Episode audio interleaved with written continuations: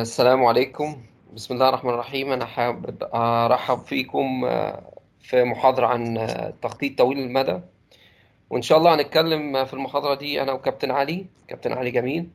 عن آه، تخطيط طويل المدى وإيه مراحله والمفروض آه، نطبقه إزاي آه، كأندية وكمؤسسات آه، جوه السباحة وكأكاديميات المفروض نعمل إيه بالظبط.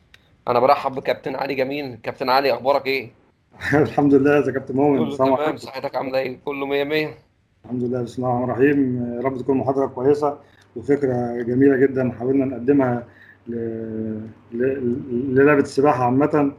آه، يا رب تكون حاجة حلوة نقدر نقدمها لهم إن شاء الله.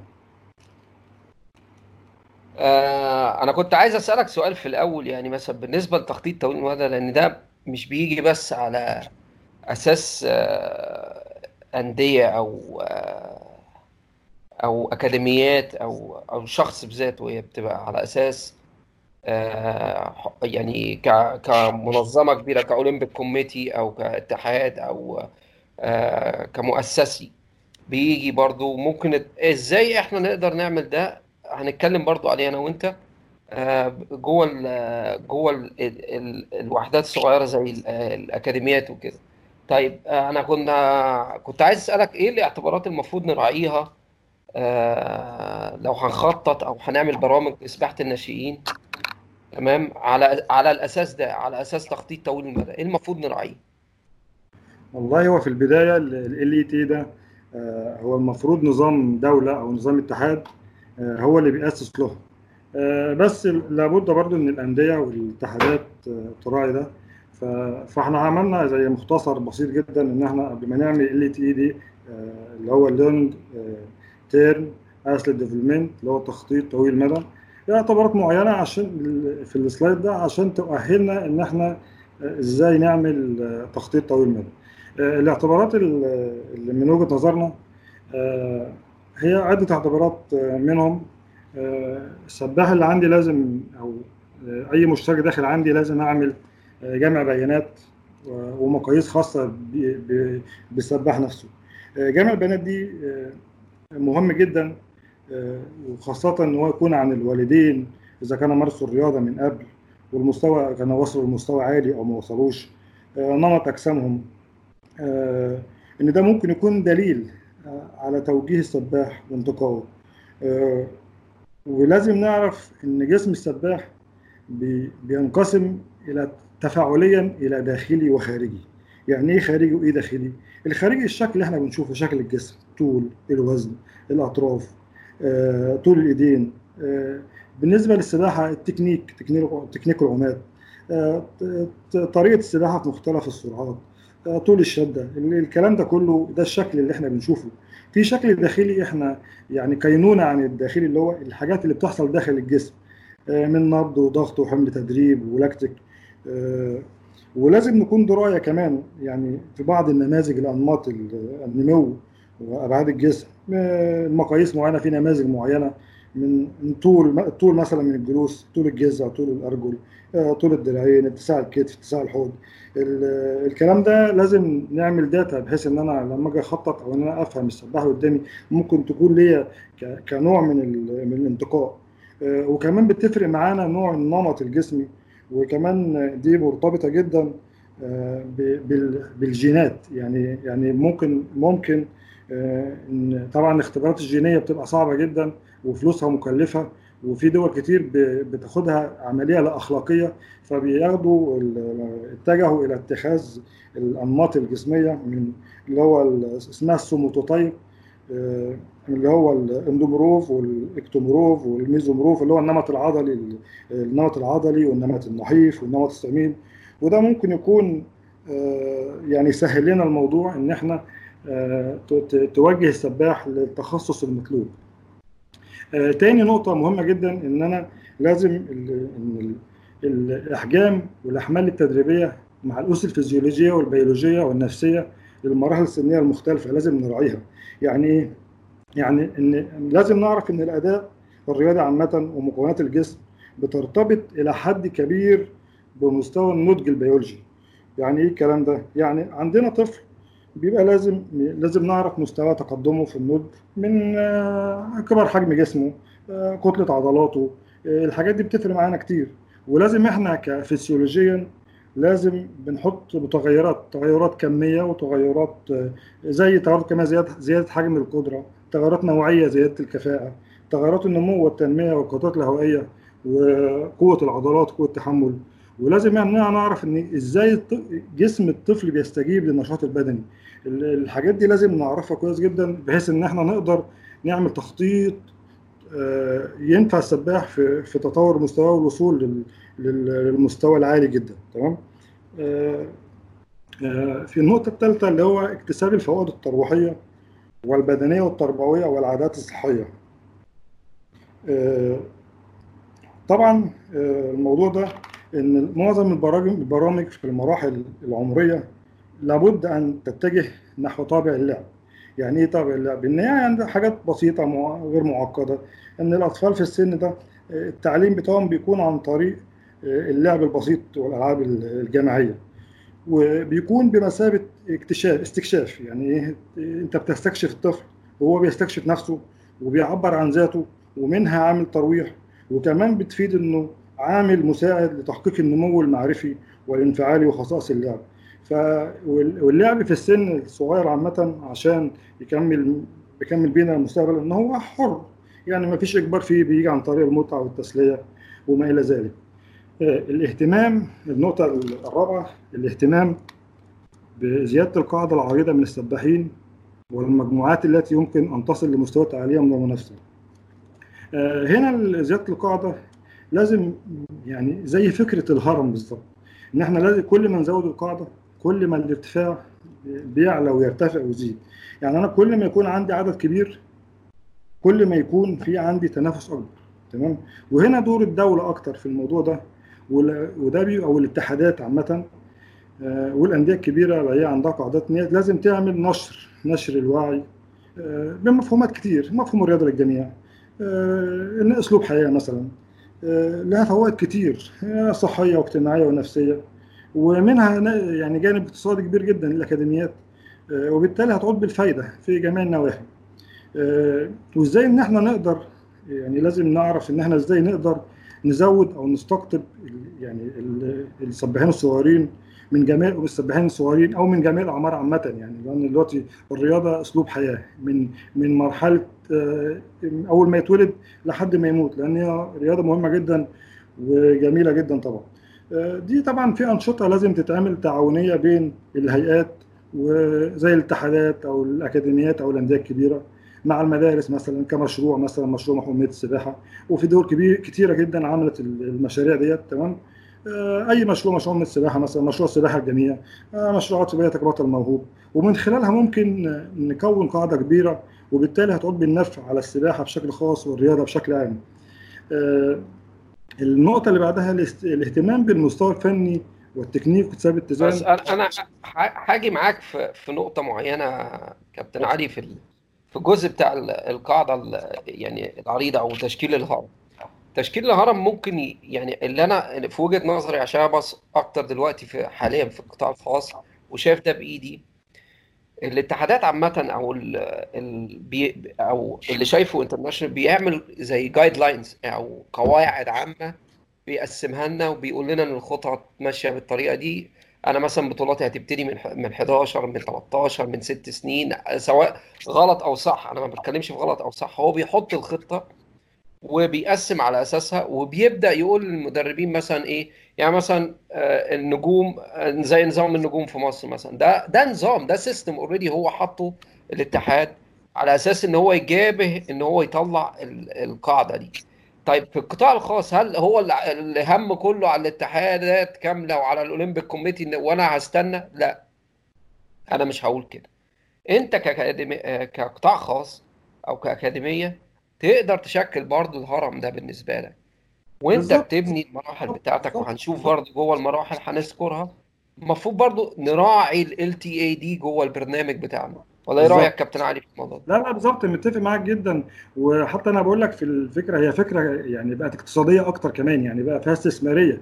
فالأكاديميات لازم يكون لها دور إن هي تبقى مش معتمدة بس على بالظبط الدولة يعني على ده نفسها صح جدا. آه، آه، الكلام اللي أنت بتقوله هو ده مظبوط جدا. أنا لازم أنا في البرنامج بتاعي كبروجرام أراعي التخطيط طويل المدى. هحافظ على سباحيني وهيفضلوا جوه البرنامج بتاعي وهعدهم إن هم يبقوا أبطال بعد كده. وفي نفس الوقت أنا مستفيد. هي يعني الفكرة بس هم مستفيدين إن أنا محافظ عليهم وهم مستفيد. بالظبط معاك معاك مؤيدك جدا.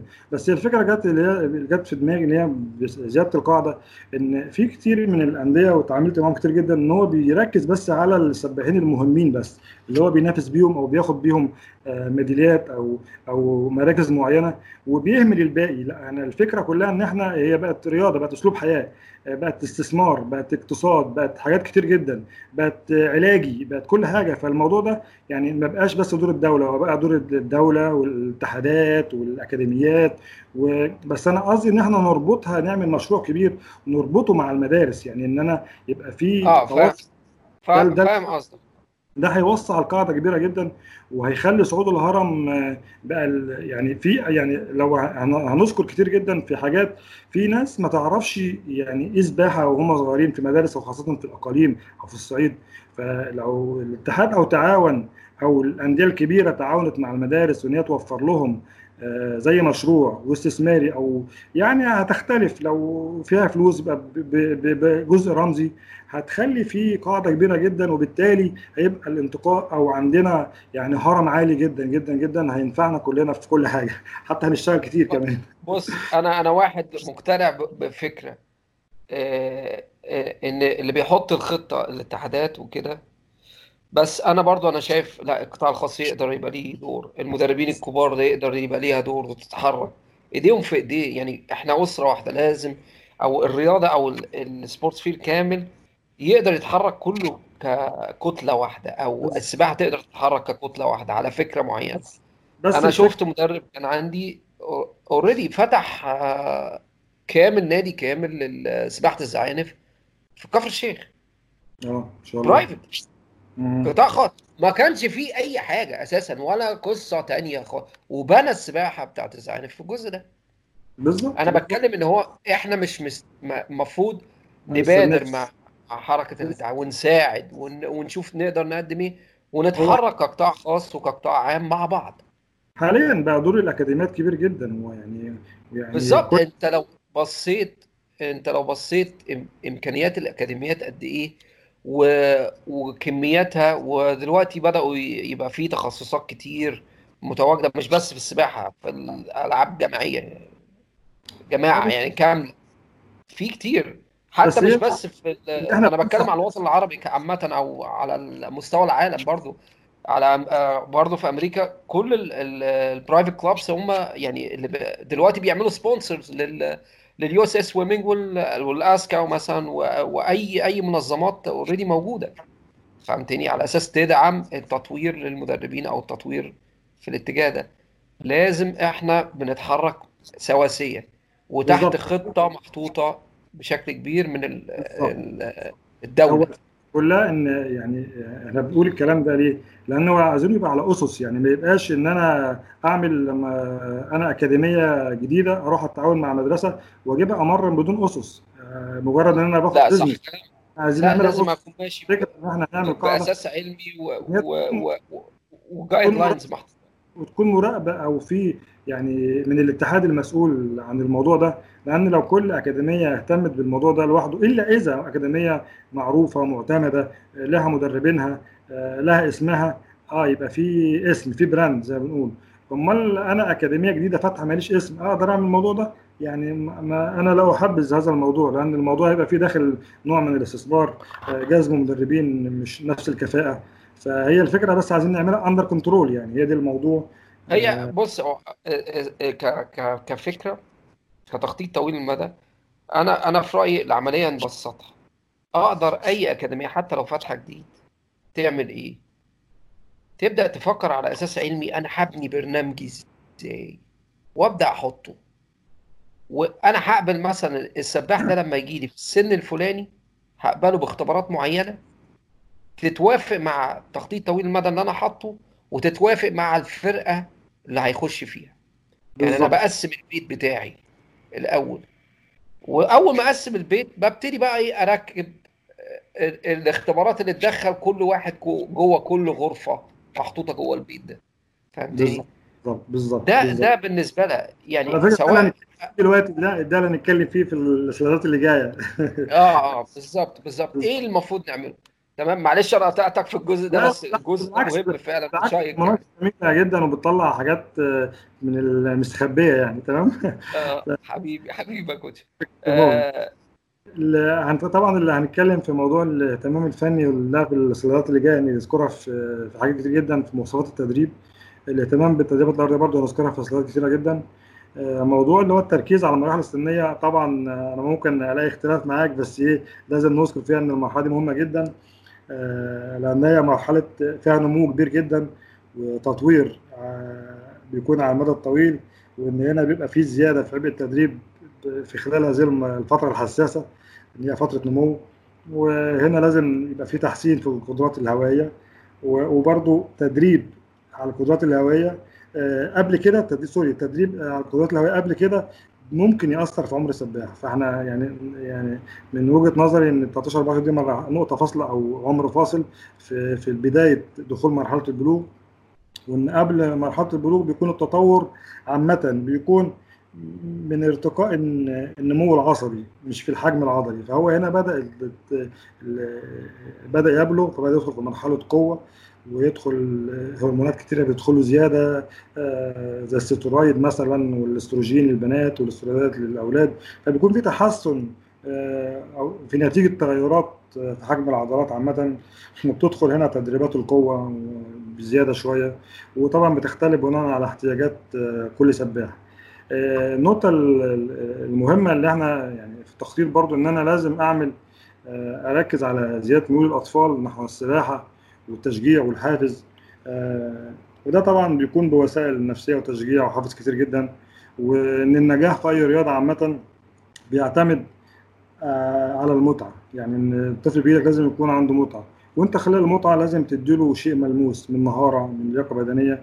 آه، مع التحفيزات ده بي- بي- بيؤدي إن الأطفال بيحبوا يبقى لهم ميول للسباحة. آه، ولازم نبقى فاهمين جدا إن إن آه، الأطفال بيحبوا التحدي عامة. فأنا لازم اخلي في البرنامج بتاعي وأنا بعمله لازم يكون في يعني في يعني تمارين تحدي ممارسات تشالنج آه، وراء العامل المعنوي في الأحجام التدريبية عامة آه، مع الأطفال بحيث إن إحنا نشجعهم في تحبيب ال- الرياضة والسباحه يعني. آه، ولازم كل فترة عشان برضو أزود ميول الأطفال يبقى تغيير في طريقة التدريب عشان ما يوصلش الطفل معاه للملل يعني تمام؟ آه، ب- برضو ب- ب- بحسس كل سباح بإن هو أهم واحد عندي تمام؟ دي كلها بتخلق حافز ويكون حافز متجدد للطفل فبيكمل معايا تمام؟ آه نخش على السلايد اللي بعده. آه برضه عشان نخطط آه،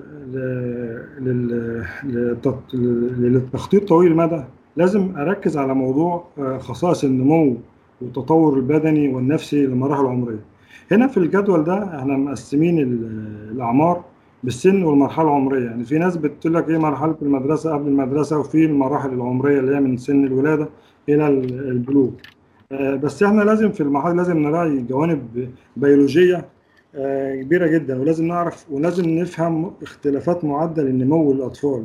يعني لو لو لو انت لاحظت كده في أي طفل عندك مولود جديد هتلاقي إن في فترات فيها نمو سريع جدا وفترات ما فيش فيها نمو سريع نمو نمو بطيء بالمعنى الأصح يعني تمام؟ آه، هنلاقي مثلا في من سن آه، من الميلاد لسن ثلاث سنوات بنلاقي تغير سريع جدا في في الجوانب كلها جوانب النمو سواء جانب تكويني أو جانب وظيفي. التكوين اللي هو الأعضاء الطول عرض محيط الرأس آه، الشكل الخارجي عامة. الوظيفي اللي هو الداخلي اللي هو آه، إدراك آه، آه، تفكير بتلاقي فيه تغيير جدا سريع تلاقي عندك الطفل في المرحلة دي بيتطور جدا فلازم وأنت بتخطط يبقى أنت عارف آه، إيه اللي قدامك هنلاقي من ثلاث سنين آه، إلى مرحلة البلوغ هنلاقي إن. النمو بيكون بطيء وبيكون منتظم يعني ما بيكونش ملحوظ قوي من البلوغ لسن الرشد بيكون تغير سريع جدا في النمو آه، ومن سن الرشد طبعا بعد ما فيش ما فيش تغيير كتير جدا تمام وإن إحنا لازم نراعي في ال في ال في ال في خصائص النمو أو مراحل النمو إن هو بيمر بثلاث حاجات لازم نحطها في في اعتباراتنا إن إن هو ثلاث أنواع نمو حركي ونمو انفعالي ونمو معرفي تمام؟ و وكل الحاجات دي بتتعلق بت يعني بترتبط بالقدرة والكفاءة البدنية مع مراحل النمو كلهم بيرتبطوا مع بعض. وهنلاقي طبعا لو لو هناخدها في مراحل النمو واحدة واحدة هنلاقي إن في فترات فيها زيادة في طول الأطراف أسرع من نمو الجزء والفترات الثانية هتلاقي أجزاء الجسم بتعتدل اللي هو مثلا بتشابه نمو البالغين حجم الرأس بيزيد. إحنا مش عايزين نتكلم في الموضوع ده طويل لأن هو يعني هو الفكرة كلها إن إحنا لازم ناخد نظرة تكاملية عن الطفل نفسه إن هو بيمر ب إحنا قلنا نمو حركي نمو انفعالي ونمو تفكير وكل جزء من دول بين بين يعني بيتشعب لأجزاء. يعني عفوا. النمو الحركي بيت بيت بيتقسم لتعلم ونفسي وحركي وبعدين بيتقسم لكفاءة بدنية والكفاءة البدنية بتنقسم للياقة بدنية ولياقة أداء وأنت لازم بتخطط لازم تبقى يبقى حاطط قدامك النقاط دي كلها. هتلاقي نفس الجزء الانفعالي بيرجع برضو المشاعر وتعلم وجداني وردود فعل واتجاهات ومفهوم لذاته. الجزء المعرفي بيدخل فيه التفكير والإدراك والتخيل. فلازم تحط في اعتباراتك حاجات النمو دي. طبعا يعني المواضيع دي كبيرة جدا أنا أنا هستوقفك برضو تاني يا كابتن علي في الجزء ده عشان برضو إيه نوضح إن الكلام اللي أنت بتقوله ده مهم من ناحية إيه. حتة العامل النفسي والتطور أو ال ال ال النقاط اللي يجب مراعاتها لكل سن من الاتجاه النفسي مهمة جدا. في حاجة اسمها علم التدريب وفي حاجة اسمها فن التدريب. أنا آسف أنت طبعا أستاذ تدريب عقلي المفروض ما كنتش أقرب من الحتة دي. ف... لا يعني أنا ما بحبش بص الاختلاط الاختصاص بتاعي. يعني أنا عامل دراساتي في أنا بقول لك التدريب. العقلي بس الجزء اللي انت بتقوله ده مهم. يعني ما يتفوتش كده ان هو لا نقط لا مهم اللي انت بتقوله ده لازم مدربين تبقى مركزة معاه. لازم ندربها أنا لازم كل هدف فن التدريب ده بالظبط. إزاي اربط الولد معايا؟ أربطه إزاي أو أخليه مركز معايا ومتحفز على طول متحفز بالظبط هي دي هي هي دي المهمة هي دي.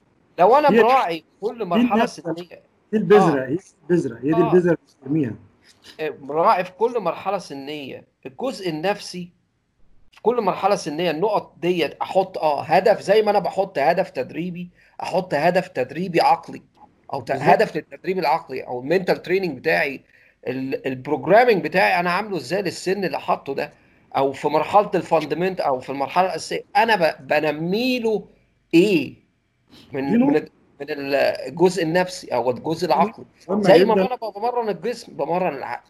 فالنقط اللي أنت بتقولها مهمة جدا لازم المدربين تركز معاها قوي. بالظبط. بس هو الموضوع يا كابتن مؤمن طويل جدا لو اتكلمنا فيه هناخد فيه مش محاضره أنا واحدة أنا معاك أنا معاك. ده جزء تاني اسمه اسمه يعني ال تي دي من الاتجاه النفسي المفروض إن أنا براعي إيه بشكل كامل وبقسمه. ده لو عايز تبقى متخصص جدا في الجزء بتاع المراحل السنية ومراحل كمان مهم جدا المراحل العمريه يا كابتن مؤمن بيحصل فيها تغيير بدني وبالتالي بيأثر على ال... وخاصة في مرحلة البلوغ. يعني المرحلة اللي فيها مشكلة كبيرة جدا يعني دي فيها شغل نفسي جدا قلبا وقالبا أصعب مرحلة بتتعامل معاها. بالظبط بالظبط فهو طبعا يعني أنا حبيت بس أنوه عنها. بس طبعا أنت دخلت في الصميم يا كابتن. يعني النقط النفسية مهمة جدا بالنسبة للتخطيط طويل المدى. مش بس مش بس قد إيه أحمال مش بس قد إيه فسيولوجي آه تدريب همرن إيه. لا النفسي. النفسي بتاعي. مؤمن اللي هو إحنا النمو المعرفي نفسه يعني إيه؟ يعني النمو المعرفي أو الإدراك أو التخيل عامة مهم جدا يعني اللي هو بنربطه بالتدريب العقلي ده مهم جدا إن إحنا نربطهم الثلاثه ببعض يعني في كتير جدا بيفصلوا الحركي أو أو الجزء البدني أو السباحة عامة الفنيات بالأجزاء الثانية مع إنهم الثلاثه مرتبطين ارتباط وثيق جدا جدا جدا وما ينفعش نستغنى عن حاجة فيهم. طب أنا أنا هستوقفك على النقطة دي مهمة. أنا حد جانب نفسي في التعليم ممكن مدربين تضحك عليه صغير قوي يعني أنا لما بلف في المواقع عندي جزء التخيل اللي أنت قلته دلوقتي بالذات في ال... في الجزء بتاع المستوى الأول للتعلم وال water adaptation أو التكيف مع المية والكلام ده. لما بشوف مدرب عامل لهم قصة حركية أنا هقول بقى إيه بالعربي كده أيوة. وعامل ان هو سوبرمان ومعيشهم في فيلم كرتون ونازل معاهم وقالب القصة كاملة جوه الميه عشان يبني جزء التخيل ويوصل لهم بالحركة جوه جزء التخيل. ده مدرب ده أحترمه. عشان كده بقول لك فن التدريب مهم.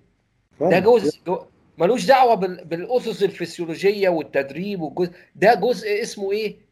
فن التدريب. ده اللي يفرق ما بين مدرب قوي ومدرب عظيم أو معلم قوي ومعلم عظيم. يعني أنا معاك فعلا آه، آه، الخصائص النفسية مهمة جدا. تتراعى.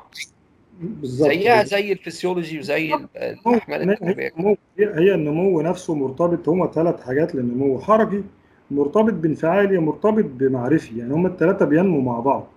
تمام. الطفل بينمو بينمو تفكيره بينمو جسمه بينمو عضلاته بينمو إدراكه. فلازم نربطهم مع بعض وأنا بخطط لازم أبقى متخيل إن المرحلة دي محتاجة إيه نفسيتها بتتعامل إزاي الفروق الفردية لازم أراعيها. آه ولازم طبعا توافقات وقصة كبيرة فهو أنا بس حبيت أنوه عنها بس لو اتكلمنا مش نقطة مهمة جدا نقطة مهمة. هو عامة في كتب كتير جدا عن النمو الحركي ممكن يبحثوا عنها وفي في كتاب دكتور أسامة راتب حاطينه إحنا على الجروب. جروب. في جزء كبير جدا بيتكلم على النمو النمو البدني والنفسي ومتشابه جدا أكتر بس يعني حبيت إن أنا أنوه عنها بس إنها كتير جدا. آه كابتن مؤمن طبعا يعني مش عايز أطول أكتر من كده في الجزء دي الجزء ده بس عايز أسألك سؤال يعني تمام؟ آه نخش بقى على ال تي اي دي نفسه يعني إيه المراحل التدريبية المهمة لتخطيط طويل المدى؟ طيب أنا أنا هتكلم معاك يعني كمراحل التخطيط أنا هاخدها بشكل مبسط مش هخش إن أنا مخطط آه، طويل المدى. أنا هتكلم كمدرب. إيه المفروض أراعيه بالظبط؟ وإيه المفروض أعمله؟ وإيه آه المفروض أقسم زي ما قلنا الهرم إزاي؟ واعتبرناه زي كأنه بيت وجواه غرف وإزاي أقسم الغرف دي وأعملها إزاي؟ تمام؟ أول مرحلة عندنا مثلا آه، هو التقسيم الدارج خمس مراحل. يعني في تقسيم سبع مراحل وفي تقسيم ست مراحل وفي التقسيم اللي هو معترف بيه عامة اللي هو تقسيم الخمس مراحل أو التقسيم الرياضي عامة. آه، أول جزء اللي هو القاعدة قاعدة الهرم بتاعك أو الفاندمنتال الأساس بتاعك. ده بيبقى من سن البنات من خمسة لثمان سنين. وبالنسبة للولاد من خمسة لتسع سنين. طيب في ال fundamental ديت لازم يتم آه، كلمة fun. fun دي مهمة جدا. انت بتنقل أي اتجاه حركي بالنسبة لك أو شيء إن انت تجذبه للرياضة. مهما كانت الرياضة إيه. آه، أول حاجة يعني إحنا بننصح بالسباحة من سن صغير على أساس إن هي lifestyle أو بتحمي الولاد من اي من من حالات الغرق أو من إيه دي حاجة لازم يتعلمها. بس مش معناه إن أنا أحطه في السباحة. بس. لا ممكن أحطه في جمباز معاه. ممكن أحطه في كرة قدم معاه. ممكن أحطه في آه، آه، غطس.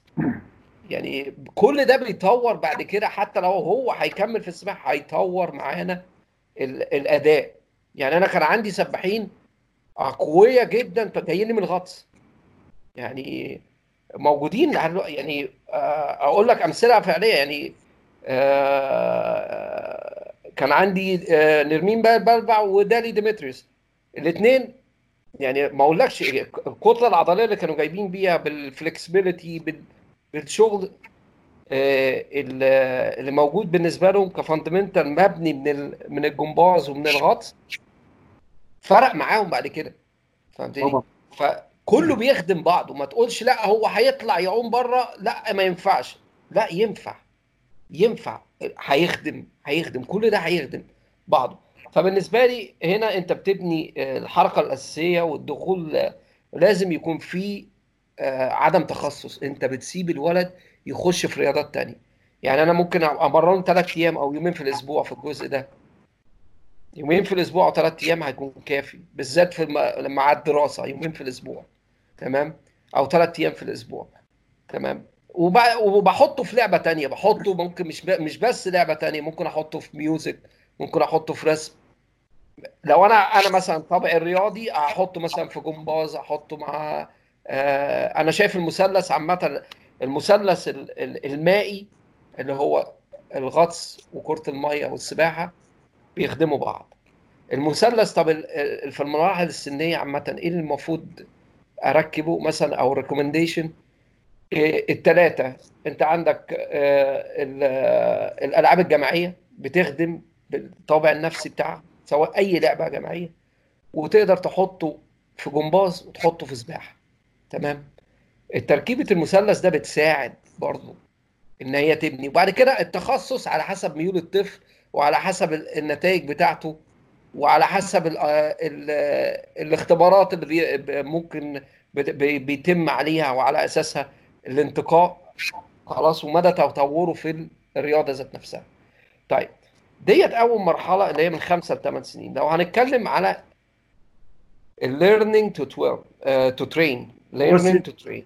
بعد الإذن المقاطعة بس هو بس حتة الفاندمنتال إحنا ممكن آه. ندخل معاها أو الفكرة إن طبعا معاك أنا جدا في إن إحنا نمارس رياضة ثانية لهدف ثاني أهم كمان في دراسات اتعملت إن على العظام والأملاح المعدنية إن هي بتيجي السباحة في المرحلة الرابعة في الحاجات المتأخرة جدا في ضعف العظام وهشاشة العظام بسبب إن ما بتمرنش أرضي فالرياضات الأرضية للأطفال آه، هتساعدهم جدا اكتساب القوة وان هم بيمارسوا رياضات بتصادم بالأرض وفي احتكاكات كتير.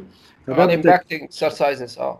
يكتسبوا صحة آه، عظام أقوى وبالتالي كثافتها أقوى والأملاح بتكون الأملاح المعدنية بتكون مهمة. كلامك كلامك فعلا مهم. مش بس مش بس يعني سباحة. دي نقطة. النقطة الثانية بتخليه في جو اجتماعي أكتر جماعي يعني بيكون جماعي. لأن إحنا لعبة فردية في الأساس فبتكون بيدخل في الجماعية. بيدخل آه، معاها إن هو بيكتسب مهارات تانية من الألعاب التانية بس. صح. والعمل العمل في وسط فريق والتعاون مهم جدا لأن إحنا معظم السباحة بتبقى إيه؟ أنا عايم في حارة واحدة. معلش السباحة لو ما ضمتهاش مع شغل تاني وحطيت أنشطة تانية معاها ك activity أنا كمدرب بعمل activity أو كأكاديمية بعمل activity للولاد السباحة لعبة مملة. أنا بقول لك أنا السباحة وألعاب القوة يا جماعة أنا قصدي أنا قصدي العاب القوة شوية لأن أنا بغير ممكن أعمل cross country بتحرك. لكن بالزبط. السباحة لعبة ممله أنا بعوم في حارة مقفول عليا وبعوم بقى والسباح بيكسب بدراعه على طول معروف. يعني السباحين هو معتمد على نفسه اعتماد كلي وده كويس مش وحش.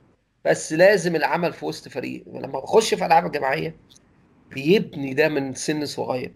بعد كده لما تخصص ما بتفرقش معاه كعامل نفسي لأنه already اتبنى. فهمت قصدي. فأنا معاك في الجزء ده فعلا وك... كاتجاه نفسي أو اتجاه ال impacting exercises فعلا بتزيد من التقويه للعظام وده فعلا بي... بيساعد في في التطور بتاعي. طيب نيجي لمرحلة آه، تعليم التدريب. أنا هقولها بالتبسيط كده. أنت بتعلمه إزاي يتمرن؟ أو إزاي يعمل التدريبة بتاعته؟ زي عندنا مثلا آه، هقول لك التجهيزي. أو البراعم. إزاي تعلمه يعوم المجموعة بتاعته؟ خلاص. ديت بتكون في سن من 8 ل 11 سنة بالنسبة للبنات ومن 9 ل 12 مرحلة ما قبل البلوغ هقول.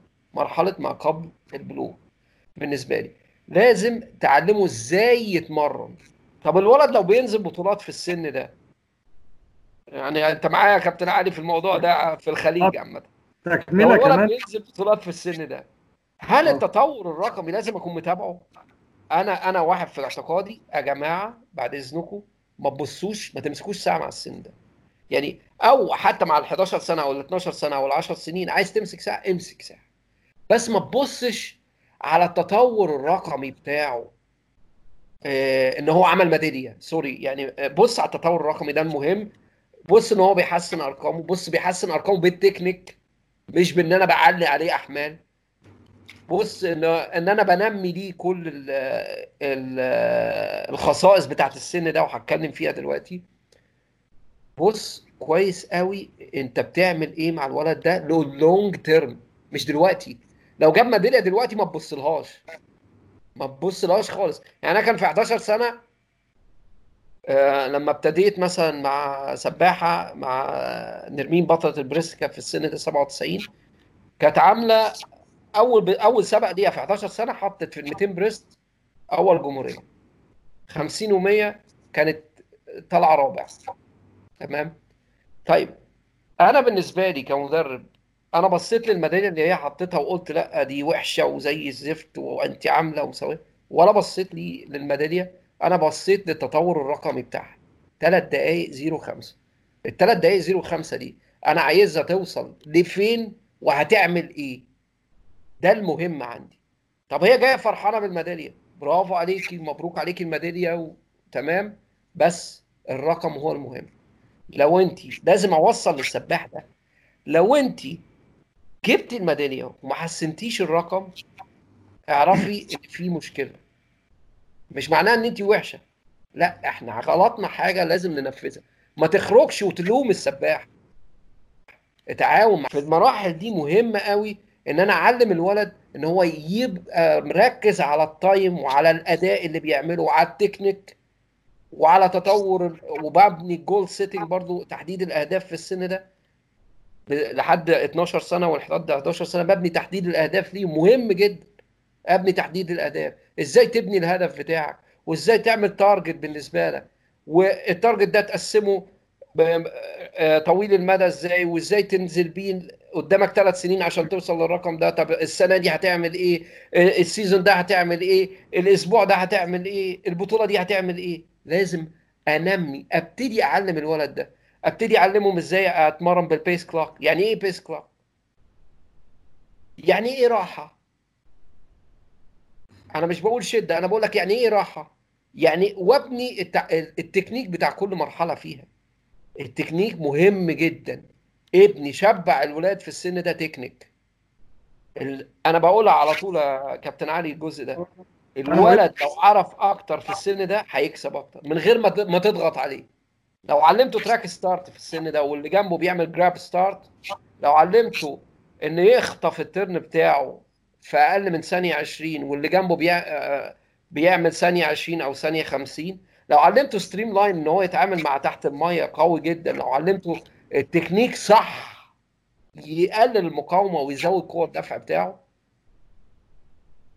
هيكسب من غير ما أضغط عليه مش محتاج أضغط عليه في السن ده طيب أنا بس لموضوعنا أنا آه. بسمي المرحلة دي يعني طبعا بسميها مرحلة اكتساب المهارات يعني؟ مش لازم آه. آه طبعا ده المسمى اللي مكتوب بس نضيف عليها إن هي يعني الأفضل إن هي مرحلة أنت بتع... المهارات. بتديله كل ال fundamental بتاع التكنيك فبالتالي أنا كمدرب أنا بالتالي كمدرب ما حاسبوش على نتيجة وأنا هو لسه بيكتسب لسه بيت... آه لسه الله ينور عليك. بالظبط. بس الم... يا رب إيه يعني العملية يكون فيها صبر. مفيش short cuts أنا بقولها there is no short cuts in the uh, champion uh, road or the success road مفيش أي بالظبط. دي نقطة نقطة مفيش أي آه مفيش أي short cut إن أنت توصل للبطل. لازم مهمة متاسسه نقطة مهمة جدا. النقطة الثانية إن إحنا لازم الناس تفهم إن التطور المهاري الضعيف بينتقل للمراحل اللي بعديها. تمام؟ يعني أنا لو ما اشتغلتش على الجانب المهاري كويس جدا في المراحل دي بينتقل بالتدريج للمراحل اللي بعدين. تمام؟ معاك جدا في الموضوع ده بالذات في الإصابات يا كابتن. بالذات بالظبط. الإصابات الكبيرة بتحصل بسبب إيه؟ إن أنا عندي أخطاء في التكنيك مرنت عليها. بالظبط بالظبط. لو تكنيكه مش مظبوط بالتالي بيبقى الوضع التشريحي مش مظبوط. فبالتالي على في وقت البلوغ بيحصل آه، مش- مشاكل كبيرة جدا. اللي هو مش منتظرين بقى أرقام أو ميداليات بيحصل مشاكل في الإصابات كتير جدا. آه صح كلامك. أنا أنا هرجع برضو إيه للجزء ده. يعني في السن ده أنت لازم تنمي الرشاقة. لازم تنمي التوازن الاتزان هنا. لازم تنمي التوافق. تمام؟ وبتبتدي تنمي السرعة في الجزء ده. هتقولي السرعة في السن الصغير ده؟ أقول لك آه السرعة تتبنى في الجزء ده. تبتدي تنميها. بره المايه وجوه المايه ابتدي يشتغل معاهم. عن طريق إيه؟ fun. اديهم تتابعات اديهم challenge زي ما كابتن علي كان لسه بيتكلم إن أنا آه زي أنت لسه كنت بتقول أنا المفروض الولاد بتحب التحدي لازم أتحداهم. اديهم challenge اعمل لهم fun في آخر التمرين عن طريق التتابعات عن طريق kicking يا سيدي بعد كل تمرينة. kicking race who's the best one who's the fastest one يعني تقدر تحط ده جوه ال program بتاعك و... وتنمي العامل النفسي بتاع ال competition أو المنافسة. إزاي أزرع فيه المنافسة؟ عشان ما تفوتنيش في كتاب لبوب ستيل اسمه Gamex games Gamex. آه Gamex game آه. آه الكتاب ده جميل جدا. فيه حاجات من الألعاب والتحديات كتير جدا. يعني لو الناس تبحث عليه هيطلعوا شغل كويس جدا. اتفضل يا كويس. يعني في في games كتير و fun. أنا لازم أراعي الجزء ده. يعني آه السرعة لازم تنميها في السن ده. coordination توافق التوافق أي حركة أنا هقول الحركات البهلوانيه هتقول لي إيه الحركات البهلوانيه دي؟ إحنا عندنا حركات آه عندك حركات بهلوانيه عندك رشاقه عندك حاجات كتيرة. محتاجه حركات بهلوانيه turn ده من الحركة البهلوانيه محتاج balance محتاج عندك قوة انفجارية ومع... وال start بتاعك نفس الكلام. هتعمل الكلام ده إزاي لو أنت مش منمي الاتزان وال coordination ومنمي ال agility ومنمي ال speed لو ما بدأتش ت... لأن ده كل ده مكتسب. لازم ابتدي انميه من السن ده. تمام؟ بعد كده اخش مرحلة ال train to train أو مرحلة التدريب للتدريب. برضه ما بسألش السباح ممكن هتلاقيهم بيعملوا أرقام. بيعملوا أرقام جامدة. يعني أنا كان عندي بطل العرب علي عباس في السن 14 سنة. عامل 800 حر. 14 سنة في السن ده. طيب السن ده هل يمكن يجيب أرقام عالية آه بس لازم تفضل تبص له. أنت عايزه يوصل لمستوى أولمبي ولا مستوى بطل عالم ولا يفضل على إن هو أول جمهورية ولا يفضل هو أول المنطقة مثلا اسكندرية ولا القاهرة ولا الجيزة ولا مثلا بطولة الخليج ولا بطولة عامة ولا بطولة عرب ولا بطولة أولمبيات وعالم. أنا لازم أحدد هدفي. تمام؟ فال train to train آه ببص على برضو برجع بعلي تاني التدريب بتاعي بنمي التحملات ببني التحمل الهوائي واللاهوائي بفرش الفرشة الكبيرة بتاعتي العريضة اللي تشيل السباحين بعد كده بتاعتي وبحط معاه السبرنت وبحط معاه تحملات السرعة بنسب متفاوتة بحيث إن هي تشتغل على أساس كل سن بالنسبة. للمرحلة دي برضو إيه بتبص على التطور الرقمي أنا برضو لو شفت ميداليات في السن ده it's okay okay. بس برضو التطور الرقمي هو اللي هيطورك بعد كده. الولد ده هيوصل من الزمن ده للزمن ده. يعني أنا say مثلا هديك مثال. آه نرمين في سن آه آه 12 سنة على ما أفتكر حطت 2 56 تمام؟ 2 56 في ال 200 breast ده كان رقم قوي في السن ده 11 أو 11 يا رب لا 3 5 2 56 آه. طيب التطور الرقمي بعد كده إيه؟ المفروض تعمل إيه؟ البنت دي عشان اتحطت لها long term athlete development من الأول واتبنى لها فرشة. كان الله يمسيه بالخير كابتن محمد أبو العطا. يعني بنى لها فرشة قوية جدا بين التحملات وال blocking والشغل بتاعها. واتحط لها شغل تخطيط على ال goals بتاعتها وعلى ال tempo trainer وعلى الشغل بتاع ال breast إزاي تبني نفسها صح؟ وانت قدامك سنتين عشان توصل للرقم ده أو قدامك سنة عشان توصل للرقم ده. هو ده اللي كان متركز فيه. البنت دي نهت بأولمبياد junior olympics 2 39 في ال 200 breast وأنا في رأيي في اعتقادي باحترامي لكل المدربين اللي. البنت دي لو كانت كمان متركز معاها أكتر كانت تقدر توصل لأكتر من كده. يعني 2 39 دي بالنسبة لها ولا حاجة. خالص. ولا حاجة على المقياس. غيرها في كتير طلعوا يعني موجودين. يعني برضو كان في ندى ندى أحمد سمير نفس الكلام برضو طالعه من اسكندرية من نفس النادي. مواليد 2000 كانت برضو بتتمرن معايا وقلت لها انت هتبقي بطل. ابنه ده جواه. تقدروا تعملوا ده. ابني ده جوه الولد في السن ده. train to train خلاص. برضو في السن ده الطور الفسيولوجي اللي هيحصل تغيرات في الجسم جدا. يعني نقطة برضه كابتن علي مهمة مهمة أوي أوي أوي أوي أوي. آه سباح ال breast unique تقدر تت- تتعرف عليه من سن صغير شوية. لأن بتبقى في gift كده أو في موهبة talent في جزء كده. معظم مدربين الناجحين في ال breast أو بيعرف سباح ال breast هيقول لك الموضوع ده. بيعرف الولد ده مدرب. الولد ده بتاع آه، breast خلاص. عندي خبرة كبيرة جدا مع سباحين ال breast ف هي ما بس ما بقول هتحسني على طول انت في الجزء ده. سباح ال breast أنا- أهو.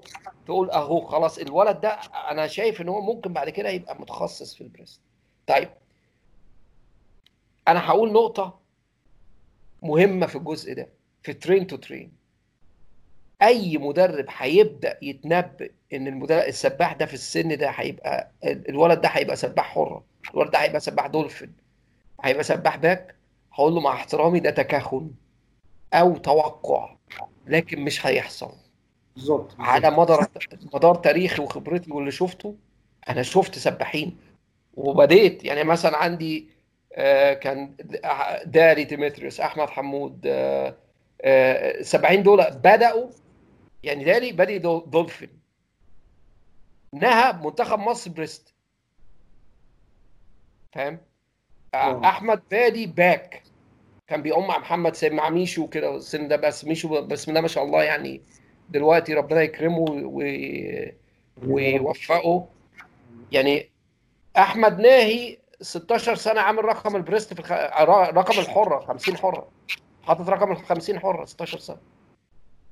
أنا بقول لك بص التطور. يعني هو بادي back انها breast يعني ممكن يبقى عندك سباح بادي بعومة back ممكن تلاقيه sprinter آه، حرة.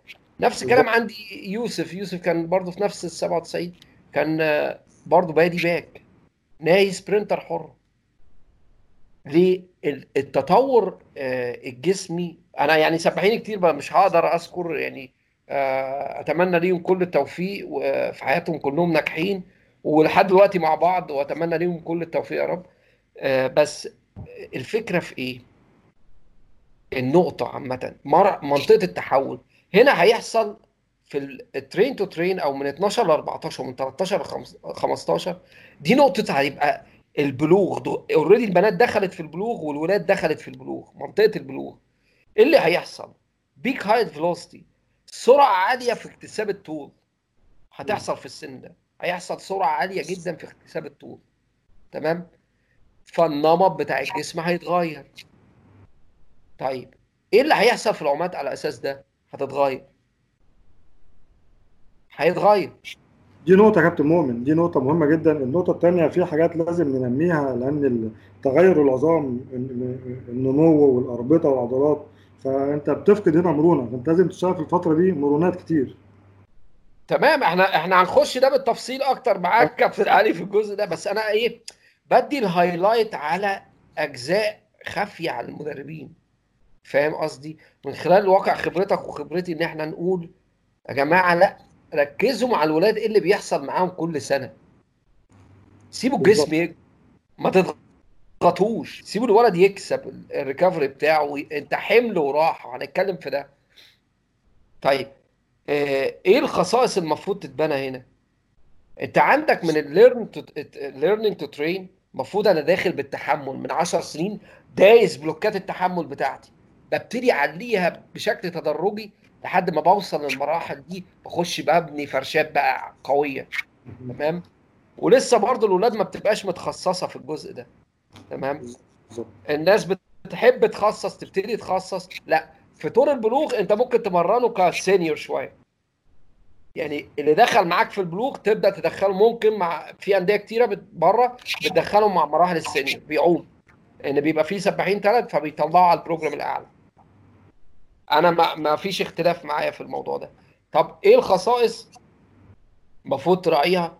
فرش التحمل لازم تتبنى. التحملات الهوائية تخش معاك. آه عامل السباح في السن ده والسن اللي قبله. إحنا أو في السن ده دلوقتي ال train to train سباح 400 متنوع. سباح بيعوم middle distance بيعوم بلوكات distance كاملة بيعوم الأربع عومات صح بيعوم كل الترنات بتاعته السبعة تمام؟ والثلاث ترنات التانيين بتوع يعني السبعة بالثلاث ترنات بتاعت المتنوع الصح بيعمل streamline صح. streamline مهم. شغل ت... وشغل الحيطة مهم. 30% 30% على الحيطة. 30% من من السبع على الحيطة. مهم. لازم أنا أكون طالع قبل ما أخش train to compete أكون طالع باني ده 100% طيب إيه الخصائص الثانية اللي يعني آه، أو المرحلة اللي وراها train to compete أنت هنا بيبدأ الولد يخش بيبقى بي... ممكن من السن اللي قبله بينافس على مستوى جمهور ده ده الجمهورية مثلا أو على مستوى الدولة. بس ممكن سباحين تانية التطور بتاعها مثلا زي اللي هو ال late maturity وال early maturity خلي بالك اللي هو البلوغ المتأخر والمبكر. حصلت معايا دي وعندي يعني خبرة الحمد لله فيها. آه، وبشكر ربنا إن هي حصلت معايا عشان قريت عنها وفهمت عنها وعرفت أتعامل معاها إزاي.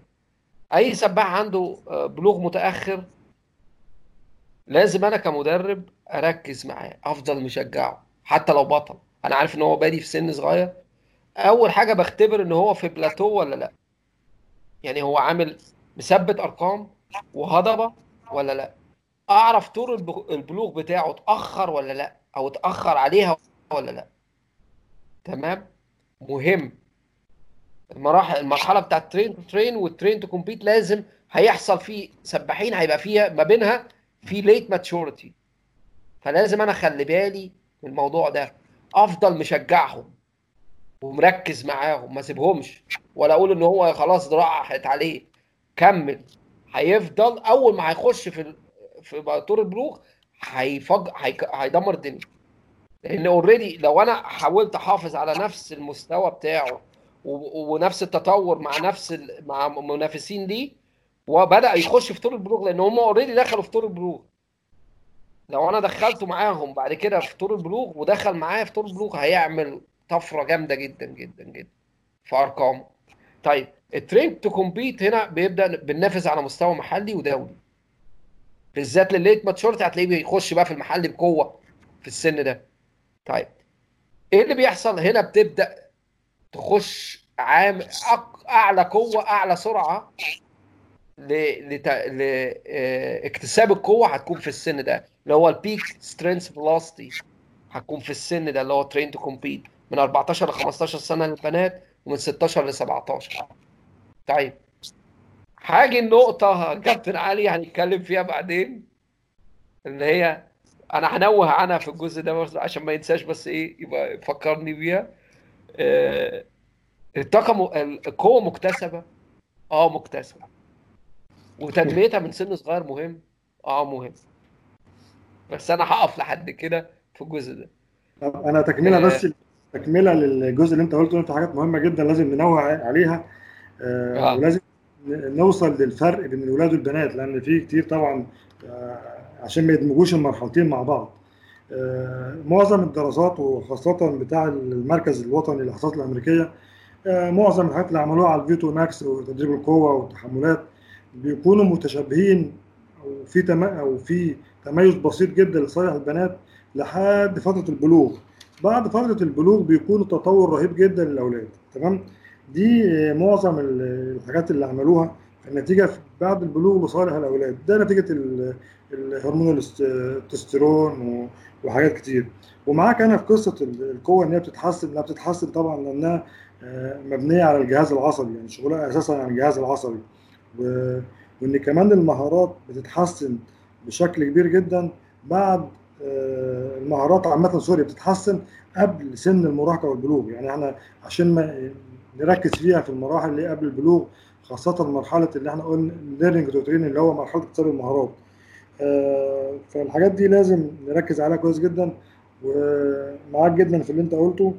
وإن القوة والحاجات دي لازم تشتغل عليها آه، تشتغل عليها لكن بتتركز أكتر عليها بعد سن البلوغ. تمام. أنت آخر مرحلة هنا اللي هي train to win طيب أنا هاجي بس النقطة صح أنت فكرتني بيها يا كابتن علي. البنات برضو أول ما بيخشوا في طور البلوغ تقدر تفصلهم عن الولاد و... وتصعدهم مع ال senior. في أندية كتيرة بتحصل بتعمل الكلام ده. أنا معاك بس أنا قصدي بنوه على نقطة إن تطور القوة نفسها بيكون آه في صالح آه أنا أنا أنا معاك في أنا معاك في الجزء ده برضه. بس أنا إيه حبيت أضيف النقطة دي لأن بتحصل. already آه. في أندية بره في أمريكا بالذات بيعملوا الكلام ده. بي- بيروح رافع الولد أو البنت في أول ما تخش في طور البلوغ بيدخلها مع ال seniors بيطلعها فوق تعوم مع برامج تانية على أساس. هل ده؟ لا أنا كده بحرقها. أنا بقى مفيش حرق يا جماعة من التدريب. الحرق لو أنت ما راعيتش حصلت إصابات كتيرة. الحرق نفسي. في جزء نفسي كامل. ونقدر نتكلم عليه بعدين. آه لكن هل ممكن يخش في overloading أو overtraining أو الكلام ده؟ لو متراعي الحمل والراحة ومعمل لها تمرين مخصوص وده اللي بيعمله كل البرامج بيدخلها في غرفة تانية زي ما أنا قلت لك. بتقسم البيت بتاعك كهرم وغرف وبتبدأ تنقلهم فيها. وهنشوف برضو تقسيم لده هنشرحه أنا وكابتن علي قدام آه، على إزاي نقسم الغرف دي والهرم بتاعنا قدام. طيب نخش لآخر المرحلة اللي هي training to win بتكون من 16 سنة وفوق من 18 بالنسبة للولاد. بيحصل برضو التخصص من train to compete بتبدأ تخصص سباحين. بيبدأ يظهر بقى معاك مين سباح سرعة مين سباح تحمل مين سباح آه، آه، مسافات متوسطة وازاي تعرفهم. تمام؟ يعني هقول لك من خلال الخبرة سباحين الم- ال distance عندك لو انت miscounting هو اللي يقول لك يعني انت في. في المجموعه في. في التكرار الكام والراحات ماشية إزاي وهتلاقيه ماسك pacing من لوحده وهتلاقيه بيعرف هو داخل على كام يعني هتلاقي السباح بتاعك بيعرف هو داخل على كام يعني عارف ال pace اللي هو ماشيه ده وحط كام ده هتلاقيه رايح إيه بيعرف يعد كويس بيعرف يعمل pace كويس طويل تمام مواصفات جسمه تحملات هتلاقيه قوي. مجموعات تحمل رامي معاك تمام؟ رامي معاك كويس. بيعرف يأكد عليها وبيعرف يثبت تمام؟ ده ده تعرف إزاي ال distance سباحين ال distance بتاعتك. آه برضو في الانتقاء برضو ممكن نتكلم عن الانتقاء بعدين آه إزاي تكه... تتكهن على المواضيع دي. training to win برضو هنا أنت بتبدأ تخش بقى على مستوى دولي. أو منت... مستوى منتخبات مستوى بطولة عالم مستوى اولمبياد وده اللي أنت عايز توصل له في الآخر. أنا مش عايزه يكسب في 11 12 وشكرا وجاب الميدالية وشكرا وهي وده لازم أولياء الأمور تبقى فاهماه. المراحل دي مفيش شورت كات ليها. لازم تتبنى عشان يوصل لبطل عالم بعد كده. وحتى لو ما وصلش لبطل عالم بعد كده هيوصل للمستوى الأفضل ليه في السن الأعلى. أنا بقولها على طول. There is always a time to shine. Any swimmer. يعني أي سباح ليه وقت يتالق فيه. هتلاقيه. من التراكم بتاع البنى بتاعه المظبوط هتلاقيه بيتألق في الوقت ده. فما تأخرش ما, ما تسرعش الوقت ده يجي. لأن يعني لو جاء هيبقى إيه؟ على مستوى قليل. طب أنا عايزه على مستوى دولي بعد كده يبقى أصبر. على مستوى جمهوري بعد كده يبقى أصبر. لازم أخلي كل حاجة تتنمى جواه. عشان أبني رياضي كويس عشان أبني سباح كويس عشان أبني جسم صحي. إحنا مش بس نعوم عشان نبقى أبطال خلي بالكم. معلش أنا هقولها وهي حقيقة. take it or leave it هي حقيقة. 5% بس اللي أبطال. 5% اللي بيوصلوا مستوى الاولمبياد طب الباقي ده هيبقى إيه؟ هيبقى على مستوى جمهوري. على مستوى مناطق على مستوى منتخب على مستوى بطولات عالم على مستوى اولمبياد طيب إيه اللي ممكن يحصل تاني؟ ممكن يبقى رياضي كويس ممكن يبقى سباح ماستر كويس ممكن يبقى سباح tri أصلا كويس سباح mono كويس. بعد كده واخدها كهواية. عنده skills يا سيدي. اسمها سباحة. مش لازم يبقى بطل. بس أنا بنيته صح. بنيت جسم رياضي صح. يعني أنا بقولها أنت المشرط اللي بتضربه أو الحاجة اللي بتعملها غلط ما بتأثرش على السباح دلوقتي. أنت كمدرب الجراح مشرطه يعور دلوقتي. الدكتور الجراح يعوره دلوقتي أو غلطته بتبان حالا. أنت غلطتك كمدرب بتبان بعد فترات. بعد كده بيشيلها المدرب اللي بعدك أو ممكن يشيلها أو أنت ممكن تشيلها بعد كده. هي المشكلة في كده. أنا لازم أبقى مراعي كل الأسس اللي ببني بيها. عشان كده التخطيط طويل المدى مهم جدا. أنا طولت في الجزء ده بس هو مهم فعلا. طيب نيجي هنا لل... للتخصيص بقى. نخش بقى إيه في التخصيص؟ الدراسة دي لبالي وهاملتون 1999 ومعظم البرامج بتاعت التخطيط عامة البريطاني والكندي والأسترالي كل البرامج معتمد عليها وهتلاقي الكيرف ده موجود جواه. بس ال curve هنا ما بيتشرحش أكتر. طب نيجي نشرحه هنا. شايفين ال curve ده هنا؟ طب إيه إيه المصطلحات دي؟ تعالوا نشرح المصطلحات دي بسرعة ونلخصها. إن إحنا مش زي ما قلنا إحنا مدربين عايزين الموضوع دارج وسهل. طيب ال ABC هنا ال agility ال balance ال coordination ال RJT ال RJT عندك ده هو مشروح تحت أهو ال running jumping throwing يعني إيه؟ الجري والوثب والرمي تمام؟ ال KGB عندك هنا ده ديت بالنسبة للولاد الأزرق الولاد يا جماعة. اللي هو kinesthetics عندنا gliding ال buoyancy مراحل الطف الجزء ده الطف وال striking وان أنا برمي بوزن الجسم. بتحصل في الجزء ده. طيب ال CKs اللي هو ال catching ال kicking striking اللي هو ال catching الالتقاط عامة والركل والكلام ده. طيب ده بيحصل من سن الكام لو بصينا هنا من ست سنين ل 13 سنة بيتنم خلاص بيبدأ يخش. فأنا لازم أراعي من ست سنين أبتدي الكلام ده. عشان كده في المرحلة الأولانية قلنا ABC على طول. السرعة داخلة. مهمة من ست سنين يا جماعة لازم تتنمى تبتدي تنميتها من الوقت ده. أهو هنا حتى كاتب لك إيه؟ peak speed velocity 1 أهي. first speed window agility and quickness. الرشاقة وسرعة رد الفعل أو سرعة الحركة. تمام؟ بتحصل من 6 ل 8 سنين للبنات ومن 7 ل 9 للولاد. تمام؟ اهي. عشان ما تقوليش أنا بنميها ليه هنمي سرعة من دلوقتي. آه. تمام؟ نيجي على ال peak height velocity أهو أعلى نسبه أعلى سرعة طول بتيجي هنا. خلاص عندي في السن ده في مرحلة البلوغ من 13 ل 15 تمام؟ بالنسبة للولاد. طيب. تخش معاه برضو هنا إيه؟ الثانية أهي. peak speed velocity 2 ال alactic بقى يبدأ يخش معايا ال power يخش معايا هنا لأن ال strength بتزيد. فبرضه زي ما كابتن علي اتكلم إن هي معتمدة برضه على الجهاز العصبي فبتبدأ تزيد هنا بشكل عالي. فهي هي peak strength velocity بتبدأ تزيد معايا من 6 16 ل 18 ال peak weight velocity هنا ال peak weight velocity بتظهر. خلاص؟ يعني إيه MBCV اللي هو ال motor coordination development أو تطوير التوافق. تمام؟ بيحصل من سن 19 من 9 ل 12 بيتم. ده عامة الدراسة دي مهمة ومعتمدة عليها معظم البرامج. طب للبنات نفس المصطلحات بس اختلاف السن طبعا. تمام؟ للبنات هتلاقي ال speed 1 اللي هو ال peak speed 1 ال velocity الأولانية اللي هو الرشاقة وال quickness هتبقى في سن من 6 ل 8 طيب الثانية بتبقى من سن 12 ل 13 سنة. ال M ال BC MCV ده ال coordination أو ال motor coordination أو التوافق عامة بيزيد في السن من 8 ل من 8 ل 11 للبنات. خلاص ال peak height velocity هنا داخل معاك من 12 من في السن الصغير زي ما قلنا من 12 زي ما إحنا شايفين هنا داخل في 13 سنة. يعني من 12 ل 14 تخش أو 12 ل 13 تمام؟ طيب ال peak strength velocity هنا برضو هنا ده طور البلوغ يا جماعة. ال peak height velocity بيحصل على طول. تغير في الجزء العلوي والسفلي بيحصل معايا. كل ده بيبدأ يظهر معايا في الجزء ده. طيب ال peak weight زيادة الوزن بتحصل برضو. peak weight velocity هنا. تمام؟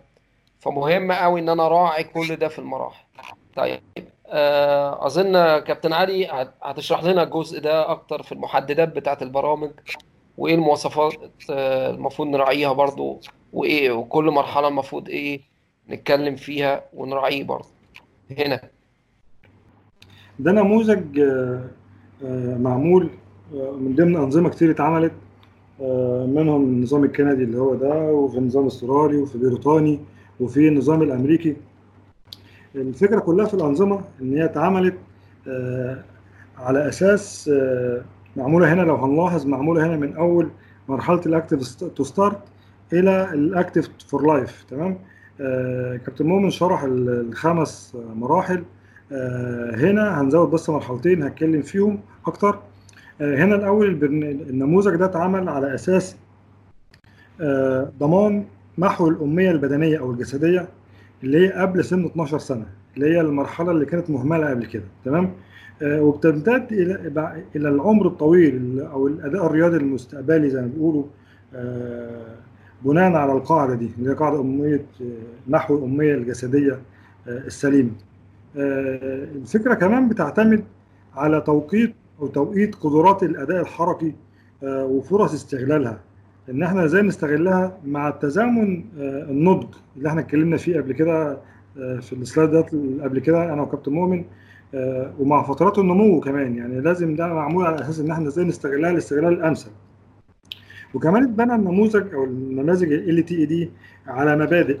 المبادئ الأساسية هي اتعملت على أربع مبادئ أول مبدأ مبدأ الاستمتاع المبدأ الثاني مبدأ السعي من أجل التحسين المبدأ الثالث هو مبدأ التدريب المناسب. المبدأ الرابع هو مبدأ عدم الإضرار أو أو نسميها الوقاية من الإصابات. لو خدنا كل جزء أو كل مبدأ نتكلم فيه بس تنويه بسيط هنلاقي إن فكرة الاستمتاع معمولة. إن إن أنت إزاي تعرف إن خاصة إن اللعبة بتاعتنا لعبة مملة. فأنت عشان يستمر معاك لمدى طويل لازم تعتمد على إن هو يكون عنده متعة. ففكر جت فكرة اسمها فكرة التدفق اللي هي معناها إن السعادة المطلقة إن هو إزاي ان إن الفرد اللي معاك يبقى بيمارس معاك رياضة مجهود بدني متعب ومستمتع في نفس الوقت. فدي كانت الفكرة الرئيسية. وإزاي إن أنت تخلي دايما اللاعب أو الطفل اللي عندك أنت مستقطبه في حالة إثارة دايما وإن هو حابب اللعبة تحت بقى سيطرتك من مكافآت من أي طريقة. والمهم كمان إن أنت لازم توازن في في فكرة الاستمتاع إن أنت توازن بين المتعة والجدية في التمرين. عشان ما ما يوصلش الموضوع لملل زيادة من الجدية أو استهتار من المتعة. الفكرة الثانية أو المبدأ الثاني اللي هو مبدأ السعي للتحسين وده اللي هو الأساس اللي هو بتاع الرياضة إن إحنا دايما لازم نكون آه عايزين نحسن وده اللي إحنا لازم نركز فيه قبل قبل فكرة الميداليات. فالموضوع لازم يكون مركز إن أنت يعني إزاي تخلي اللاعب بتاعك آه مستمتع وفي نفس الوقت بتحفزه إن هو آه تساعده إن هو يتمرن كويس عشان يحسن. هي ده ده ده الفكرة الثانية أو المبدأ الثاني اللي اتعمل من أساسه اللونج تيرم المبدأ الثالث والمهم جدا بالنسبة لنا اللي هو مبدأ التدريب المناسب. وده اللي اتكلم فيه كابتن ماما وأنا اتكلمت فيه في الأول إن إحنا نحط مبادئ التدريب في كل وقت بناء على نمو نمو اللاعب اللي عندك سواء في مراحل الطفولة أو في مراحل البلوغ سواء نمو سريع أو نمو بطيء. فمن خلال الفكرة دي أنت هتعرف لو أنت عرفت مراحل النمو هتعرف ترتب معاها أو تركب معاها طرق التدريب بتاعتك اللي تتناسب مع كل مرحلة عمرية. وأنت طبعا مرتبط كمان بأجهزة كتير جهاز عصبي وهرموني وعضلي. فإن أنت لازم ساعتها في تطورات إن أنت تعرف تركب ده كله ده هنحاول ندرجه في في الحاجات اللي السلايدات اللي جاية إن شاء الله. الفكرة اللي طبعا اللي معروفة الأخيرة اللي هي فكرة عدم الاضرار وده اللي إحنا المفروض نشتغل على أساسه كله. في فكرة كمان كانت عملت عليها إن هم حسبوها من دراسات معينة. إن إن إن التدريب بيكون مثلا أو عشان التحسن يكون عملوها في اللي هو حوالي 10 سنين أو أو أو 10000 ساعة. حسبوها إن هي تلاقي 20 ساعة تدريب في الأسبوع لمدة 50 أسبوع في 10 سنين. هيعادل 10000 ساعة فهي الفكرة عشان ما يبقاش فيه تسرع في في الأداء فيوصل التدريب بكفاءة عالية. هنا لو اتكلمنا في المراحل طبعا كابتن مؤمن اتكلم في المراحل المهمة مراحل التدريب. بس في مرحلتين انضافوا للبرنامج ده اللي هي المرحلة الأولى اللي هي ال active start اللي هي هنا من صفر لست سنين تمام؟ دي اللي هي اسمها مرحلة الأمية الجسدية محو الأمية الجسدية أو ال active start تمام؟ الهدف منها إن هو أنت بتدخل مجموعة واسعة من الحركات يعني كتير حركات كتير بتجربها على الطفل إن هو أنت بتستكشفه بيها. بتستكشف الطفل من خلال الحركات دي تمام؟ آه وعامة ما فيش تدريب رسمي للمرحلة دي. هي المرحلة كلها بتركز على المرح آه على الألوان إن الألوان في المرحلة دي جذابة للأطفال. فطبعا في بيبي سويمنج ماشية كتير جدا فاكيد طبعا المفروض يبقى الموضوع ده مهم بالنسبة لهم وده برضو بيأهلنا إن هو يدخل في في الرياضة. لما يدخل في مراحل التدريب بتاعتنا يكون داخل مش خايف من المية عنده ثقة فيكون التطور سريع و... و... وماشي مع ضمن المنظومة. آه كمان انت بت يعني هي جزء ممتع جدا للطفل. وكمان ضروري يعني في حاجات كتير جدا للغرق و... وكمان بيبقى علاجي جدا في حاجات كتير جدا. فهو جزء مهم جدا ما نهملوش يعني تمام؟ المراحل الثانية اللي إحنا قلنا من ال fundamental وال learn to train وال train to train كابتن مؤمن كابتن مؤمن شرحهم باستفاضة.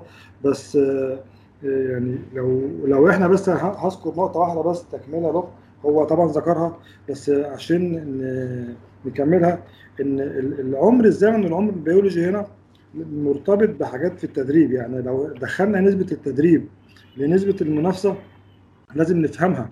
إن مثلا في مرحلة ال fundamentals هنلاقي إن مثلا إن ال ال وأنا بعمل التدريب بتاعي لازم تكون الأنشطة كلها في شكل مرح متعة. السباح اللي عندك انت بتأهله بتدخله اللعبة. مرحلة اللي هي ال learn to train أو اكتساب المهارات بيكون مرحلة التدريب بتاعتك 70% تدريب و30% ألعاب وتحديات سواء تبعات جوه التمرين بتفرق كتير جدا مع الأطفال والمنافسات بتكون عبارة عن تحديات زي ما إحنا قلنا. في كتاب قلته في ما قبل ل Bob Steele اللي هو جيمكس جيمس جيم جيمز جيمكس جيمز ابحثوا عليه جدا هتلاقوا فيه حاجات جدا على موضوع ال challenge ده. المرحلة اللي بعديها اللي هي train to train هنلاقي نسبة التدريب 60% تدريب و40% منافسة. برضو عبارة عن حاجات تأهيلية تعزيز الأداء تعزيز مهارات. المرحلة اللي بعديها اللي إحنا قلنا train to compete أو التدريب المنافسة بيبدأ هنا المنافسة بتزيد شوية يعني بيكون 40% تدريب و60% منافسة. ودي حاجات بتبقى داخلية يعني أفضل حاجات جوه الدولة يعني حاجات داخلية. المرحلة اللي بعديها اللي هي to compete بتكون الموضوع مختلف شوية 25% تدريب و70% منافسة. الفكرة مش إن أنت بتعمل تدريب الفكرة إن أنت المنافسات بتزيد مقارنة بال بال بالقبل كده. طبعا أنا مش عايز أدخل في التفاصيل التانية اللي كابتن مؤمن وضحها كويس جدا بس أنا هحاول أوضح بس موضوع توزيع المراحل على البدنية على الأعمار. في نقطة بس أنا نسيت أقولها اللي هي موضوع السن الأخير اللي هو اللي هو ال life style أو ال active style أو الماستر وده هنا بي يعني هي التدريب أسلوب حياة يعني أو الرياضة أسلوب حياة. ده المفروض اللي يبقى ماشي عليه المبدأ الأساسي أو الرياضة من أجل الحياة والاستمتاع. ودي طبعا بتختلف وبرامج التدريب بتختلف وهي فردية في الأساس وعلى حسب حالة كل واحد. وعلى حسب هدفه. طبعا دخلت دلوقتي رياضة الماستر دي طبعا للمميزين منها ودي سهلت كتير جدا وخلت إن الرياضة مستمرة المنافسة طول الحياة.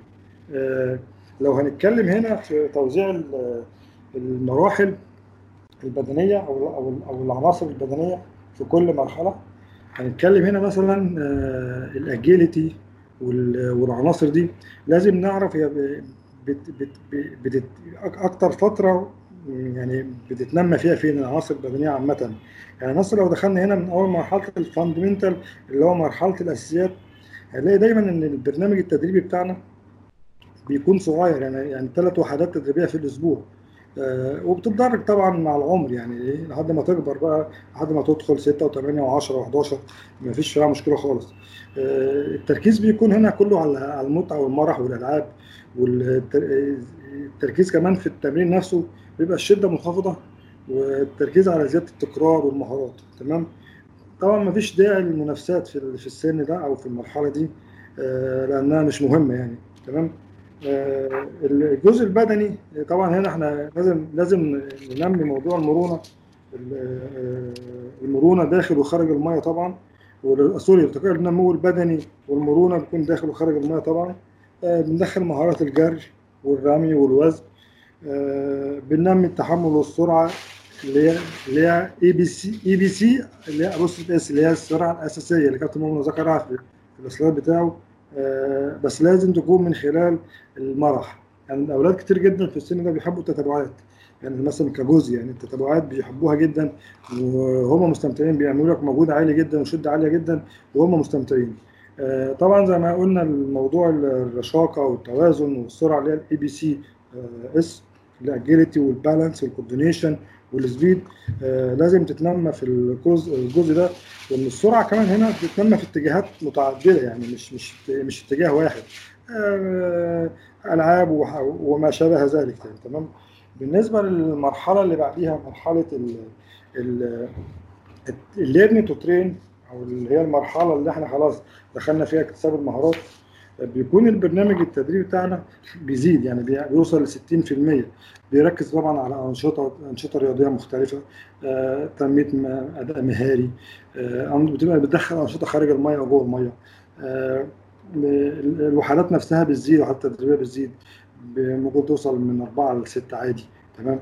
آه، الحجم التدريبي بتاع الأسبوع بيزيد بيدخل هنا تبدأ تدخل كيلوهات في التمرين.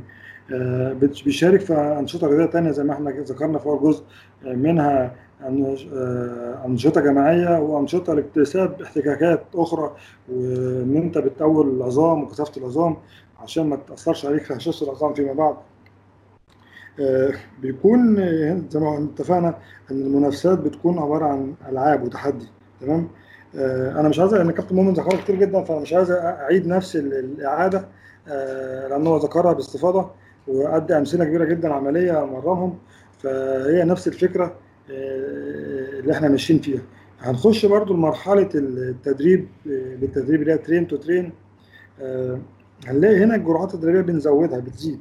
بتوصل ل 12 ممكن توصل ل 11 جرعة في, في الأسبوع. آه، مع إني برضو مختلف معاها سنه بس أنا بتكلم عن الأنظمة العامة مش نظامي أنا. تمام؟ أنت بتدخل فيها أنشطة خارج المية وجوه المية طبعا أرضي. زمن الوحدة نفسها بيزيد بي بي بي بي بيرتفع آه، النظام التدريب جوه المية الأحجام بتزيد تمام؟ آه، والمشاركة في الأنشطة الرياضية الثانية بتزيد طبعا ندخل فيها أنشطة رياضية ثانية تمام؟ آه، الجزء البدني هنا بيبقى مركز أكتر على الإعداد البدني الشامل أو المتوازن وتنظيم التدريبات الهوائية للوصول طبعا قال ال PHV اللي هو ال peak high high فيلوسيتي اللي هو الذروة أو سرعة النمو تمام؟ آه، هنا بتدخل تمرينات قوة عضلية أكتر تمام؟ آه، وخاصة البنات لأنهم وصلوا لمرحلة ال- ال- البلوغ عامة أو أو أو الطمس زي ما بيقولوا تمام؟ تمرينات القوة العضلية بتزيد جدا طبعا تمام؟ ده طبعا بعد بعد تمرينات كتيرة جدا وعامة بتتحسن القوة العضلية يعني من حوالي مثلا آه، 12 ل 18 شهر بعد تمرينات القوة العضلية دي بالنسبة للبنات عامة يعني تمام؟ آه، ولازم في الفترة دي بتهتم بتمرينات المرونة لأن في تغير عضلي كبير جدا وعظام فلازم أنت تستغل الفترة دي كلها في في التحسينات دي تمام؟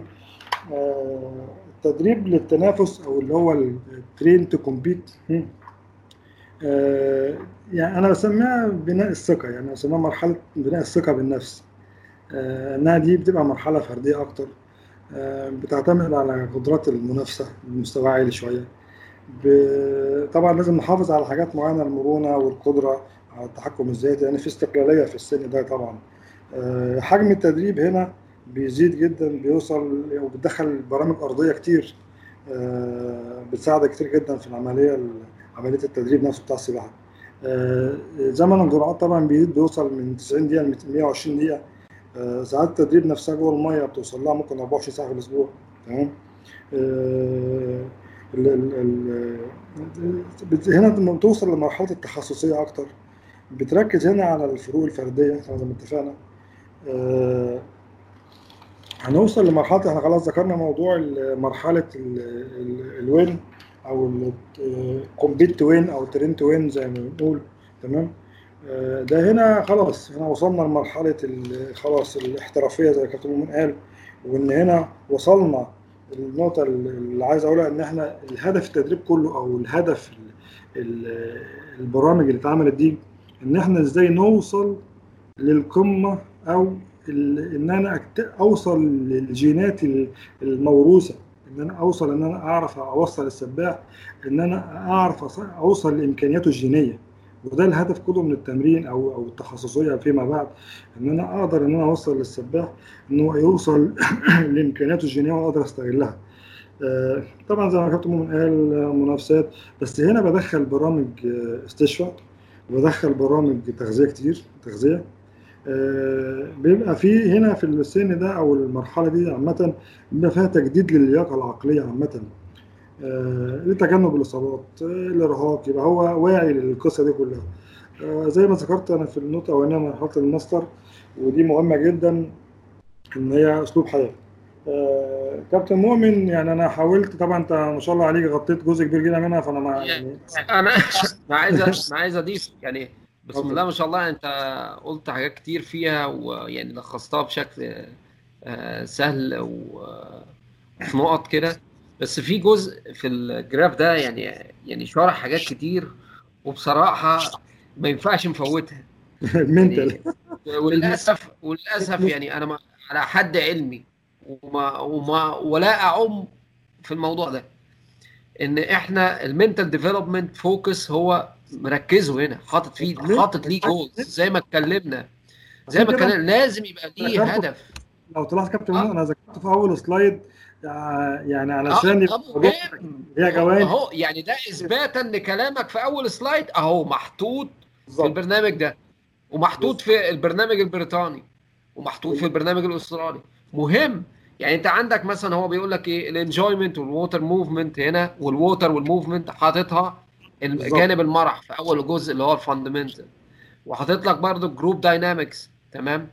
آه والتعاون مع ال group والتعاون زي ما اتكلمنا فيها في الأول. فهمت مهم الكلام ده. يا جماعة مهم إن إحنا ننمي السمات الشخصية في الكلام ده. تمام؟ آه آه مهمة جدا جدا جدا النقطة الثانية دي اللي هي uh, will to perform برضو إيه؟ و dealing with failure. لازم السباحين تقف على ال start تكسب الثقة. يعني إحنا في الأول أي فرقة عشان بس عايزين تمرنوا فرقة صح وتبنوها صح بعد التجهيزي أو في 11 سنة طالعة أو سي هتبدأ تنافس بقى هتخش على بطولات اسكندرية أو على بطولات مناطق الجيزه القاهرة أو على بطولات آه، بعد كده جمهورية وقفوا على ستارتات. مش جوه النادي. اعمل لقاءات مع أندية تانية. خليه يكسب في الأول وقفوا على ال start يكسب الثقة مع ناس مختلفة مع ناس مش معروفة بالنسبة له. ده واحد. اتنين لو عندك سباحين بتبدأ تكسب لازم يتعلموا النقطة دي dealing with failure لازم تنزلوا بطولات أقوى. أنا عندي هنا بننزل بطولات ساعات عشان الولاد تكسب عشان نحطهم في حتة ال trust في الأول. بعد كده السن الكبير بالذات اللي هم ال elite squad عندي بيتحطوا تحت ستريسات إن هو بيكسبوا عشان أعمل بطلة أوروبا لازم أحطها تحت stress إن هي dealing with failure أنت هتنزل تخسري؟ هتنزل تخشي final في البطولة دي؟ بس زي ما نطلعش من النقطة دي في أنا كان في حصل محادثة بيني وبين مدرب قبل كده قال لي إن هو صعب جدا نعمل مقابلات. جدا ممكن جدا تعمل مقابلات داخلية في النادي. يعني أنت ممكن تعمل مسابقات داخلية تجمع النادي كله وتجمع الفرق وتعملوا مسابقة. والله والله يعني أنتوا بص كل حاجة بتتعمل يا كابتن. بالظبط. والله كابتن علي كل حاجة مع التفكير بتتعمل. يعني إحنا في زمن الكورونا دلوقتي والحاصل وربنا يرجع كل شيء على خير. هقول لك على شيء. آه، أنتوا عندكم في قطر كانت بطوله اللي هي اتش 2 أو فيرتشوال ديت الناس بتفكر. عاملينها اونلاين بس عن معلومات عن السباحة وجروب التيم وعاملين اكتيفيتي واشترك فيها عندي التيم. وكانت بالعكس يعني حاجة فن يعني. بالعكس بس حلوة. خلي أفكار كل حاجة بأفكار كل حاجة. آه. بيفكر إن هو دي منافسة فبالتالي بيتحط تحت ضغط معين فبالتالي بيكتسب خبرات جديدة. فالموضوع مهم جدا المقابلات الكتير المقابلات الكتير يعني. كان في هنا بتيجي آه، كاتينكا طبعا ال iron lady معروفة. كانت تطلع من سباق تخش تدخل سباق تاني وتجيب ميدالية. تطلع من السبق تخش سبق تاني تجيب ميدالية. آه دي اللي stress هو دلوقتي ده ال mental toughness اللي عندها already متمرنه على ده. يعني عندها mental toughness already development موجود أو ال mental toughness improvement عندها already موجود.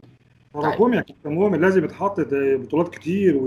و... ويستمر عشان مخه يشتغل يبقى في ضغط. بص أنا أنا مش عايز أخش في ال mental بس الم... الم... النقطة دي مهمة. يعني أنا okay ليا اختصاصي في ال mental بس أنا هقول على جزء آه، جوه ال mental مهم. لازم انت لازم الولد ما أي مدرب ما يعملش التمرين على إنه فسيولوجي وتدريب وبس. لازم يحط الجزء العامل النفسي. أنا ذكرتها في الأول ثلاث جوانب مرتبطين ببعض البدني والانفعالي والمعرفي. آه يعني هو مضموم هنا مضموم وما و... و... يعني حاطين لهم ال goal setting وحاطين لهم ال... ال... إزاي يعملوا self awareness و self image إزاي يبنوها. تمام؟ ده مهم. يا جماعة ده في كتب عن ال self image يعني أنا لما درست في الموضوع ده مش هزار الجماعه ده. يعني أنت تعمل ال self image أو تبني الصورة اللي أنت عايز السباح يوصل لها بعد كده ده بتاخد وقت. وبلاش أنا من دراستي بقول لكم بلاش ال motivation speaking يعني الخطاب التحميسي مع الولاد. آه لأن أنت بتخاطب ما بتخاطبهمش كلهم آه ما بتخاطبهمش كلهم ابني العادة. يعني إيه؟ أنا عايزه يعمل goal setting أو إن هو يحدد أهداف. أنا بخش في التدريب العقلي شوية لأن لازم في الجزء ده. أنا عايزه يحدد أهداف يا كابتن علي. يبقى لازم أبني العادة دي جواه.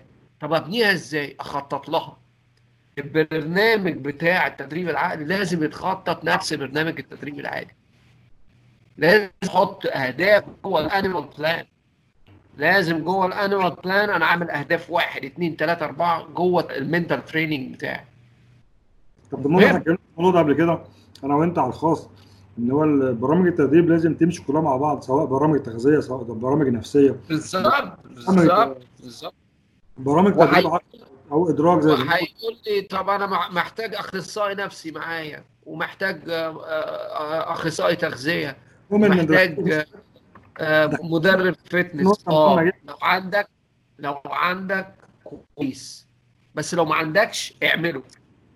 كابتن مؤمن انت اللي دخلتيه في نقطة مهمة جدا إن إحنا الرياضة الوحيدة أو أو الرياضة عامة اللي بتشمل كل العلوم. تمام؟ تشمل كل العلوم. فأنت كمدرب لازم تكون لامم كل العلوم دي. آه مش لازم تكون متخصص بس لازم تلمها كلها. يعني أنا أنا عارف عنها لازم لازم مهم. يعني إحنا المفروض يتسمى علينا إحنا اسمنا مهندسين بشريين لأن يعني إحنا يعني المهندس المهندس المدني أو المعماري هو متخصص في جزء. إحنا إحنا لازم يطلق علينا مش مدربين يطلق علينا مهندسين بشريين. ان إحنا بنتعامل مع مع الجسم البشري بكل تفاصيله. يعني لو تاخد بالك بقول لك إحنا في جوانب تكوينية وجوانب وظيفية ولازم إحنا داخلين فيها الداخلي والخارجي. يعني إحنا بندرس الجسم من بره في الشكل. وبندرسه من جوه من الكيمياء اللي بتحصل جوه. يعني طب أنا ليا ليا ليا تفسير بقى معلش كابتن مؤمن بعد ما اتكلمنا في الكلام الحلو ده يعني طب لو إحنا بقى ما عملناش الكلام ده يعني إيه التأثيرات السلبية بقى للتخطيط طويل المدى آه آه سؤال ده ده سؤال. آه. طيب. ده سؤال ده سؤال يعني مهم وخلاني يعني من كتر أهميته كتبت فيه. بس نتكلم فيه ببساطة وسلاسة كده عشان نوصل الفكرة للكل يا جماعة.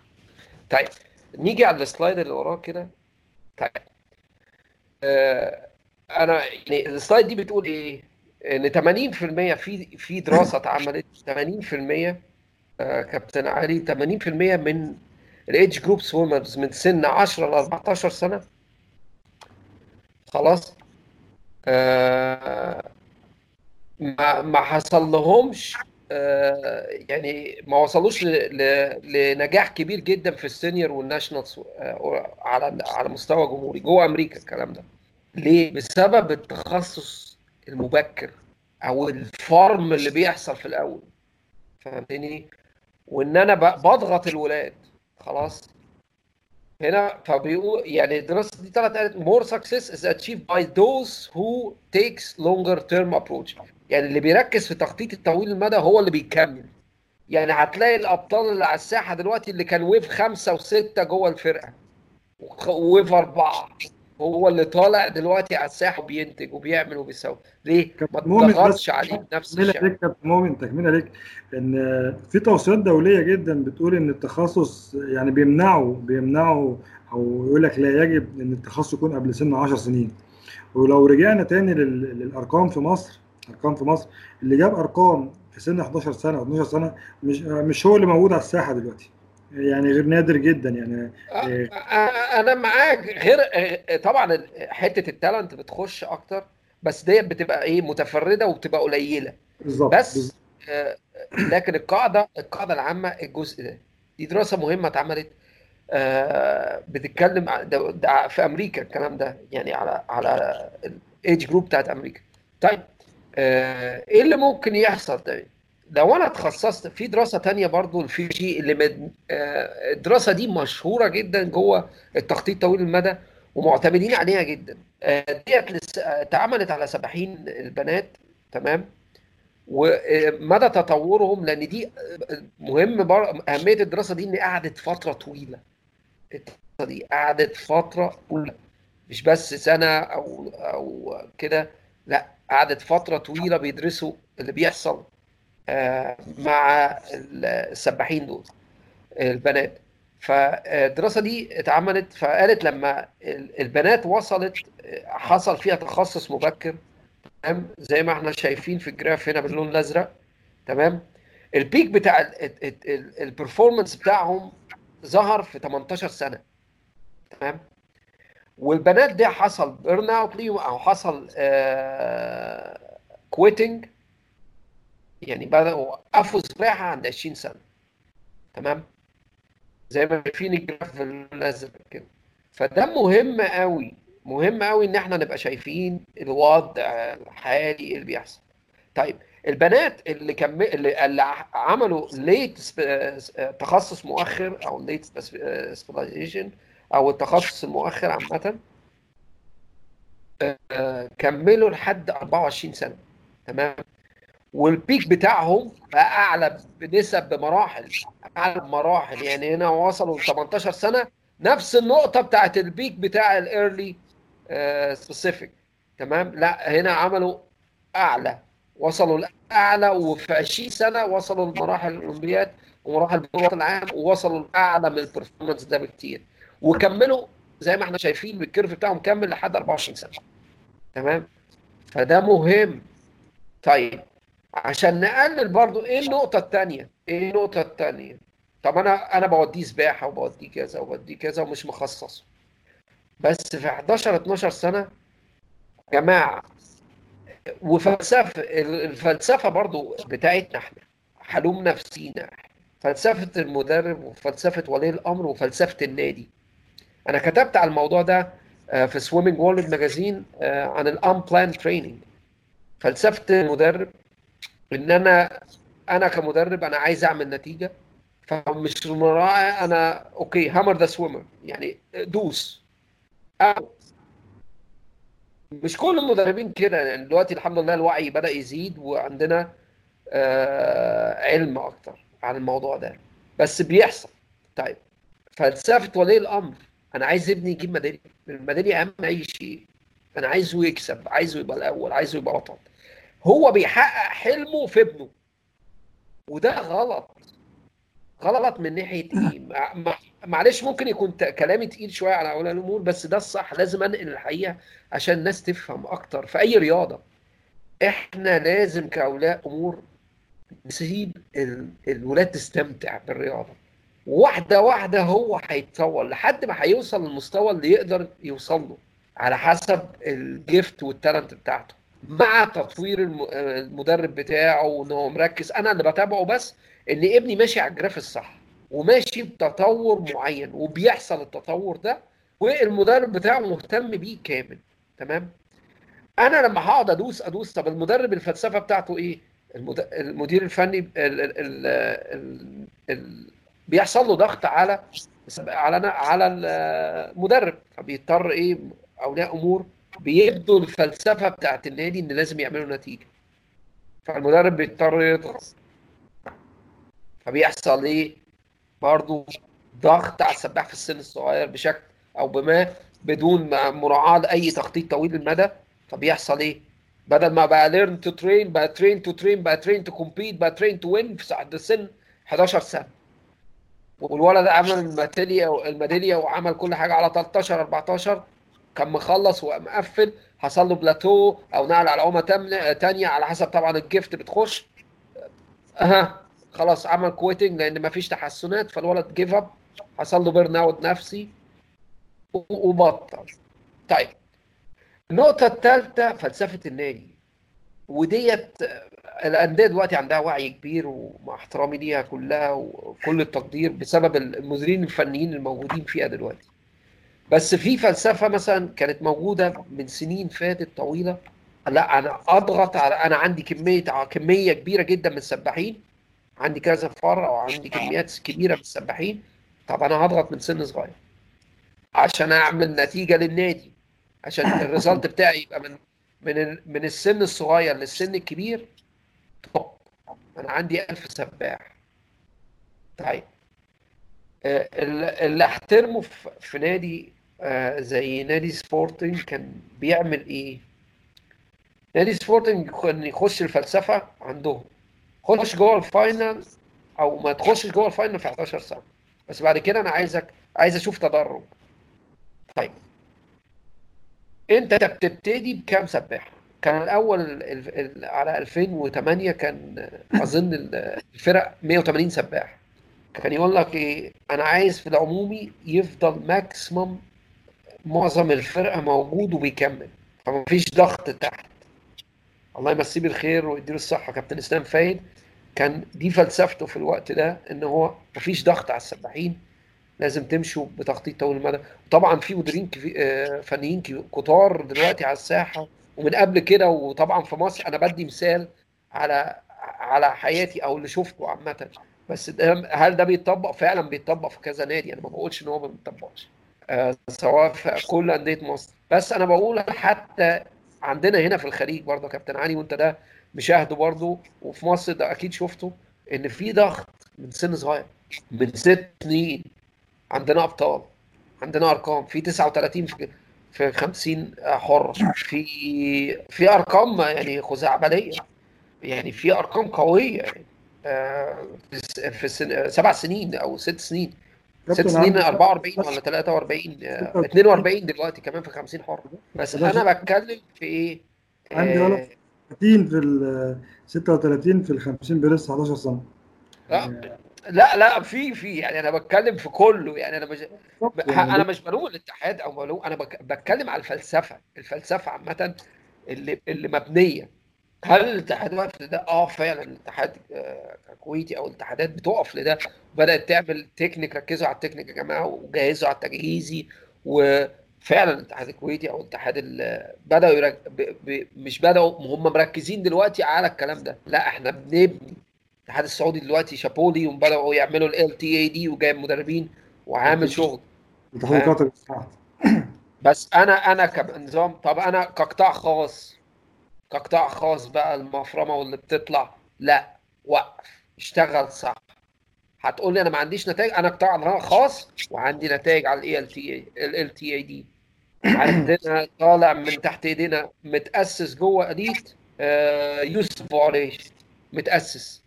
بطل العرب السعودي وتأهل للاولمبياد يوسف بوريش سباح sprinter قوي. بيور مابي جوه elite من سن من من وهو صغير لحد ما كبر بعد كده سافر السعودية. سباح قوي جدا والسعودية يعني كمنتخب وكاتحاد راعوه أحسن مراعية بعد كده. ما أعرفش إيه اللي تم تطوره بس scholarship وتحرك على أستراليا وعملوا له camp ات وعملوا وعملوا وعملوا. سباح مهم. بدا يشوف تطور مش بس هو في سباحين كتير جوه السعودية بدأت تعمل الكلام ده. عندكم في قطر برضو في تطور حصل. في تطورات حصلت. حاجة حلوة جدا في عاملين حاجة حلوة جدا كابتن مؤمن. في حاجة اسمها مركز المنتخب أو أو أو, أو زي مدرسة سباحة كده. إحنا الكويت في اتجاه كمان قوي دلوقتي شغالين يعني آه آه عشان آه التخطيط بتاعهم بصراحة محترم يعني. بالظبط. كفكره عندنا عندنا نفس القصة واخدين عاملين حاجة مركز المنتخب بينقوا الأولاد المميزين من كل آه، في المراحل الصغيرة ويبدأوا يتمرنوا مع ال- مع مجموعة مميزة زيهم بمدربين مختارين وبتدي نتيجة حلوة جدا على المدى الطويل وتلاقي حتى بالظبط. آه، مش مش عيب إن أنا أتخصص في التعليم والت- والت- والتدريب إن أنا أطلع سباح؟ صح. آه، هتقول لي آه، طبعا لا ده كان سباح عربي. يا سيدي هقول لك عندي ايدس طالعه scholarship NC2A Division 1 عندي بطلة أوروبا دلوقتي آه، آه، 400 متنوع 200 آه، ليا. طالعه من البرنامج ده. مش مش مني أنا أنا عندي في مدربين مسؤولة على التخطيط ده ومحطوط وليها head coach وليها كل شغل ده. أنا جوه المنظومة دي بس المنظومة دي شغالة بكلمة نحن في الطريقة دي شغالة يا جماعة. الطريقة دي بتعمل سباحين. وبتعمل سباحين أقوياء حافظوا عليها واشتغلوا بيها. مش بس الفارم هو اللي هيجيب نتيجة. طيب هقول مثال مثلا. جوه ال unplanned training برضه في المقاله اللي كانت في Swimming World Magazine أنا ذكرت إن هو التدريب الغير مقنن من ضمنه حتة ال private training الناس هتقول إيه كابتن مؤمن هيضرب دلوقتي في ال private وهيولع الدنيا. لا أنا مش هضرب في ال private ال private واقع. مع بس عايز يتنظم هو unplanned training هو عايز يبقى planned training ولازم نقبل كمدربين ده. خلاص. انت دلوقتي حجم الفرق قد إيه؟ إحنا كنا الأول كنا بنتكلم 2005 90 98 120 بالكتير. دلوقتي ما شاء الله. ده بقى أنا بتكلم على اسكندرية أو اللي شفته. آه ما شاء الله دلوقتي خش شوف بقى كم كم واحد في 50 حر 11 سنة. هتلاقي 99 تصفية. جمهوريه أنا بكلمك في 990 سباح. فاهم؟ مثلا مثلا بديك مثال. يعني قد إيه بقى كل فرقة؟ يعني أنت بتتكلم في 200 على الأقل لو نادي مثلا في اسكندرية أو 300 فاهم؟ يعني الفرقة كبرت. طب كم مساعد هيبقى واقف على الفرقة دي؟ وكم عين؟ أنا من من ضمن اعتقاداتي قسمها ل group ات صغيرة في في في المرحلة الانتقالية واشتغل على التكنيك. كل ما هتقسم كل ما هتشتغل على التكنيك. طيب أنا أنا ما عنديش إمكانية على الحوض. هيضطر المدرب يطلع الولد private أو ولي الأمر هيطلع بالولد private وده بيحصل. تمام؟ طب فاللي بيحصل conflict يا كابتن علي. سواء mentally لو لو المدرب ده شغال تكنيك وده شغال تكنيك وده بيقول له نزل دماغك تحت وده بيقول له طلع دماغك لفوق في الدولفين ف conflict الولد already فعنده confusion تمام؟ ده واحد. أنا بكلمك في أبسط شيء. تعالى بقى قارن حمل وراحة قارن حمل وراحة الدنيا اتضربت. المدرب الأساسي أعطي مثلا تحمل سرعة. التاني راح مكمل له تحمل سرعة. الواد بقى بدل ما كان داخل في حتة إيه إن هو هيعمل adaptation راح عامل failure لل adaptation دخل في overtrain طب خد بقى ال... الانح بقى والأبسط. ال tapering طب أنا هخش أصلح له start ات وهيطلع مع المدرب بره private مع مدرب ال private بره يصلح start ات ويصلح إيه قبل البطولة هو راح داخل إيه زادت ال recovery عليه راح عامل over tapered اسمها over tapered فالواد راح لا الفورمة راحت طيب نحلها إزاي؟ نحلها إزاي؟ قانون التدريب بتاع ال private مدرب ال private مع احترامي يقعد مع المدرب الأساسي والاثنين يقعدوا مع بعض ويقننوا الحمل بتاع المدرب ده لازم يفهم المدرب الأساسي إن هو معاه 300 سباح ومساعدينه مش هتغطي. لو مساعدينه 10 و20 غطى العملية okay. بس ال specific برضه بيساعد. فلازم يشتغلوا مع بعض. طيب. اختلاف في الآراء واختلاف في الدنيا. أنا كمدرب ما عنديش أنا بتكلم كقطاع خاص وعارف أنا بقول لك إيه لازم نفتح العقلية دي شوية. open minded خلاص؟ لازم نقنن الحمل عشان الولاد ما تتأثرش. كله في مصلحة الولاد. الولاد هي اللي بتتظلم في الآخر. لما بخش أنا كمدرب أقنن حملي مع مدرب تاني بقول له أنا أنا أنا ماشي في واحد مش لازم أقول له خطتي ان المدربين ساعات بتبقى فيه سيكرتس طبيعي أحترم ده مفيش مشكلة. أقول له هدي هنا يبقى في تواصل على الأقل. هدي هنا ما خلي بالك عشان الواد تعبان جاي لك تعبان. فاهم؟ زي مدرب الأرض ما بنقنن مع بعض. أو مدربيني مساعديني تبقى شغالة مع الناس بره. إيه اللي فيها؟ هيقول لي عيب وكده هيأثر وهي... وهتستخدمها ب... ب... بطريقة غلط وهيطلع آه، آه، الناس هتاخدها ك business بره النادي والكلام ده. يا جماعة كل حاجة فيها الصح والغلط. أي حاجة في الدنيا ده اسمه قانون التضاد أو the law of opposite كل حاجة فيها الصح والغلط. كل حاجة فيها اليمين والشمال. خدوا الفكرة اليمين وطبقوها. لما أقسم ال group لخمسة وستة أنا كنت بعمل إيه؟ كان معايا مساحة على الحوض ده. كنا بنقسم ال group. مثلا عندي 34 سباح ولا 60 سباح بقسم 10 يومين في الأسبوع وبلف. وبشتغل معاهم تكنيك في الفترة الانتقالية. تمام؟ بعمل الكلام ده. مش مش عيب إن أنا أقسم group اتي. طب أنا ما عنديش مكان على الحوض. بطلع على حوض بره. هيساعدني كفاء مساعديني تطلع. يا جماعة لازم نفكر فيها صح. ال private ماشي. ما مش عايزين private وقفوه. يا توقفوه يا قننوه لو أنتوا عايزين الطفرة اللي حصلت في السباحين بتاعتنا لما ال load هاد عليها. ال recovery زاد. بدأت نعمل قوة عالية جدا وبدأ التقنين بتاعنا يزيد. لما خف ال private شوية. هتلاقي هتلاحظ الطفرة حصلت من بعد الثورة جامد. السباحين دي ركنت شوية. الجسم بدأ يرتاح بدأ يفرد هدي ال load. برضو ال load الحمل التدريبي بتاعك ممكن كبير جدا. الحمل كبير جدا. أنا مش شايف المجاميع والبلوكات الكبير جدا باسترسات عالية جدا مهم في دراسة قسموا البلوكات دي للنص قسموا حمل التدريب للنص. الولاد عملت نفس ال effect. برضه التمرين الصبح وبعد الظهر بيتعب. هنتكلم ده في الجزء في النقطة اللي وراها. هنا يعني لو بصينا هنا على دي سيمتريه الحمل والراحة تمام؟ لو الت... ديت هنا الوحدات التدريبية بتاعتنا لو ال training on time خلاص. وهنا في الجراف اللي في النص ال training لو لو الفرق ما بين واحدة وواحدة بعيد شوية. وهنا ال training لو too soon لو ما فيش وقت للراحة إيه اللي ممكن يحصل؟ تمام؟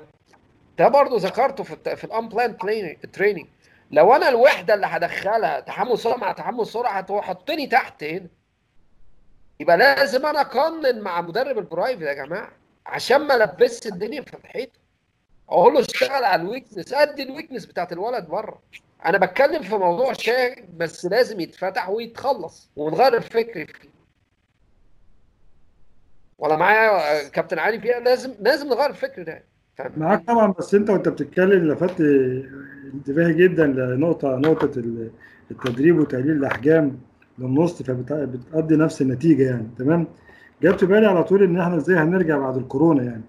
ف آه دي ديت ممكن نرد عليها على آه. آه وأنا بقول لك يعني جت في بالي إن إحنا ممكن نعمل إيه يعني أنا بتكلم معاك كده يعني نقول إن شاء الله يعني هخلص الجزء ده ونرد على الجزء بتاع الكورونا ونرد برضه على تساؤل تاني في ال في ال USRPT.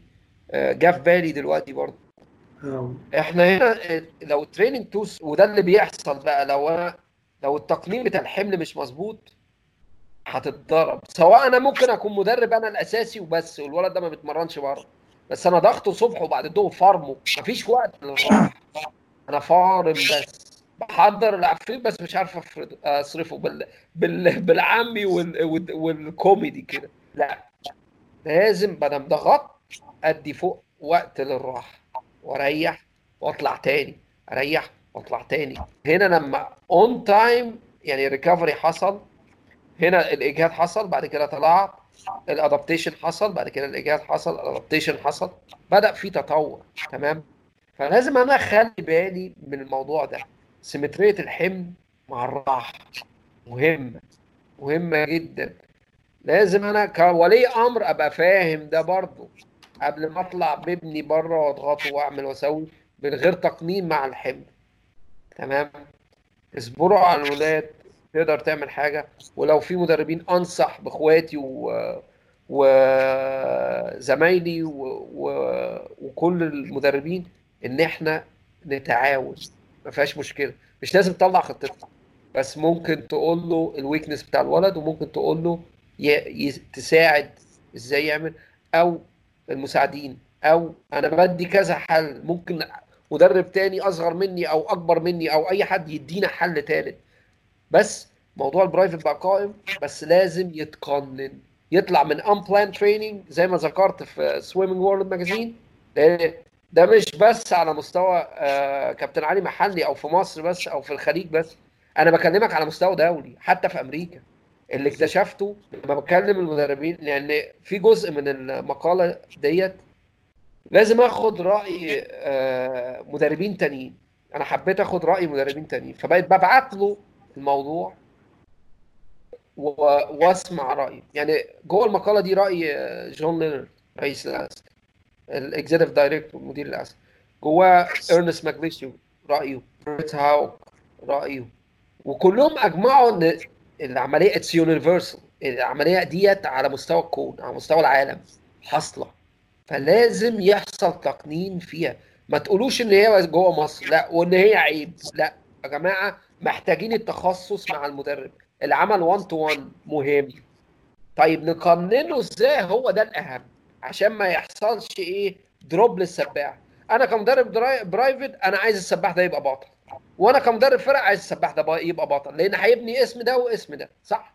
مش ده اللي هم بيدوروا عليه أو المدربين بتدور عليه أو بتدور برضو العائد لو هي على قطاع خاص هتدور على العائد المادي ماشي يا سيدي بس أنت برضو بتدور على ال result عشان الولد ده لما يعمل ريزلت هيبني الاسم بتاعك هيخليك برضو يجي لك سباحين تانيين. أنا بتكلم بصورة بصورة واضحة جدا وعلى المفت... يعني إيه؟ جايبها على البلاطه عشان إيه؟ يبقى كل الكلام الجرح ده يندمل كده وكل الناس تفهم المفروض نعمله إيه. طيب. آه، ديت بالنسبة للحم والراحة. مهم إن أنا راعي الجزء ده. طيب. هنا نخش على جزء تاني جوه المقالة. دي لينكات المقالات يا جماعة. دي هتلاقوها على علوم السباحة. وهنا على ال Swimming World Magazine ده ال link بتاعها هنا. وهنا على علوم السباحة. تمام؟ هي موجودة بالإنجليزي بس إن شاء الله هتكون متواجدة بالعربي. هرفعها إن شاء الله بإذن الله. طيب نيجي هنا التقسيم. ده مهم جدا. أنا مقسم العملية التدريبية عامة لثلاث أجزاء سباح و parent سباح وولي أمر والمدرب. أنا مطلع الإدارة شوية لأن دول ال day to day بيشتغلوا مع بعض كنادي الثلاثه دول بيشتغلوا مع بعض كل يوم. تمام؟ نيجي للمدرب. المدرب هو آه، لو معهوش آه، مقنن تغذية أو آه، أخصائي تغذية هو هو nutrition planner وهو ال mental trainer لو معهوش أخصائي نفسي. هو الأخصائي النفسي. وهو اللي بيكو بي بي بيعمل توجيه لل parent وبيعلم السباح وال parent هو اللي بيعلمهم وبيعمل لهم educating وبيعمل لهم communicate معاهم بيتواصل معاهم وبيعلمهم عن السباحة وعن العلم بتاعها وازاي نعمل إيه وازاي نبني الفلسفة. ولازم نتكلم مع أولياء الأمور يا جماعة. communication communication لازم نتواصل معاهم نفهمهم الدنيا ماشية إزاي. لازم نفهمهم الدنيا ماشية إزاي ونعلمهم. تمام؟ وهو اللي متحكم في البيئة التعليمية أو التدريبية بتاعتها اللي هو إيه control the training environment بالنسبة له تمام؟ طيب بالنسبة لل parent ال parent خلي بالك إيه لازم تعلمه ليه؟ سؤال مهم عارف ليه؟ لأن هو عنده control أكتر على السباح أكتر منك. ليه؟ أنت بتشوف السباح بتاعك maximum ساعتين في اليوم تمام؟ أو يا سيدي مرتين في اليوم أدي أربع ساعات أو بالجيم ثلاث ساعات آه، آه، قول خمس ساعات في اليوم. هو قاعد معاه طول اليوم وهو اللي كل يوم شايفه وهو اللي بيصرف عليه وهو اللي بيتعامل معاه هو اللي ليه تحكم أكتر فيه وبيعرف يتعامل معاه. اللي مسؤول عنه ال parent إيه أو مسؤولياته؟ ال nutrition هو ال nutritionist لو ما فيش أخصائي برضه حتى الأخصائي بيشتغل مع ال parent بيقول له يأكله إيه ويشرب إيه ويعمل يسوي إيه تمام؟ ال mental في جزء من ال mental عليه أنا بعمل education ك coach وأقول له المدرب لازم يبقى في جزء من ال mental مع الم... مع ال parent لما ببني الفلسفة هو بيساعد في البيت وبيخليهم مركزين على ال habits أو العادات اللي أنا ب- ب- بنبنيها مع بعض أنا كمدرب أو كولي أمر للسباح تمام؟ ال time planning هو برضو مسؤول عن ال time management هو والسباح. تمام؟ وهو اللي متحكم في بي في أي بيئة خارج الحوض هو اللي متحكم فيها تمام؟ هو ال home environment أو بيت البيت هو اللي متحكم فيها. وهو عنده تاني control أكتر على السباح السباحين آه لازم يبقى بينهم وما بين المدرب وما بين السباح عملية ال trust والسباحين هم بينفذوا كل خطة محطوطة لهم. ولازم يثقوا في البرنامج ويثقوا في كل شيء محطوط ليه على الأساس ده.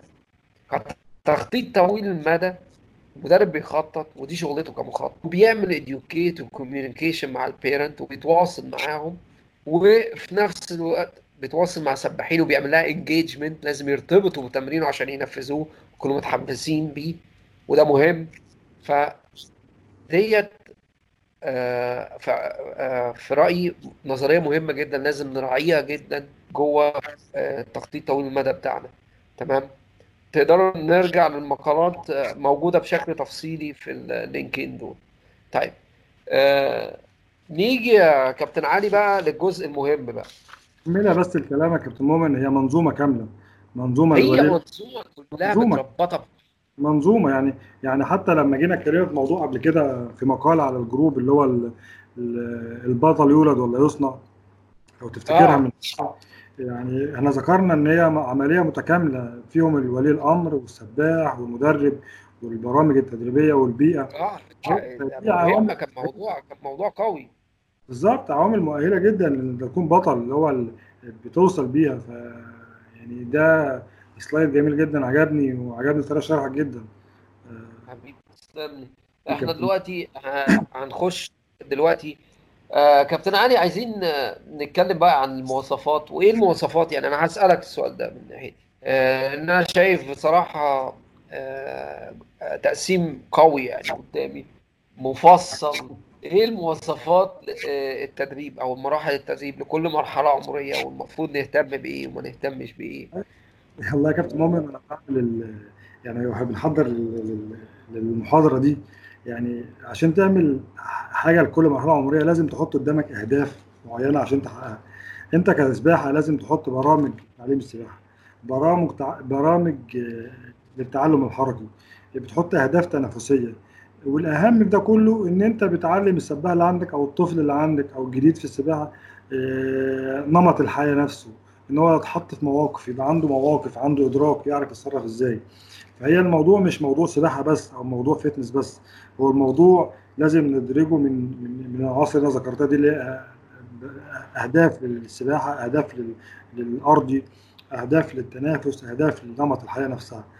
لو جينا خدنا مثلا في السن ده حطيته أنا من سن 8 ل 10 سنين اللي هو السن اللي إحنا بنقول عليه ال fundamental أو اللي بدأ بدأ يخش في التدريب أو sorry اللي هو اكتساب المهارات آه، اللي هو learn learn to train فلازم يكون عندك خلفية عن السباح الأول زي ما إحنا قلنا الأنماط والكلام اللي اتكلمناه في الأول الجميل ده.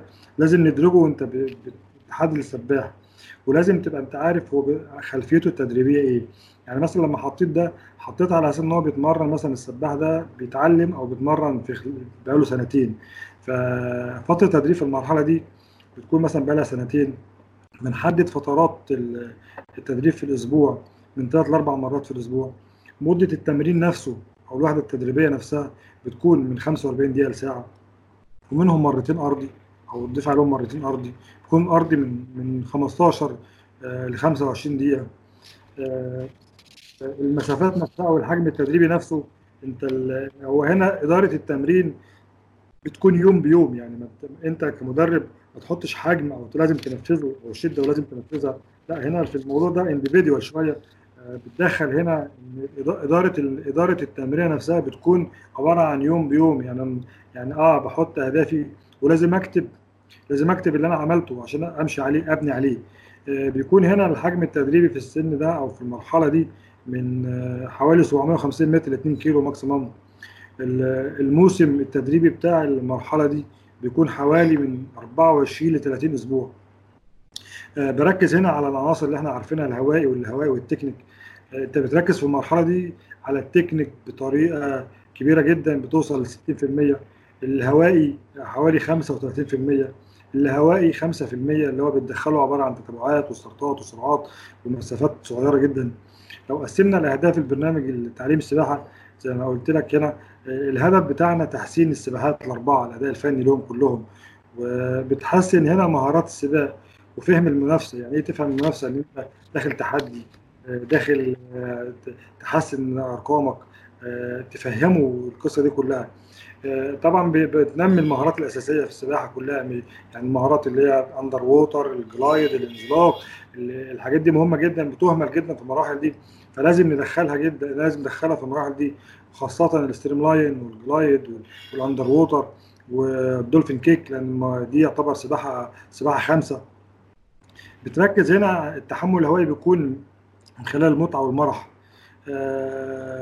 مهم جدا جدا جدا مع إن أنا يعني في ناس كتير معترض عليها ال sculling والإحساس بالمية. أنا شايفها إن دي السباحه رقم ستة بعد ال... يعني الأربع سباحات وال underwater dolphin kick وبعدها ال sculling دي بتساعد كتير جدا في ال... في ال... في التطور سريع أنا أنا أنا مش معترض. أنا بقى عشان إحنا اتكلمنا في الموضوع ده قبل كده بس آه يعني بص يعني الجزء ده أنا مش معترض عليه. بص أنا مقتنع إن كل حاجة صح. بدل ما بتعملش إصابة. كل طريق صح بس بالزبط. أنا بقول إن قوة دفع ومقاومة. أو اعتماد على ال drag force أو على بص قوة الفكرة كمان اللي أنا عايز أقولها بس هو بينمي الإحساس بالمية. أه بيعرفك فين ال anchor أو مكان إن أنت تحط إيدك. مهم. مهم. أنا معاك. والاشكال كتير جدا يعني مش لازم ناخد شكل واحد يعني في أشكال شكل في أشكال مقاومات في أشكال بتعمل sculling بالهاي قلب جوه المية في أشكال كتير يعني لو رجعنا الفيديوهات كتب بس sculling على اليوتيوب ولا هيظهر لك حاجات كتير جدا كمدربين بس النقطة المهمة جدا اللي إحنا لازم نهتم بيها إن إن إحنا لازم نفرق بين القوة والمقاومة آه. الناس كتير بتهتم في المراحل دي بالقوة مع إن آه. كابتن مؤمن. لا مش أنت خالص تمام؟ أنا قصدي المقاومة اللي هي إيه؟ إن أنا. يعني إن أنا أقلل احتكاك المية. يعني يبقى المقاومة هنا معناها إن أنا. بحسن التكنيك. فبحسن التكنيك بقلل مقاومة المية فبالتالي بيكون التطوير كويس جدا. أمال لو اهتميت بالقوة واوصل في مرحلة القوة اللي هي البلوغ بيبقى الموضوع مش ما يبقاش فيه تطور حلو يبقى عادي يعني اللي هو إيه؟ بطيء فهو لازم نركز في المرحلة دي على تقليل المقاومة أو تحسين المقاومة. بركز على اسمها تدريبات المقاومة مش المقاومة بالحديد أو بالاساتيك لا مقاومة المية إن أنا بقلل المقاومة عن طريق التكنيك. تمام؟ السرعات هنا بحاول طبعا بتكون حوالي 25 متر وأقل وتكون طبعا عن طريق المرح. وطبعا أنت ذكرت على ال ABC apostrophe s اللي هي ال agility وال balance وال coordination والسرعة الأساسية. مهمة جدا. والمرونات لأن يعني الأطفال في المرحلة الصغيرة بيبقى عامل زي ال Play-Doh اللي هو ال ال ال ال الأشكال اللي بتعملها أشكال دي اسمها البليدو. فلازم تشكله. آه بانه لو خشينا على التعلم الحركي لازم أعلم السباح إن هو يعوم صح عشان أحسن المدى الحركي بتاعه. الذاكرة العضلية بتاعته تبقى محفوظة. يبقى من هو صغره يبقى انت بتربي الأساسيات عنده فتفيد في التطور الطويل جدا وهتقلل من الاصابات بتعلمه أو أو يعني إزاي يحس بالمية بيتطور معاها. التمارين التمارين في السن ده الهدف منها أكتر حاجة التنمية العامة يعني التوازن. ان الجسم بيكتسب بينمو فلازم يكون في توافق توافق للجسم. بتعلمه عادات عادات جيدة للحفاظ على المرونة يعني إزاي يعمل حاجات وهو مستمتع وهو حاجة جديدة بيكتسبها. طبعا التكنيك بتاع المسافات الطويلة لازم يتعلمها. وبتحافظ عليه برضو أثناء السرعة لأن يعني لو جينا ندرس التكنيك التكنيك هو أساس السرعة. يعني إيه؟ الناس كتير بتختلف وإن أنت عايز تقيس تكنيكك الصح قيسه مع السرعة ما تقيسوش مع مع البطء. أعتقد أنت متفق معايا كتير جدا يا كابتن مؤمن في النقطة دي. تمام؟ آه لأن في ناس كتير بتعترض على القصة دي. بس إحنا شايفين أنا شايف إن التكنيك مع السرعة هو اللي بيوصل للسرعة وبيحافظ على على قلة الإصابات والكلام ده كله. بص طول ما أنت بتعوم تكنيك طول ما أنت بتقلل المقاومة عليك طول ما أنت بتقلل ال- ال- ال- التعرض للإصابة. بالظبط بالظبط. وده هي مربوطة بت- فبقى أنا ممكن يعني أنا بقولها أنا بقولها عامة دي كمقولة ليا. بقول competitive swimming is maintaining a high technique a great technique in a high speed. يعني إيه الكلام ده؟ يعني كلمتي بقولها إيه؟ السباحة التنافسية هي عبارة عن إيه؟ إن أنت بتحافظ على تكنيك قوي جدا أو عالي جدا بسرعة عالية جدا. لو. قدرت تجمع ما بين ده الاثنين دول بالشكل ال optimum أو المثالي هت... هتوصل للهدف بتاعك. دي. نقطة كابتن مؤمن دي نقطة النقطة الثانية اللي هي الأهم جدا في عنصر القوة زي ما أنت بتقول آه، أو السباحة الحديثة في عنصر القوة لازم تتميز بحاجات. إن أنت إزاي توزع الجهد بتاعك الجهد ده مش هتوزع إلا تكليفك صح. آه، تقليل المقاومة لازم يكون أكثر من القوة في السن ده. يعني تقليل المقاومة زي ما إحنا قلنا بالتكنيك. آه، لازم التكنيك نفسه بيعمل اقتصاد في الجهد يعني بيعمل آه أنا أنا معاك مش قلبا وقالبا في الجزء ده بس سن الصغير عرفه كتير عرفه بالظبط. كتير عن التكنيك هينزل هينزل يعمل لك رقم كويس. مش بالظبط. لازم تضغط عليه. مش بالظبط لازم تضغط عليه. بالظبط. يعني أنا في مدربين بتقول لي لا كابتن هعلمه track start من من وهو آه علمه الصح من الأول. حط الصح في الأول ازرعه فيه. حتى لو أنت شايفه في عينك صعب علمه الصح من الأول. علمه ال EVF من أول يوم. آه تقدر بال kinesthetic teaching تعمله. علمه. بالنسبة بالنسبة لل high elbow والكلام ده آه، يعني تن- اتناقش كتير مع مدربين يقول لك لا علموا high straight arm في الأول. يا جدعان مش شرط. يا جدعان نعلمه الصح أنا تاني. ال- بص اسمع مني في الموضوع ده. أنا معاك في الجزء ده. مش شرط ال high elbow أو بتكلم arm أنا. أهم حاجة عندي ك... كتحليل. أنا كتحليل وديت يعني ليا بقى فيها الحمد لله؟ كتحليل يعني ك ديت هواية ليا هقول لك. آه، أنا أهم حاجة أشوف عيني عيني كمدرب تشوف الكوع بره الكتف بره خط الكتف مش بتكلم في القصة مش لكن بتكلم زاويه الدراع ذات نفسه مش فارقة معايا. لكن بتكلم في النقطه آه دي. لكن لكن في التعليم آه، تقدر ت... هو البريطاني والأمريكي في التعليم بيقول لك إيه اعمل straight arm بعد كده روح لل high elbow عشان الحركة أسهل front crawl بعد كده to freestyle طيب أنا بالنسبة لي لو حطيته على ال front crawl straight arm طيب ال- ال high elbow بياخد وقت أطول لأن في coordination شوية. تمام؟ بص يا كابتن مؤمن حط ال high elbow بص أنا بتكلم في السهولة معاك قلبا وقالبا.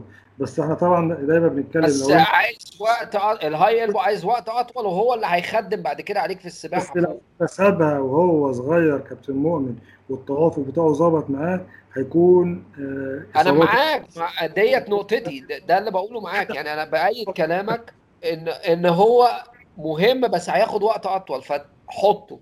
طيب، واكسب فيه الوقت لأن ده هيفيدك بعد كده. وتقدر تفتح ال straight arm لو هتبقى sprinter بعد كده؟ بالظبط. ده اللي طالما إحنا بنتكلم في تطوير طويل المدى فلازم نذكر النق- النقط الصغيرة دي عشان تبقى آه. لو أنت أنا كمان معاك أنا معاك في الجزء ده أنا معاك لا معاك في التفصيل دي. نقطة بس نقطة في آه. نقطة مهمة جدا للسباحين. يعني أنت لو تخيلت إن أنت آه، ارفع دراعك كده وقفه straight arm آه، وشوف الوقت وارفع دراعك وال high elbow مرفوع وشوف الوقت. هتلاقي إن وقت ال high elbow بياخد وقت طويل بدون تعب فبالتالي ده هتحس انت كمدرب ان موضوع التعب يكون قليل أو مفيش اجهاد على الكتف. بس بص أنا مناقش ده أكتر في اللي هو الكورس الاعداد المهاري. بس أنا هقول لك آه، بتفصيل كده حتة سلسة. اهم حاجة عندي في ال high elbow أو مشكلة المصيبة تقاطع خط المرفق مع الكتف. يعني الكوع مع الكتف يبقى على خط واحد.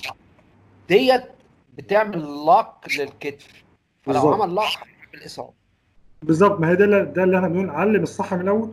جه معاك خش على الخطوة الثانية على الطريقة الثانية مفيش مشكلة. يعني حتى يعني مثلا هكلمك أنا تعليم مثلا. معاك فيه. في سب... في مدربين كتير جدا لازم يجبر المتعلم يحط وشه في المية. لا مش ما لازم ما تجبروش. آه، هيجي مع الوقت. أنت كده ممكن توصله مرحلة إن هو آه، خاف. مش هيكمل معاك. فمش لازم تخليه يحط وشه في أول يوم أو تاني يوم. مع الوقت هيحط وشه. يبني طيب. الثقة لازم يبني ده الثقة اللي أنا أقصده مع التكملة فإحنا لما نتكلم آه طبعا كل واحد هياخد الطريقة اللي تمشي معاه بس يعني في ناس بتمنع تقول لك لا غلط. لا مش غلط. ده هو ده الصح. طيب. بس هو الفكرة أنا أنا حابب أسألك سؤال في الجزء ده لأن أنت ذاكره هنا في حتة الارضي تمام؟ طيب. آه عنصر القوة زي ما اتكلمنا فيه وقلنا هن- هنتكلم فيه مكتسب. يعني في جزء منه مكتسب أو 30% مع يعني عشان اكون بس ما ما اكونش غلطان ويرجع حد يقول لي لا النسبة قد إيه.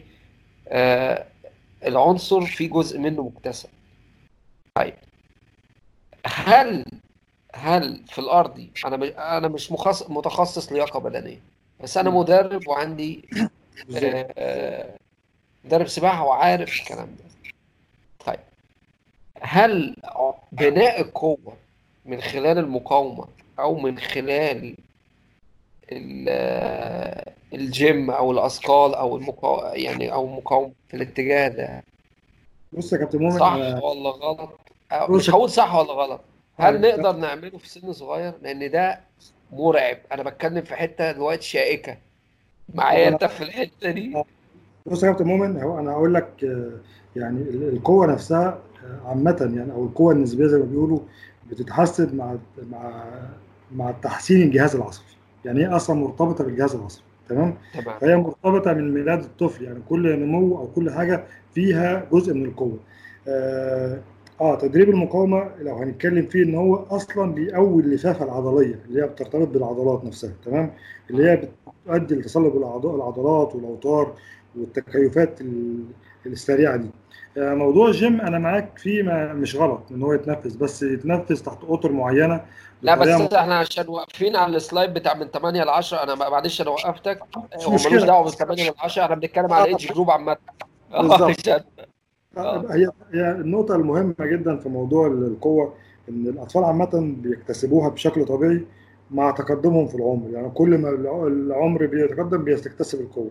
أنا عارف إن أنت بتتكلم في موضوع القوة. هو الطفل بيكتسب قوة بأي تمارين بس ما بيكونش فيها تضخم أو آه في العضلات أنا عضلات. اجتمع معاك في الجزء ده بس أنا بحابب أكسر الاولد بليفز يعني أو المعتقدات الغلط.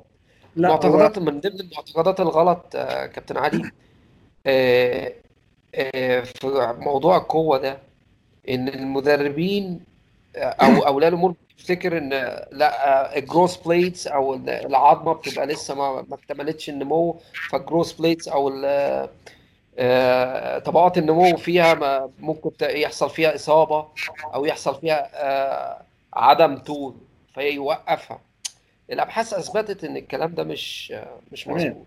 كل ده أنا معاك تاني جزء آه. تاني جزء في كتير، بس عشان بس ما نروحش في ال- للمركز الوطني للاحصاءات ال- الصحيه الأمريكية. بي بي بيوصي إن هو ما ت- ما تمرنش جيم أو عضلات اللي فيها وزن خارجي للأطفال. تمام؟ ما أنا أنا جاي لك ما أنا أنا جاي بس أنا أنا بتكلم على على ال major على ال major على اللي هو بس على العام وب- وبعد كده نخصص. طيب تمام. هل آه، من المعتقدات برضو إن آه، بيحصل آه، الجيم برضو بي آه، بيأثر آه، بشكل سلبي وبيعمل إصابة. ال recovery بالعكس إصابة الولد أو ال age grouper نفس عرضة نفسه نفس لو مع مراقبة صح جوه ال ال الجيم أو جوه تدريبات الأطفال أو جوه تدريبات ال weight بس هو مع مراقبة فعلا التكنيك مهمة جدا ممكن تطبق الكلام ده وهو عرضة نفسه بل بالعكس ال recovery بتاع الولاد أكتر وأعلى وأسرع. طيب هل أنا محتاجه بقى في السن الصغير؟ هو ده السؤال. بص يا كابتن أنا دلوقتي الناس أنت فرحت إيه؟ كابتن مؤمن بيقول جيم فاهم أنت؟ بيقول أنا جيم أروح لفف لهم من ناحيه ثانية أقول لهم إيه هل إحنا محتاجينه دلوقتي؟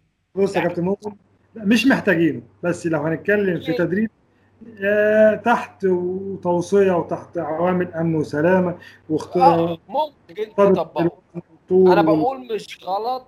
واتجاه كله يكون اتجاه التوافق العضلي العصبي. يعني يعني بالظبط. بالظبط مش انت تبني المراحل اللي اتكلمنا عليها في LTAD. يعني أنت هنا يا كابتن علي ذاكر 8 ل 10 بوزن الجسم أو بال own body ده صح. آه. اعلمه own body افحته own body ويخش بتستات معينة. ظابط لي الكلام بعد كده في ال 10 11 وال 11 12 عمل التستات بتاعتي إن هو يقدر يخش الجيم أدخل أدخله بقى من 13 14 15 16 معايا. يروح. أو مقر البلوغ أبدأ أروح عشان ألحق. بس أكون أنا استفدت من كل حاجة بال own body weight لكن لو حطيت كل حاجة من الأول إيه اللي هيحصل؟ هديله إيه بعد كده؟ فهمت قصدي؟ وهيأثر عليه. ما أنا ما بنيتش حاجات المفروض أبنيها. فأنا معاك في في الجزء ده وكويس إن إحنا غطيناه. فاضل كده نقطتين اتكلمنا فيهم.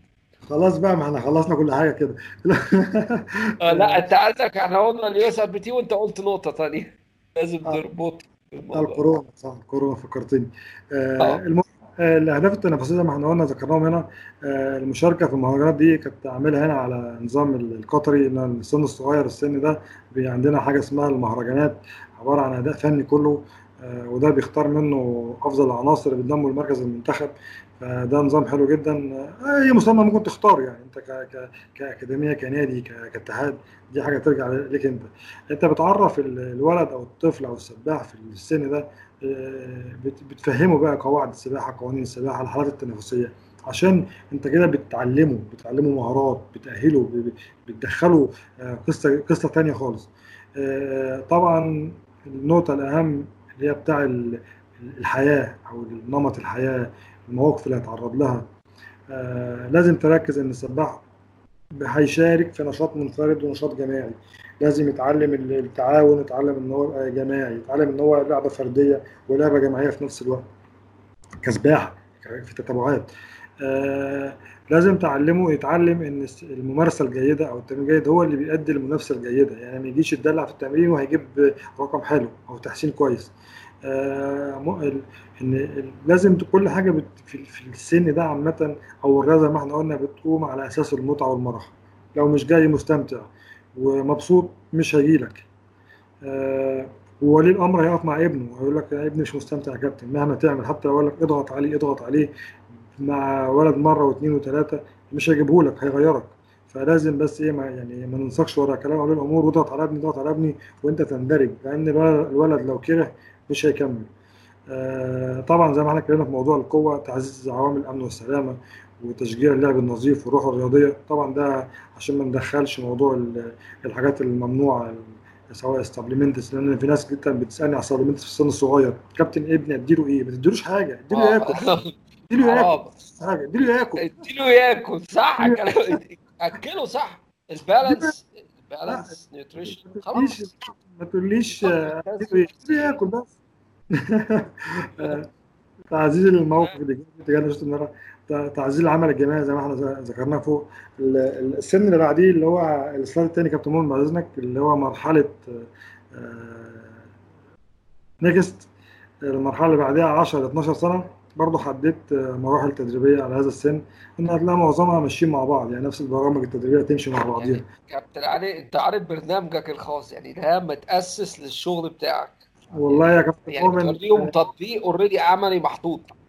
والله يا كابتن مؤمن يعني الناس حبايبنا مش عايزين نبخلهم بأي حاجة. يعني آه، لا أنا فاهم آه، يعني عشان بس أنا بنقل نظرا أنا مش مش بنتفاخر أو لا قدر الله والله ولا أي شيء. إحنا بنقول إن ده متطبق يا جماعة. نقدر نطبقه. وزعه على المدربيني والفرق عندي في في النادي وبنحاول ننظم منه جزء كبير. والحمد لله في تطور رهيب جدا في الأندية اللي اشتغلت فيها.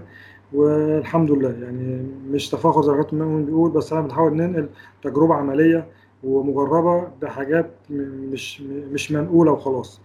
آه، نخش الموضوع المرحلة 10 12 سنة. آه، آه، لازم طبعا في السن ده ما يكونش جاي لي سباح أول يوم يتمرن وأنفذ على البرنامج ده لا.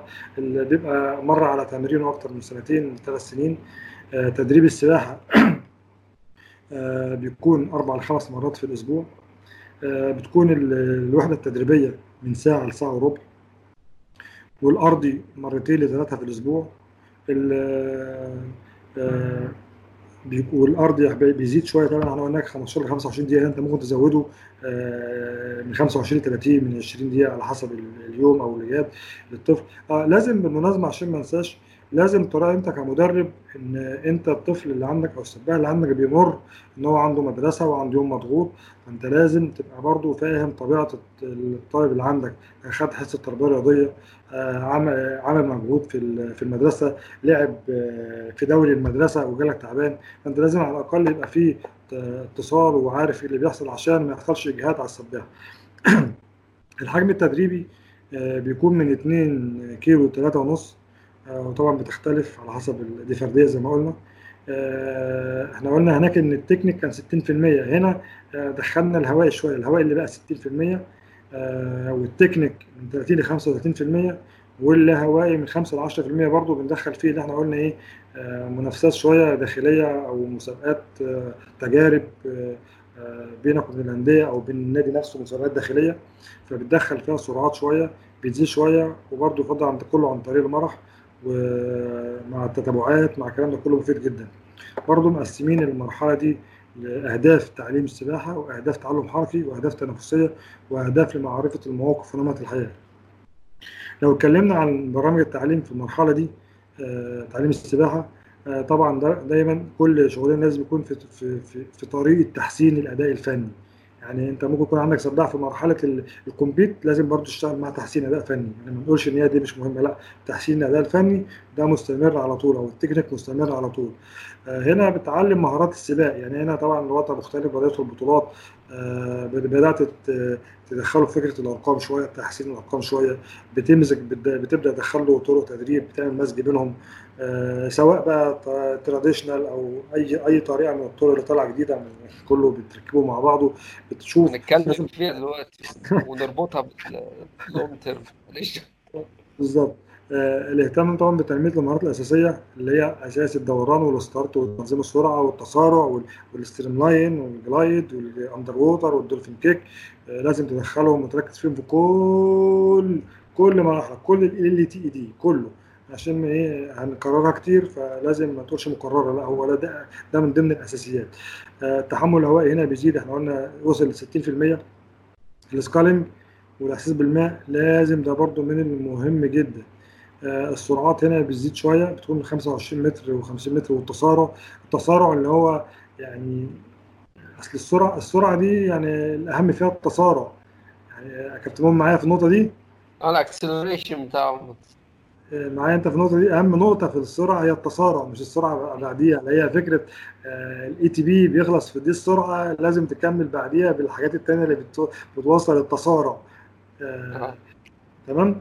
طبعا آه زياده زيادة القوة هنا بوزن الجسم آه يعني أنا ده, ده تفضيلي أنا أنا الشخصي يعني تمام؟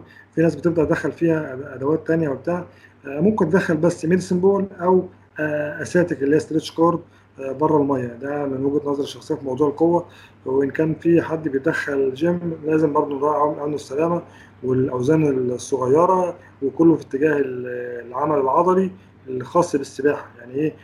مش لازم أقوي باي وأقوي تراي وأقوي ما أعرفش لأ كله في اتجاه اتجاه الأداء الحركي نفسه. بالظبط عايز كايناتيك ممكن تشتغل على ال... بالظبط. وكمان الم... أنا مع... أنا معاك برضو الميدسن بول آه... تقدر تشتغل ايزو كايناتيك بيها كتير. وبرضه الاون بادي ويت تقدر تحط بيه ايزو كايناتيك كتير. سات الكابتن مؤمن ولو في حد عنده جهاز فازا والكلام ده كله مهم جدا في المراحل دي بيمشي معاه كويس جدا. آه طبعا الارتقاء البدني هنا بتدخله جوه المية وخارج المية. أنت ممكن تعمل تعمل نزل كروس فيت جوه المية وبره المية. بتبقى حلوة جدا في المراحل دي برضو. بس آه. مناسبة للسن نفسه. يعني أنا بدخلها كتير جدا. برضه التدرج آه بالظبط. مستوى الفرقة والكلام آه. بالظبط بالظبط. التعلم الحركي هنا برضو هنتكلم فيها تاني. نعيد نفس النقاط كتير في الأجزاء اللي فاتت. بنطور الإحساس بالمية. والقدره على تحسين أنماط الحركة وتعزيز تطوير السباحات. برضو الشغل هنا في سبيل التنمية العامة للجسم. يعني شغلنا كله إن أنت سباح أنت بتبني بطل بتبني سباح. لازم يبقى شغلك كله في في التوازن الشامل التنمية العامة. التوافق مع القوة. دي أهم جزء من الأجزاء اللي هو شغل القوة نفسه يبقى في اتجاه التوافق العضلي العصبي عامة. آه، أنت بتعلمه هنا عادات جيدة. بتعلمه إن هو يحافظ على المرونات لأن إحنا في يعني بالنسبة لو البنات في المرحلة دي في منهم بدأ يدخل في سن البلوغ فبالتالي العظم بيزيد والدهون وبتاع فبالتالي لازم تشتغل على المرونات. آه، بتحافظ هنا على التكنيك المسافات الطويلة. تاني وبرضه نفس الفكرة التكنيك مع السرعة اللي إحنا قلناها التكنيك مع السرعة. بتدخل له هنا استراتيجية السباق ال pace اللي إحنا اتكلمنا فيها قبل كده إن شغلك كله في في في اللي هو ال race pace. يعني انت السباحه عشان تشتغل لا ال race pace من أول يوم مش مش مش في آخر مش في آخر الترتيب. هي من ممكن تشتغلها من أول يوم. أصل ال start race pace الهاي قلب وال stroke rate race pace الترددات race pace. آه، فالموضوع ده لازم تشتغل فيه لازم تفهم استراتيجيات هنا بتدخل معاها ال negative split وال building والكلام ده كله لازم تدخله جوه البرنامج بتاعك. انت بتكتشف السباح في المرحلة دي. آه، الأهداف التنافسية. آه، هنا الهدف منها بيبقى تطوير الشخصية. يعني لما بتطور الأداء ومهاراته بتلاقي في شخصيات حتى تلاقي في الأعمار دي هتلاقي في أولاد كتير بينبذوا بعض بسبب الشخصية مختلفة عن واحد اتطور واحد ما اتطورش. أكيد كمدربين بيعدي عليكم حاجات زي كده. المسابقات هنا بتكون على مستوى الأندية على مستوى المدارس آه، اللي بتقيمها الدولة. آه، يعني في طبعا في بطولة الجمهورية بتبدأ من 11 سنة. آه، أوكي بس إحنا كمدربين المفروض ما نضغطش الضغط الرهيب اللي بيوصل إن الأرقام بتتحسن جدا في مرحله 11 سنة وتبدأ تنزل تنزل تنزل لحد 17 سنة بيبطل سباحة. فلازم يبقى الشغل كله على إحنا قلنا الاكتساب اكتساب المهارات في سبيل المسابقات اللي هي تفهموا المنافسة نفسها. آه، تنمية المهارات هنا آه، بتتحسن آه، مع عدد السباقات نفسها. يعني اللي هو نفسها لما كل ما كتر سباقات كل ما هو بيتنمى مهاراته وبيكتسب خبرات جديدة فبالتالي في تطور. طبعا القوانين والقواعد الجديدة والحاجات السباحة لازم يعرفها طبعا. الهدف الرابع مواقف ونمط الحياة آه، لازم يستمتع بالسباحة طبعا. آه، بيدخل تمارين أرضية بتعتمد على الأنشطة ممكن تدخله في ألعاب تانية رياضات تانية بتساعد. وزي ما إحنا قلنا في الجزء الأولاني إن هي العظام بيبقى في السباحة فيها ضعف كتير جدا وهشاشة في العظام وفي الأملاح المعدنية قليلة. فالتمرينات الأرضية بره والأنشطة اللي بيمارسها بره بتساعد على اكتساب الحاجات دي وبتعوض الفاقد بسبب الاحتكاكات اللي بيعملها تمام؟ هنا بتدخل نوع التحديات عن المنافسه الجيده انت بتعرفه إن الممارسه الجيده برضو بتؤدي منافسة جيدة. هتلاقي نفسك نقاط لازم نعيدها في حاجات لأنها مراحل قريبة من بعض. انت بتعلمه هنا إن هو بقى جزء من النادي. انت بقيت فريق. انت بقيت تعرفه ثقافة الفريق. تعرفه إزاي يتعامل مع الفريق. يلتزم بالمواعيد. يلتزم بالتمرين. آه لازم يمشي بالحاجات دي لأن هو بتفيده كتير جدا إن هو يكون ملتزم وعامة الرياضي أو السباح الملتزم هو اللي بيكمل عامة تمام؟ آه بتخليه يتطور من عادات جديدة طبعا مع نمط الحياة الصحي برضه بيعزز العمل الجماعي ومهارة التفاعل الشخصي. آه، أعتقد ده ده معظم النقاط اللي إحنا هنراعيها في المرحلة دي تمام؟ كابتن مؤمن next please المرحلة اللي وراها اللي هي ال 12 سنة وفوق أو تحت سنتين صح؟ بالظبط. آه، لا لا 14 okay okay okay sorry sorry. آه okay. المرحلة اللي بعديها 12 سنة لسنة موجب أو سالب سنتين. ده برضو يعني الشغل ده إحنا حوالين مقررين الأهداف على كل المراحل بحيث إن أنت يبقى نموذج قدامك.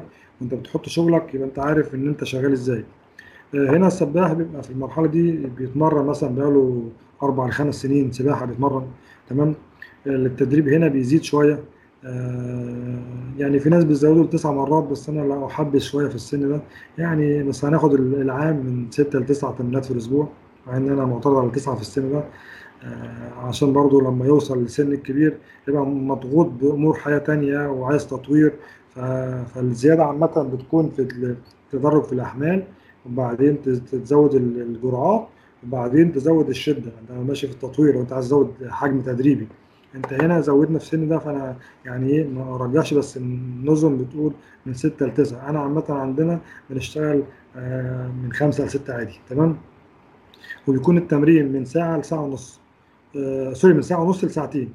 آه والأرضي ثلاث أربع مرات في الأسبوع. وبيكون مثلا 45 دقيقة. وممكن أيام تعمل ساعة تعمل وحدة لوحدها 60 دقيقة. الحجم التدريبي هنا بيزيد شوية بيكون من 4 كيلو اللي بيزيد على حسب وصلنا لتسع مرات ممكن نوصل ل 8 كيلو في اليوم. تمام؟ عشان انت عامل مرتين في اليوم. الهوائي بيوصل ل 50% والهوائي 25% والتكنيك بيقل شوية عن المراحل اللي فاتت. نسبة 25% بيتساوى شوية مع الهواء مع الهوائي لأنها يعتبر مرحلة يعني يعني فيها منافسات كتير جدا تمام؟ أهداف برنامج التعليم السباحة في المرحلة دي برضه هنرجع تاني نقول تحسين الأداء الفني وده طول طول ال LTAD أو التخطيط طويل المدى لازم تشتغل على العناصر دي. ما تقولش إن هو حتى لآخر لحظات مايكل فيبس كان بيعدل حاجات في التكنيك بتاعه. فدي حاجة مش لازم نحطها في هو كل السباحين عامة يا كابتن يعني كل أبطال العالم بيرجعوا في المية. عايز يعمل تحسن حتى لو واحد في المية في التكنيك بتاعه كل فترة. يعني ويرجع على طول في الفترة الانتقالية يشتغل تكنيك من أول كأنه من الصفر يبني من الأول تاني. أنا أنا معاك قلبا وقالبا في الموضوع ده. لما باجي أحط لما باجي أحط البرنامج بتاعي أنا بعمل دايما في أول ما بعملهاش اسمها preparation بكتبها اسمها maintenance صيانة. يعني أنا لما باجي أحط الخطة بتاعتي واول أول لما بنرجع للموسم أنا بس بكتب في بتاع maintenance ما بكتبش preparation أو endurance بكتبها maintenance صيانة. يعني معايا كابتن مؤمن في النقطة دي؟ آه معاك. بالظبط. فدي بتفرق كتير جدا. دي دي بتظبط لك الأداء وتشتغل طول الوقت. زي ما إحنا قلنا شغلنا كله race pace اللي هو تكنيك في السبق فلازم بتفهمه. هنا برضو مهارات السباق والمنافسة إزاي ويبقى فاهم ان إمتى يشد وامتى يهدي وامتى يكسب السبق وامتى يطلع إمتى من الترن إمتى يشد على زميله. الكلام ده لازم يتعلمه في المراحل دي. تمام؟ بتزود الحجم التدريبي زي ما قلنا. تمام؟ إحنا قلنا إن انت عشان تطور الحجم التدريبي انت كمدرب مش هينفع هو بيتمرن ثلاثة تقلبه خمسة على طول. لا انت زود في الحجم التدريبي الأول الحجم التدريبي وصل لمدى تزود في الجرعات التدريبية أو اللحظات التدريبية. تمام؟ ووصلت لمدى بتزود في الشدة. تمام كابتن مؤمن آه آه التحمل الهوائي هنا بيزيد مع الشدة زي ما قلت بتزود التحمل الهوائي مع الشدة. آه بتجرب طرق التدريب كتير وتدخل طرق تدريب وتجربها مع بعض. السرعة والتسارع بيزيد. تمام؟ في المراحل دي. هنا ممكن تبدأ تدخل في تمارين الجيم بسيطة بوزن الجسم. وزي ما قلنا بال medicine ball بال stretch cord بال بالأدوات التانية المساعدة مساعد جدا. بال Vasa لو عندك جهاز Vasa بال TRX طبعا الحاجات دي كلها بتنمي الارتقاء البدني سواء داخل الجيم أو خارج الجيم. التعلم الحركي برضو بندخل نفس الحاجات مكررة بس بنضيف حاجات بسيطة جدا. إن التحسين هنا بيكون ماشي بخطى ثابتة عامة. بنستخدم أدوات السباحه فيها بنزودها شوية. أدوات اللي هي متوفرة طبعا مش مش مش هنقدر نقولها كلها لأنها بتختلف. يعني أنت ال paddles بيختلف من له كذا شكل وكل سباحة لها paddles معين والسباحات نفسها كل سباحة لها fins معين. فطبعا لازم ندخل فيها الأدوات جوه المية وبره المية أكتر شوية تمام؟ بنشتغل هنا على زياده قوة العضلات أكتر. اللي هي مساعده مساعدة في السباحة يعني جوه الأداء الحركي. آه ولازم نراعي وإحنا بن... إن إحنا بنتعامل مع مدربين اللياقة نقول له إن هو سباحة لأن عشان يعرف شغل السباحة غير شغل الجيم العادي أو شغل العضلات لأن عضلاتنا إحنا مرنة وطويلة شوية. لازم كمان لما لما يكون في الاستاف يكون عنده خبرة شوية بالسباحين أو عنده خبرة اشتغل مع سباحين عامة آه كتير. لأن إحنا عضلاتنا بتوع السباحة مختلفة شوية عن مثلا الجيم أو أو الجمباز هم عضلاته قصيره وقوية. إحنا عضلاتنا طويلة ومرنة وبتمتاز بالباور الداخلي أكتر من الشكل الظاهري يعني تمام؟ إحنا يهمنا إن إحنا يكون الجسم انسيابي ومنزلق أو طويل لأن ده كله ده في صالح السباحة عامة. آه بتدخل هنا كابتن مؤمن تطوير الشخصية آه إن هنا المنافسات نفسها هدفها هو بيكون تقييم أداء. يعني إيه مش الهدف يعني ده بينطبق كله على على على التدريب والمنافسة وإن أنت هي تجربة عامة إن أنت بتجرب هنا للتعليم عامة. تمام؟ واعتقد ذكرت جزء كبير جدا في موضوع التنافسات في الأول. برضو بندخل القوانين هنا بنأكد, بنأكد عليها. آه لازم يعمل آه، آه، أنت ده من برضه من من 10 سنين لازم يكون بيأدي بشكل مهاري مظبوط يعني. بالظبط. هنا بتدخل طبعا انت هنا بتعلمه بقى الترنات الجديدة و turn ال breast إن هو كان turn في ال breast من ال back ل breast في المتنوع آه لازم يعرفهم آه لازم يتعلمهم. اللمس إزاي اللفة بيطلع على الجنب إزاي بيطلع على البطن إزاي لازم الكلام ده كله. details خش آه بالظبط بالتفاصيل أكتر. بالظبط بالظبط. لأن هناك الس- السباح مثلا في السن الصغير هو المهم يلمس على بايديه الاثنين مثلا في في ال breast في في ال back يلمس على الظهر ويطلع على صدره على طول فما بتركزش. أمال هنا أنت بتدخل يعني مثلا في المتنوع في turn ال back ل breast ثلاث أنواع. يعني الموضوع مختلف. كان الأول هو يلمس على ظهرك ويطلع على البطن صح؟ دلوقتي آه لا دلوقتي أنت عندك cross over وعندك ال back flip وعندك بالظبط. ال open turn العادي. يعني open turn عادي فهو الموضوع آه، طبعا أنت بتشوف كل ما يتناسب مع كل سباح فهو الأسهل والأسرع له. فبالتالي لازم تعلمه قانونها إيه. يعني لما يلمس يعمل flip turn لازم يطلع إزاي؟ لو عمل cross over لو طلع بجنب تاني أو فضل جوه المية طويل بنفس الشكل disqualified فلازم يفهم الحاجات دي كلها. انت كمدرب دورك يعني ما تقوليش ان ده قانون لا ده ده دورك. تمام؟ طب أنا أنا ممكن أسأل سؤال في النقطة دي بس عشان أنا حابب أوضح دي للمدربين أكتر. تسأل وجاوب. لو لو لو الولد مثلا في سن تسع سنين already مخلص ال open turn هل مستني ل 14 سنة إن أنا أديله cross over؟ لا طبعا مش كمل. كابتن ممكن أربط على طول يعني هو أروح داخل على ال back flip أروح داخل على ال cross over أروح داخل داخل. طول ما هو بيتعلم بياخد مني أقدر اديله. بس ك... كقاعدة ينفعش ان عامه أنا مش مش حاجة مش هنا إيه؟ مش بتقول مش رولز يعني ثابت في التعليم لا. لا لا انت آه، قلت كقاعدة عامة إن إحنا نقدر أنت كخطة أنت حاطط لهم كقاعدة عامة كميجر الجزء ده. بس هي الفكرة في إن المدربين عندي يعني أنا عايز أكسر فكر المدربين في حتة إن لا أنا مستني لما يكبر إن هو يعمل الحاجة الفلانية. يا سيدي اديله الصح من الأول وسيبه يمشي معاه واحدة واحدة واحدة طالما جايب معاك وقايل معاك وماشي كويس كمل. طور آه. استمر أنا عندي سباحين سن 10 سنين آه، بيعملوا flip turn و cross over الاثنين أحسن من بعض. يعني أنا ساعتها بقى, أنا معتمد على الساعة أشوف وصل مين الأول. يعني اشتغل إيه المشكلة؟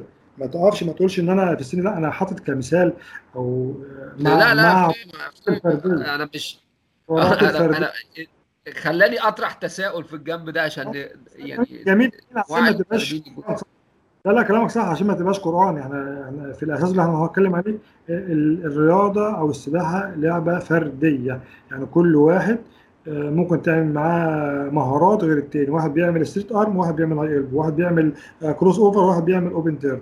آه، عادي. ده ما مش آه. لازم كله صح هم كله في الاتجاه اللي بيصب في ال- في الآخر في المنافسة. صح. كابتن مؤمن هو أصلا كمان في نقط كنت أنا كنت المفروض أذكرها في النمو اللي هو موضوع الأنماط الجسمية أو السوموتوتايب بتاع النمط العضلي وال- والنمط ال- السمين والنمط النحيف. آه، أساسا وأنت بتمرن أنت المفروض كمدرب آه، تمرن كل سباح على النمط بتاعه. يعني دي دي نقطة إضافية لأن دي أنت كله في اتجاه الجيني بتاعه يعني ما يعني موضوع مش مش لازم يكون أنا أنا لا- أنا لاعب أنا مثلا سمين ما تدينيش برنامج حمل صغير آه، جسمي يزيد. يعني هو الموضوع لازم يختلف الموضوع يكون رؤية واسعة شوية تمام؟ آه معايا في النقطة دي كابتن مؤمن ولا معترض سكوتك كده آه معترض معاك. طيب. يعني بص أنا خليني أدي مثال برضه برضه أوضح وأداء شوية. أنا معاك آه، فعلا مثال يعني عشان بس نبسطها أكتر. يعني مثلا أنا هديك مثال. أنا عندي سباح ال lower body بتاعه آه، طويل. ال lower body بتاعه طويل. نمط جسم أنا لازم ابقى عارف أنا كمدرب ان أنا اعدل التكنيك بتاعه في ال turn وال start لأن هيبقى بطيء. فلازم اخده لتكنيك اسرع تكنيك ممكن يخليه يعمل ال start. لأن أي حركة فيها مركز الاتزان بعيد عن مركز ال- الثقل sorry بعيد عن الأرض حي... لأن هو طويل يعني النص اللي تحت طويل. فهياخد وقت عقبال ما يعمل القوه الانفجارية إن هو يخرج من ال start أو يعمل ال turn فلازم الزاوية بتاعت الدخول أو زاوية رجليه واخ... ال shape اللي واخداه والانطلاق من ال... من ال... من ال take off لازم يكون مختلف عن إن ولد عنده ال- ال lower body قصير. فهمت كمان طريقة شده الدراع تكون مختلفة. هتكون شد مختلف طبيعي انت خد بقى التكنيك التكنيك تاني. انت عندك تكنيك تاني. فلازم طبعا. يعني ف آه، نقفل كده يعني نركز في الجزء ده بتاع LTAD لأن هتبقى بحر كده. دخلنا كتير جدا كده. والله المحاضرة ممتعة معاك. حبيبي كابتن مؤمن والله أنا اللي بستمتع بيك وأنت عارف يعني التواصل بين بيني وبينك على الخاص دايما بيخلي فيه تطور في الأفق كبير جدا. آه، آه، هنخش هنا في نمط الحياة والمواقف الحياتية. هتلاقي نفس القصة إن هو برضو أنشطة بيبقى رغبته في التحسين أكتر آه، بتحسن له الشخصية. لما بيكون آه، بي- بيتحسن في الأرقام آه، شخصيته بتتحسن مع زمايله بيكون له اسم في الفريق آه، صحابه نفسهم بي- بيبصوا له نظرة تانية. فالموضوع ده بيكون كويس جدا في نمط حياته أو أو أو شخصيته. آه، آه، طبعا لازم برضو نفهمهم كل النقاط اللي فاتت مش عايز أعيدها تاني اللي إحنا ذكرناها اللي هو ال- ال- الممارسة الجيدة أو التمرين الجيد بيقدم منافسة جيدة آه، بنديله طرق أوسع عن نتائج الأداء آه، وبندخله شوية في التحليل بندخله شوية حاجات في إدارته للشخصيه بنوازن دايما بين التدريب والمدرسة والاهداف الاجتماعية لأن هنا بي- المدرسة نفسها فيها overload عليه في المدرسة. فأنا كمدرب لازم أعرف إن ال- ال- السباح ده يومه طويل في المدرسة عشان ما يجيش تعبان من يوم طويل جدا في المدرسة وأجي أجهده تاني جوه التمرين. لازم يكون آه، في آه، كبر الولد كبر قدامي وبدأ يقول لي كابتن يعني يدي- يديني حياته في المدرسة وحياته في البيت. آه، تمام كابتن مؤمن. طبعا بندخل الانضباط الذاتي والالتزام. آه، بيفيد كل ده في المرحلة دي. نيكست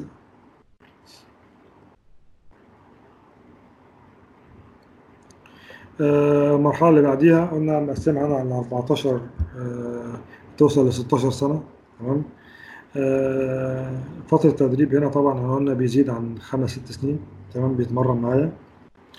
آه، هنا برضو السباحة من ستة لتسع مرات في الأسبوع من ساعة ونص لساعتين والأرض هنا بيبقى من تلاتة لأربعة برضو متشابهة مع المرحلة اللي قبليها.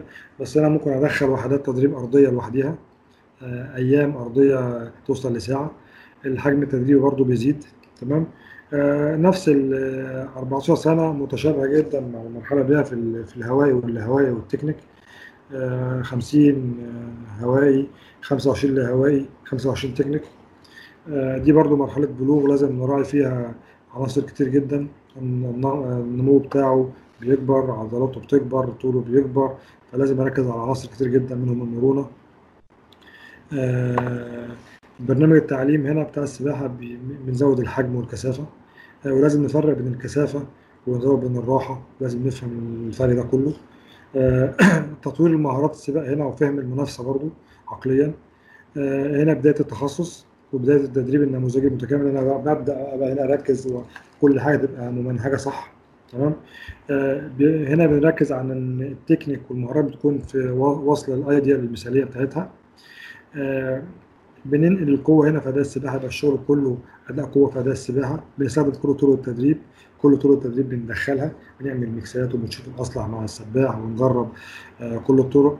آه، الجيم هنا بيزيد طبعا. آه، بندخل بقى ممكن آه، وبرضو مع مع وزن الجسم مع مع ال medicine ball مع ال Swiss ball مع ال TRX مع ال stretch cord برضو الالتقاء بالنمو البدني. التعلم الحركي هنا آه، لازم السباح عندك هنا تأهله إن هو يتكيف مع أساليب التدريب المتنوعة. يعني أنت لما تجرب أسلوب لازم لازم يوصل لمرحلة التكيف عشان تقدر تحكم على طريقه التدريب. ال- ب- هنا بتدخل القوة والقدرة في أداء السباحة. آه، تخصص في السباحات ومسافة المنافسات. هنا بتخصص أكتر. آه، طبعا التكنيك إحنا قلنا فعال. وآمن. آه، هنا أنت ممكن في برنامجك التدريبي تشتغل على عناصر ال range of motion وال maintenance وتدخل فيها تدريبات ال cardio. إن الحاجات دي كلها أنت المفروض في البرامج من أول 14 سنه تبدأ يعني في برنامجك التدريبي تدخل قياسات المدى الحركي اللي هو range of motion عشان ده كله يقلل من الاصابات وتساعد في التكنيك الصحيح. آه، هنا كمان وأنت في شغلك هنا لازم تجدد في أسلوب التكنيك السباحة بتاعك. بت- بيخليها تتناسب مع السرعة والشدة تمام؟ بتحافظ على المدى الحركي زي ما قلنا والتوافق العضلي مع جميع السرعات. بتثقل هنا المهارات السباق ال start ات شوف الجديد في الاستارتات التراك ولا الجراب ولا ولا إيه إيه اللي متناسب في طرق في تكنيكات جديدة إزاي يفتح رجليه بره المية إزاي يعمل بوش جامد آه، من الجنب ولا ايديه من قدام. الحاجات دي لازم تثقلها مع التدريب. آه، هنا انت هو بيتجهز للمستويات العليا خلاص. لازم تركز على التفاصيل. برضه في نقطة يا كابتن علي في الموضوع ده التحليل لازم يخش برضه من يعني حتى أكيد سن آه من بداية الفرق التحليل مش بالذات في السن هنا هيفرق لأن الولاد طبعا بتبقى وصلت already ال advanced technique ف آه إحنا بنلقط حاجات كتير من التكنيك بعيننا بس برضه لما بوقف أو بصور له السباق وبحلله يفرق. لأن أنا افهم الاستراتيجية ماشية عليها برضو ولا لا؟ ال- ال force اللي بيستخدمها مظبوطة ولا لا؟ ال efficiency كل ده أنا لما بحسبه آه، وببص برضو على التكنيك على الزوايا على ال underwater برضو لما بصوره من تحت المية آه، فيها بيديك فكر تاني. بيديك رؤية تانية عن التكنيك. ده عن آه. معاك فيها مليون لأن كمان آه، إن في طرق التعليم اللي هو ال- ال- البصري واللفظي والسمع والحركي فده عامة البصري ده بيبني له تخيل كبير جدا آه، إن هو يشوف أخطائه ويشوف آه، الأيديال بتاع السباحين التانيين مع الأنالايز بتفرق معاه كتير جدا ده تخيل آه رهيب جدا. يعني دايما أنا بقول للمدربين عندي وروا السباحين نفسهم هم بيقوموا وروهم واحد مثالي يعني. نخليه يشوف نفسه ويشوف الأيديال بتاعه. آه، هو لوحده بيعمل آه، يعني تخيل فبتلاقي الموضوع سهل اكنه مرنه بدل ما هو بيتمرن لك آه. أنت بتعلمه السباحة وتمرنه السباحة بدون ما هو فاهم أصلا مش مش مش متخيل الحركة. أنت بتوصف له حاجة هو ما شافهاش. فهو فاكر إن فعلا الانالايزس بيدخل في القصة دي كبيرة جدا. آه، وإن أنت بتوضح له بنقاط معينة ويشوف الدراع فين والشده فين والكلام ده كله و- وتوزيع السبق وإمتى يطلع وإمتى الوركه آه، يكسر المية والكلام ده كله بتفرق معاه كتير جدا تمام؟ آه، طبعا هنا بتدخل طبعا اهداف التنافسية تلاقيها منا- آه، يعني نفس القريبة من اللي فاتت بس هنا بنركز على القدرة والتركيز على السباحة والمسافات يعني بندخل مسافات وإن إحنا ممكن هنا ندخل سباح مسافات طويلة ولا ولا تخصصية أكتر هيبدا القصيره يتخصص بقى بالظبط. من بالظبط. اول دي النقطة المهمة في الأهداف التنافسية. طبعا نفس الأفكار اللي فاتت بنعيدها تاني بس بنزود نقطة ونقطتين بحيث إن التركيز أكتر يعني تمام؟ آه، هنا نمط الحياة بيكون في السن ده بقى فيه استقلالية للو- للسباح نفسه. يعني فترة نمو بالنسبة له بدأ يكتسب حاجات يكتسب حاجات عن نفسه يعرف حاجات عن نفسه كتيرة. آه، أنت كمدرب فلازم يبقى أنت يعني فاهم الحتة دي وبتحمله مسؤولية بيبدأ يتحمل مسؤولية تبدأ تتكلم معاه في القصص دي كبيرة جدا. آه، بتأهله. هنا بتدخل برامج التغذية تمام؟ بتدخل برامج الاستشفاء. بتدخل مهارات عقلية اللي اتكلمناها في الجزء اللي فات آه، التدريب العقلي. آه، ولازم برضه يكون مستمتع لأنها ب- بداية مرحلة ملل زي ما بنقول أو مرحلة آه، تغيير دي شخصية. دي أكتر مرحلة هيكون فيها ضغط أو ستريس قوي على من الاحمال التدريبية عليه مرحلة تغيير شخصية ال- ال- آه. الطفل يعني كان الأول طفل كان آه، والده أو والدته اللي بيتحكم فيه هنا بدأ ياخد آه، القرار ممكن آه، ما يكملش سباحة ممكن يبقى رايح غصب عنه فما يكملش. آه، السنين اللي فاتت أو ال- أو أولياء الأمر يبقى لازم يكون متفهم إن هو لما يوصل لمرحلة البلوغ هيكون القرار منه هو من السباح نفسه. فهو لازم يكتسبها في الأول عشان هنا يقدر يكمل معاك عشان يكون مستمتع بالتدريب. آه، يا ريت بس تكون النقطة دي واضحة إن أنا عرفت أوصلها يعني الموضوع ده مهم. جدا تمام؟ يعني هنا في مهارات بتجي آه، هو كسباح بيكتشف نفسه بقى كبر بقى راجل بقى قراره من دماغه. فالنقطة دي لازم نهتم بيها شوية جدا ولازم يكون في استقلالية لكل سباح على حدة يعني. آه، يعني حبيت أذكر كل النقط دي آه، ويا ريت يكون أفادنا في الأجزاء دي. طب كابتن مؤمن يعني أنا اتكلمت في جزء كبير جدا. أنا عايز يعني ممكن أقول لك إيه اللي ممكن نراعيه في تدريب الوحدات التدريب ال- اليومية والأسبوعية. يعني نخش أكتر في التفصيل يعني. بالظبط آه، اتكلمت نيجي بصفه آه عامه آه، بصفه عامه فإحنا عايزين إيه إزاي نركب الكلام اللي إحنا قلناه ده جوه البرامج نفسها. طيب إحنا هنيجي للجزء هنا آه، للجدول ده. ده آه، جدول الموصى بيه من البرنامج البريطاني يعني. آه، اللي هو swimming amateur swimming association تمام؟ هو هنا بيتكلم على تقسيم الوحدات. هو يعني ب- بالنسبة لنا ممكن نختلف معاه بس آه، يعني هو عاطي ك example المفروض تتقسم إزاي. ك fundamental هو قايل من آه، البنات آه، من آه، خمسة لثمانية ومن خمسة لتسعة للولاد. آه، آه، آه، بيكون التدريب جنرال تمام؟ والوحدات من خمسة لستة يعني جنرال معناه إن هو مفيش تخصص. يعني ممكن يعمل رياضتين مع بعض. عشان كده من خمسة لستة session و وبيكون وحدة تدريبية من أو تعليمية من نص ساعة ل 45 دقيقة. تمام؟ training session ال يعني إيه؟ بال- بالوحدة. يعني مفيش تخطيط. آه، قوي أو آه، في ضغط أو load عليه على الولد أو على البنت. طيب learning to train هنا آه، المراحل التعليمية. آه، من 8 ل 11 للبنات آه، ومن 9 ل 12 آه، الوحدة التدريبية بتتقسم من أربعة لست وحدات ومن آه، من ساعة لساعة ونص تمام؟ بيكون أربعة لسبعة في الأسبوع يعني عدد ساعات التدريب من أربعة لسبعة في الأسبوع والأرضي بيكون من ساعة لساعتين في الأسبوع يعني مرتين في الأسبوع أو مرة في الأسبوع تمام؟ لو هيقسمها على ساعة. طيب ال train to train بيتقسم هنا من آه، للبنات من 12 ل 14 ومن 13 ل 15 من 6 ل 12 session session هنا يعني بيخش آه، صبح وبعد الظهر برضو. بس أنا أنا بقول ل 10 أو أنا أنا في ال- التفكير بتاعي بحب على قد ما أقدر أفضل لست وحدات عشان الراحة. آه، أفضل أمرن في الست وحدات بعد كده أزود للثمانيه بعد كده أزود للعشرة بعد كده نروح مع يعني لل 12 بس هم هنا آه، مقترحين من 6 ل 12 في السيشن على حسب طبعا الجروبات بتاعتهم والتقسيمات. تمام؟ والتدريب بيبقى ساعتين. تمام؟ والتدريب جوه ال- الحوض بيبقى من 12 ل 24 ساعة في الأسبوع ومن ساعتين لثلاثة أرضي. تمام؟ ال volume هنا بيقول لك آه بالنسبة للمرحلة اللي قبليها من أر- من 8 ل 14 هنا كيلومتر وبالنسبة للمرحلة آه، ال train to train هنا من 24 كيلو ل 32 كيلو في الأسبوع. آه، وممكن آه، توصل من 54 كي- من 44 كيلو ل 52 كيلو في الأسبوع. على حسب برضو ال group ات اللي هم بيشتغلوا معاها. تمام؟ يعني ده هنا هو مقسمها لمرحلتين. طيب بالنسبة للمرحلة التنافسية أنا أظن ال volume ات هنا عالية شوية. يعني أنا مقتنع بال quality based training أكتر إن هو إن أنا أدي quality أكتر من إن ال volume يبقى عالي قوي. آه زي ما اتكلمنا برضو. آه آه نخش على train to compete هنا من 14 15 16 17 للولاد. آه من 8 ل 12 وحدة. تمام؟ من 8 ل 12 وحدة. برضو ساعتين بالوحدة. ال- من 16 ل 24 ساعة هنا ومن 3 ل 4 ساعات.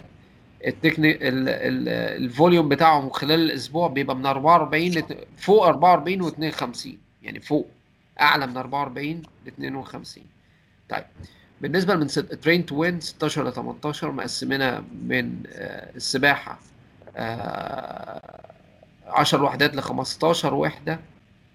يعني ده أظن إن هو بياخد ثلاث وحدات في اليوم. تمام؟ وأظن ده هيعمل ارستنج للراحه أكتر. فأظن التقسيم ده هيأثر شوية على الراحة. تمام؟ آه الساعتين و ساعتين آه، الوحدة التدريبية والبول من 20 ل 24 تمر... آه، ساعة. وال land بيكون من 3 ل 6 ساعات يعني كل يوم. وده tough قوي يعني. ده program tough قوي في الوقت ده. الأسابيع أو الكيلوات بتوصل إن هي فوق آه، 52 كيلو أو من 44 ل 50 كيلو. آه، طبعا هو قال لك بناء على التخصص depend on على ال specific بتاعه بناء على التخصص لكل عومة أو تخصص كل سباح. بتختلف طبعا الأحمال التدريبية. طيب إيه اللي نرجحه كابتن علي؟ أنا أظن ال- هنا شوية طف في حتة ترين تو وين أو هو ده ممكن متوافق مع البلد عندهم. بس اللي نرجحه أظن آه، الشكل ده يا كابتن علي إيه رأيك؟ بالظبط. أنا حتى أنا كنت أنا وانت اتكلمنا في موضوع الخاص. أنت قلت لي لازم نعرض ال ال ال وجهات نظر الناس التانية يعني. ف آه. وده طبعا حاجة كويسة جدا عشان نعرف إن المدربين يعرفوا إن التدريب مش قرآن يعني والتدريب تجريب يعني. أنت جرب ووصل بال- بالمتناسب معاك أنت كفريق أو كمدرب أو أو كسباح. آه. الجزء ده آه.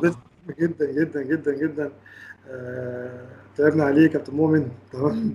وانت تعبت عليه كتير ان انت توصله بالشكل ده. آه، يعني كل ده في صالح مدربينا اللي بنحبهم والله عايزين نعملهم حاجة محترمة. فجزاك الله كل خير على العمل الجيد ده تمام؟ آه، إحنا هنا قسمنا آه، مراحل التدريب آه، لكل مرحلة لثلاث level ات.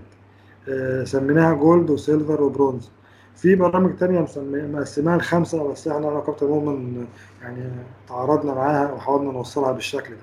تمام كابتن آه، مؤمن؟ إحنا يعني حاولنا ناخد نفس ال concept بس يعني قسمناها على ال ال طريقة. ال ال على الطريقة ال- ال- المفروض نمشي بيها يعني أو آه، كفسيولوجي أو آه، ك concept منطقي بالظبط أو أو مع السن نفسه مع الوقت مع نفسه. السن آه، يعني تبقى منطقية أكتر يعني. بالظبط الثانية إحنا لو تفتكر كابتن مؤمن كان ال- ال gold في ال في ال في ال في الثمان eight and under كانت واصلة ل 25 كيلو في الأسبوع. يعني مع مع مع احترام يعني. آه فالحمد لله إن إحنا قدرنا نوصل الشكل بالجزء الجميل ده. يعني إن شاء الله يكون data للمدربين يمشوا عليها إن شاء الله. آه، حاولنا نقسمها لثلاث أجزاء gold و silver و bronze آه، ودي كانت الحمد لله كانت فكرة صعبة جدا. ومشينا على إزاي نوزع ال drill ات وال technique في ال في ال وكل نسبها مع كل مرحلة عمرية. آه، هنلاقي إن ال technique sorry. ال- ال- ال volume آه، بالنسبة للبرونز في ال eight and under أنا مثلا هتكلم eight under كابتن مؤمن يكمل الباقي هو تعب فيها برضه مش عايز اهدر حقه فيها. تمام؟ آه، وصلنا ل 5000 متر أو 5 كيلو في الأسبوع. ده المجموعات ال beginner حتى أنا ذكرت إن هو ممكن تمشي من 750 متر ل 2 كيلو في أول eight and under في ال slide اللي كنت عامله في الشغل عندي في التمرين. مجموعة ال silver ممكن توصل ل 10 كيلو في الأسبوع. وده برضو ذكرناه في الجزء الأولاني. آه، ال gold أو المجموعة المتميزة توصل ل 12 كيلو في الأسبوع أو 12000 متر. لو قسمناها ال drill وال technique هنلاقي إن ال kick بيمشي يشيل 25% من التمرينة نفسها. يعني أنت لو عامل 20% من 5 كيلو تحسبها تطلع كام؟ في الأسبوع طبعا. آه، ال anaerobic ال aerobic آه، 20% ال anaerobic آه، 5% هنا ال drill وال technique آه، من 55 ل 60% آه، الوحدات التدريبيه بتكون من أربع لست وحدات تدريبية في الأسبوع. آه، طبعا بنركز برضو في المراحل دي. طبعا لازم نركز على اعتبارات النمو طبعا. إن أنا بدخل ال- زي ما إحنا قلنا ال ABC وال RJT الكابتن ذكره في ال slide بتاعه في المراحل دي لازم نراعيها. بس إحنا حبينا نحط نسب آه، للمتعارف ال- الكيك والأيروبيك والدريل والتكنيك والأنايروبيك كمثال توضيحي وتكملة للأجزاء اللي فاتت يكمل المنظومة. آه، طبعا بنركز فيها برضو على التوافقات التوافق الحركي والتركيز وتنمية المهارات والكلام ده كله. آه، ده ك ك under. كابتن مؤمن لو تكلمنا أكتر على المرحلة الصعبة شوية مرحلة آه، يعني أنا عايز أت- مرحلة 13 14 يعني إحنا ذكرناها في الأول مرحلة النمو يعني هتلاقي الكلام مكرر أو ممكن المدربين ياخدوا آه. screenshot للموضوع ده وهتلاقي ماشي معاهم بس ي- ي- اللي أنا عايز نتكلم فيه مرحلة 13 14 إنه أعتقد إن هي مرحلة فاصلة يعني. هنا انت يعني هو البرونز هنا آه، واخد يعني ال chart شرح نفسه مش محتاج نعلق عليه أكتر. آه يعني إحنا بس هنا المرحلة بتاعت 13 14 لو بصينا هنا 27 كيلو برونز إحنا شايفينها إن هي قليلة قوي. وفي نفس الوقت 38 كيلو بالنسبة لل 13 14 مش عالية آه، بالنسب دي. بس إحنا بنقول quality based training لو بصيتوا على على النسب اللي تحت ومن 6 ل 8 وحدات انت ممكن توصل بأحجام كبيرة أكتر بس ال- ال load وال stress اللي انت عامله جوه المجموعة ممكن يوصلك لشغل أعلى تمام؟ ال- ال load وال stress اللي جوه ال season planning بتاعك يكون أعلى تمام؟ طيب من 20 إحنا اتكلمنا هنا ال drill وال technique بيبدا بيوصل بدل ما كان 55% بقى 20% بيوصل لمرحلة ال maintaining لأن already بدأ يتبنى بنسب عالية. طيب ال kicking already 25% والايروبيك 45% وال anaerobic 10% 10% ديت آه، دي مش تقسيمة season ديت تقسيمة يعني طالع نازل average متوسط طالع نازل. تمام؟ آه يعني أنا لو هقسم season مش هدي النسب دي. يعني ده ديت نسب عامة تقول لك إن ال skill المفروض إن أنا أقسمه من 100% كام عشان أبدأ أهتم بيه. تمام؟ ك annual plan جوه ال annual بتا... ال plan بتاعتي جوه السن ده. تمام؟ أو جوه الخطة السنوية بالعربي يعني. طيب. 15 and over أنت هو واصل ل 50 كيلو. إحنا زي ما شفنا في البريطاني قال 54 و55 تمام؟ أنا بديك هنا المتوسط. تمام؟ ممكن 36 البرونز ده هم الضعاف أو ال underdogs بالنسبة لي. ممكن أوصل ل 50 كيلو لل gold ده ممكن بيوصل هنا التمرين 8 ل 10 وحدات. خلاص. ممكن يوصل لأكتر. يعني ممكن يوصل ل 60 كيلو. بس على حسب التدرج العمري بتاع السباح وعلى حسب مستوى السباح ذات نفسه. تمام؟ بس الفكرة هنا ده يعني average متوسط جوه الجدول يقدر يساعدنا للفرق بتاعتنا إن إحنا ندي indication أنا مش بقول لك امشي على ده أنت ممكن تعمل نسب قريبة من ده. يعني ده متوسط طالع نازل نقدر نشتغل بيه. تمام؟ تمام كابتن مؤمن تمام. آه أعتقد إنها واضحة يعني تمام؟ آه آه. التقسيم ده برضه حلو كابتن مؤمن إن إزاي نوزع الايدج جروب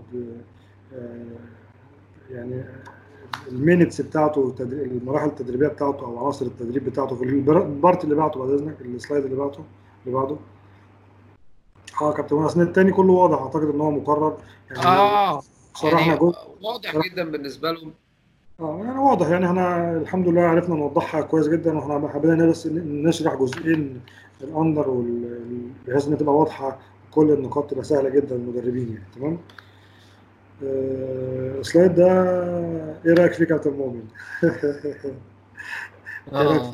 age group minutes per week إحنا وزعنا هنا عدد الوقت عدد يعني وقت التمرين لكل مرحلة على ال ages كابتن ممكن تفيدنا تستفيدنا بيه في الموضوع ده.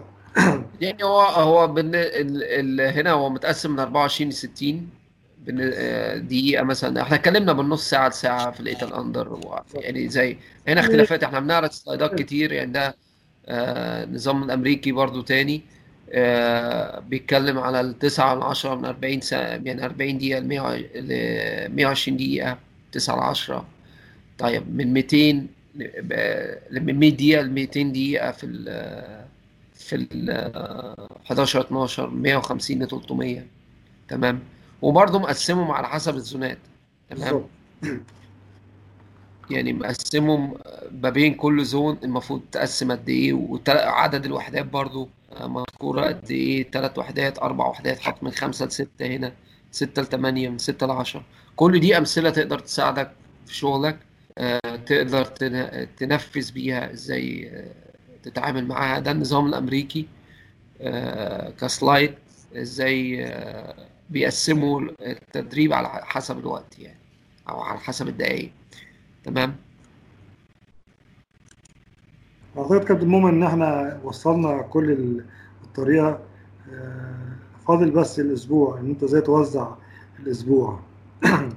تكمله يعني ده example للأسبوع برضو. هنا ال age group من 8 ل 10 أنا يعني هنوه عنه بس هو المفروض ده بيتشرح في already أظن شرحته أنت يا كابتن علي التخطيط طويل المدى اللي هو هو تخطيط تدريب ال weekly plan بس إحنا هنا هندي example لأن أنا عارف بعض المدربين بيحصل فيه confusion إزاي يخططوا للسن الصغير. وخلي بالك تخطيط السن الصغير شوية أصعب آه لأن أنت بتبقى delicate معاهم أكتر وبتركز عايز تركز تكنيك وعايز تضم آه آه فيسيولوجي شوية تدخله إزاي وتطعمه مع التمرين. آه ده مثال يعني إيه آه خفيف كده نقدر ندي مش فاهم بتعلمه النظام بتعلمه حاجات كتير جدا يعني هو مش عارف النظام. بالظبط. آه يعني هو حاطط هنا يعني زي ما إحنا شايفين يوم الاثنين متقسم خمس هو ده خمس وحدات بس.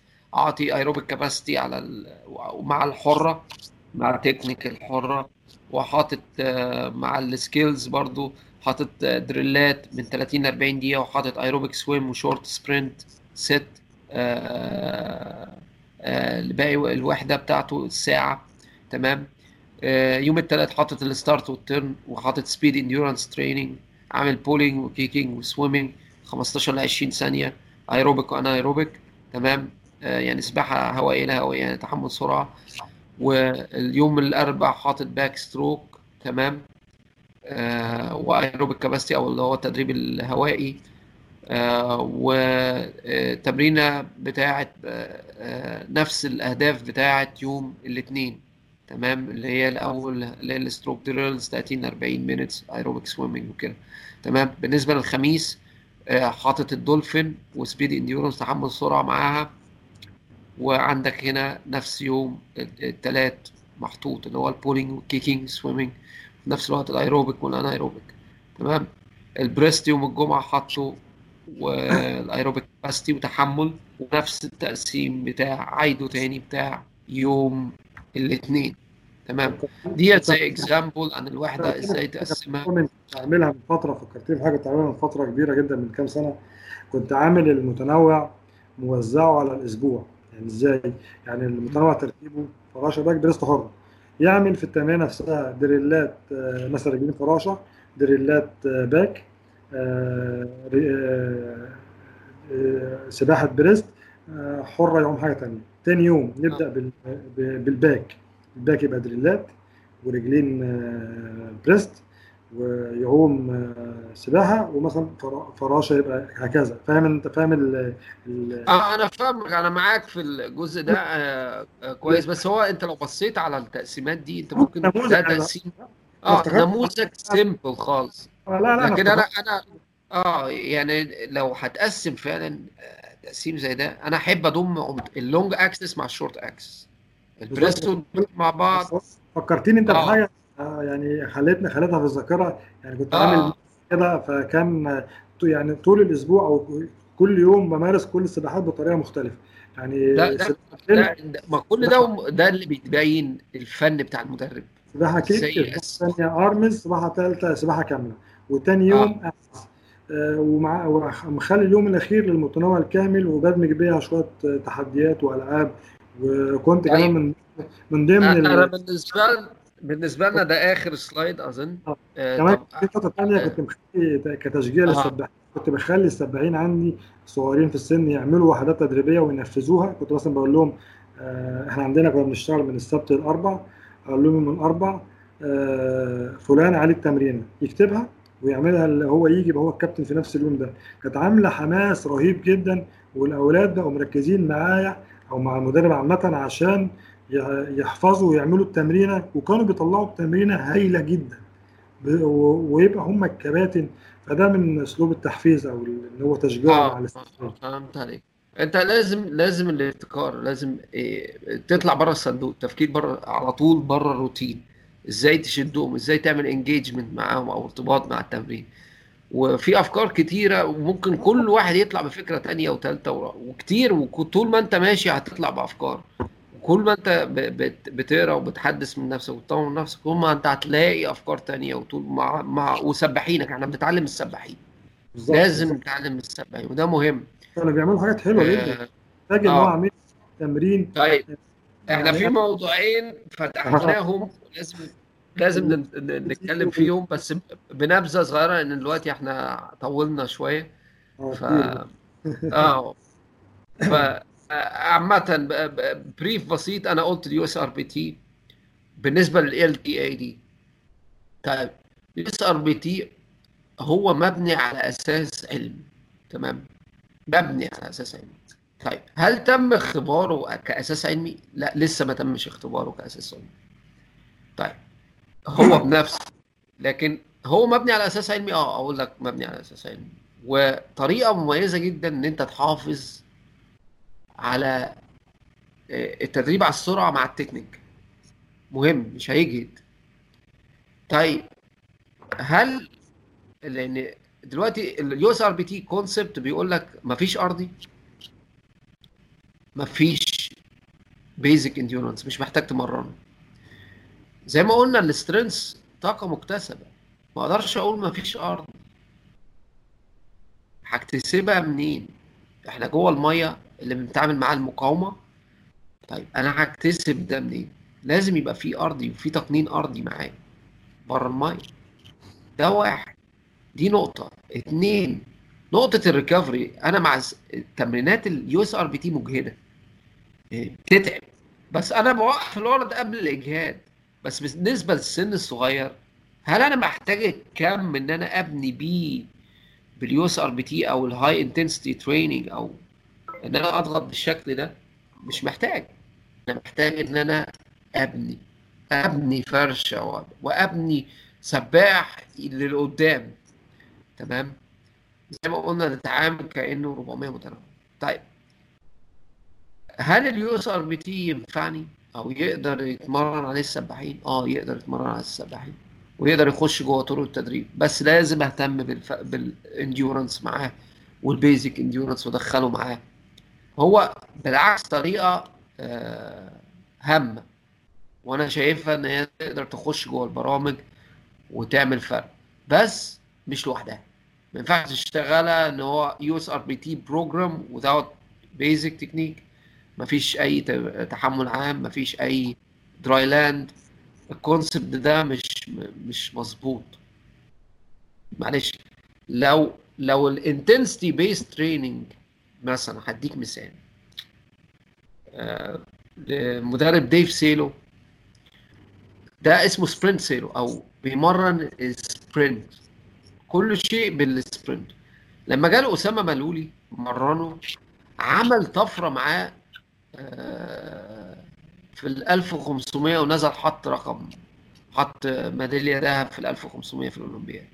طيب هتقول له ده اتمرن بال sprint يلا نديها sprint. طب انت بصيت لتاريخ أسامة ملولي إيه؟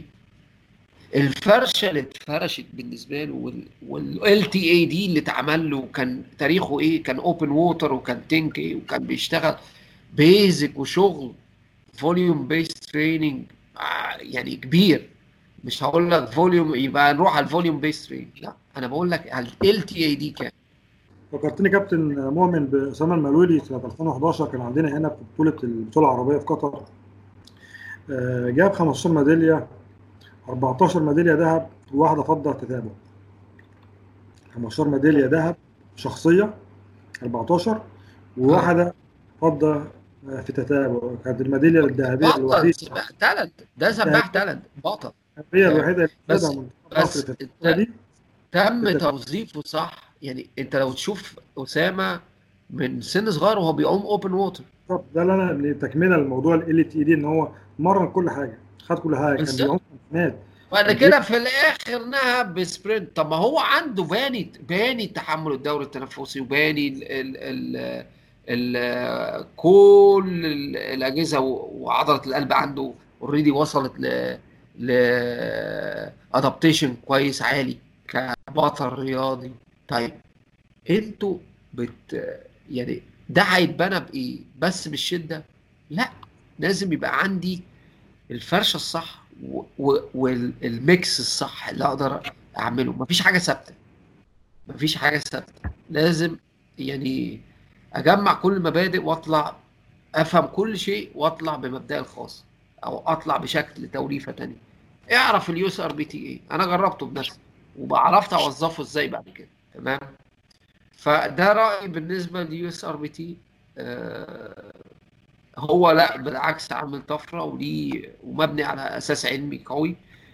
آه بس مستنيين إن هو يختبر من خلال آه الدراسات ونشوف على المستوى الطويل. لأن هو هيجيب تأثير زي دي high intensity training على المستوى القصير. آه لازم على المستوى الطويل نشوف اللي هيحصل إيه كسنة أو سنتين إيه اللي هيحصل كتطور الولاد. تمام؟ آه هل هيحصل failing ال adaptation ولا لا؟ ال adaptation هيفضل progression وهيفضل معانا. بس أنا في اعتقادي إن لازم يهتم لأن ال endurance basic endurance موجود زي ما اتكلمت في محاضرة طرق التدريب ونقدر نرجع لها باستفاضة كمدربين. آه، مش هقدر أتكلم هنا في الجزء ده لأن إحنا بنتكلم في ال LTAD بس أنا بدي تنويه عنها خفيف هو موجودة في طرق التدريب نقدر نرجع لها. في المحاضرة بتاعت طرق التدريب. طيب كابتن علي أنت ذكرت الرجوع بقى للكورونا فيروس آه طبعا نعمل ثابت إحنا طبعا اتناقشنا فيه كتير كابتن مؤمن وعلى كومنتات وحطينا دراسات فمش عايزين نزود أكتر من كده لأن هو الموضوع زي ما بيقولوا الكتلة احسن مننا يعني وصلنا بالظبط يعني إحنا اتكلمنا عليه كتير في المنظمة. مفيش اتفاق عليه من كل الخبراء والمدربين إن كان بعض البعض ما بياخدهمش وهم الأيديال. بس هم اللي على الخريطة الواقعية زي ما بنقول يعني. تمام؟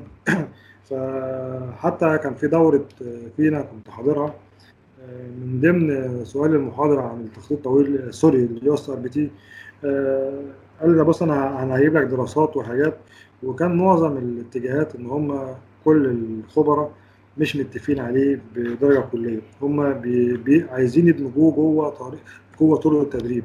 يعني ما يبقاش طريقة لوحده. ده بالنسبة لل USRPT تمام كابتن مؤمن؟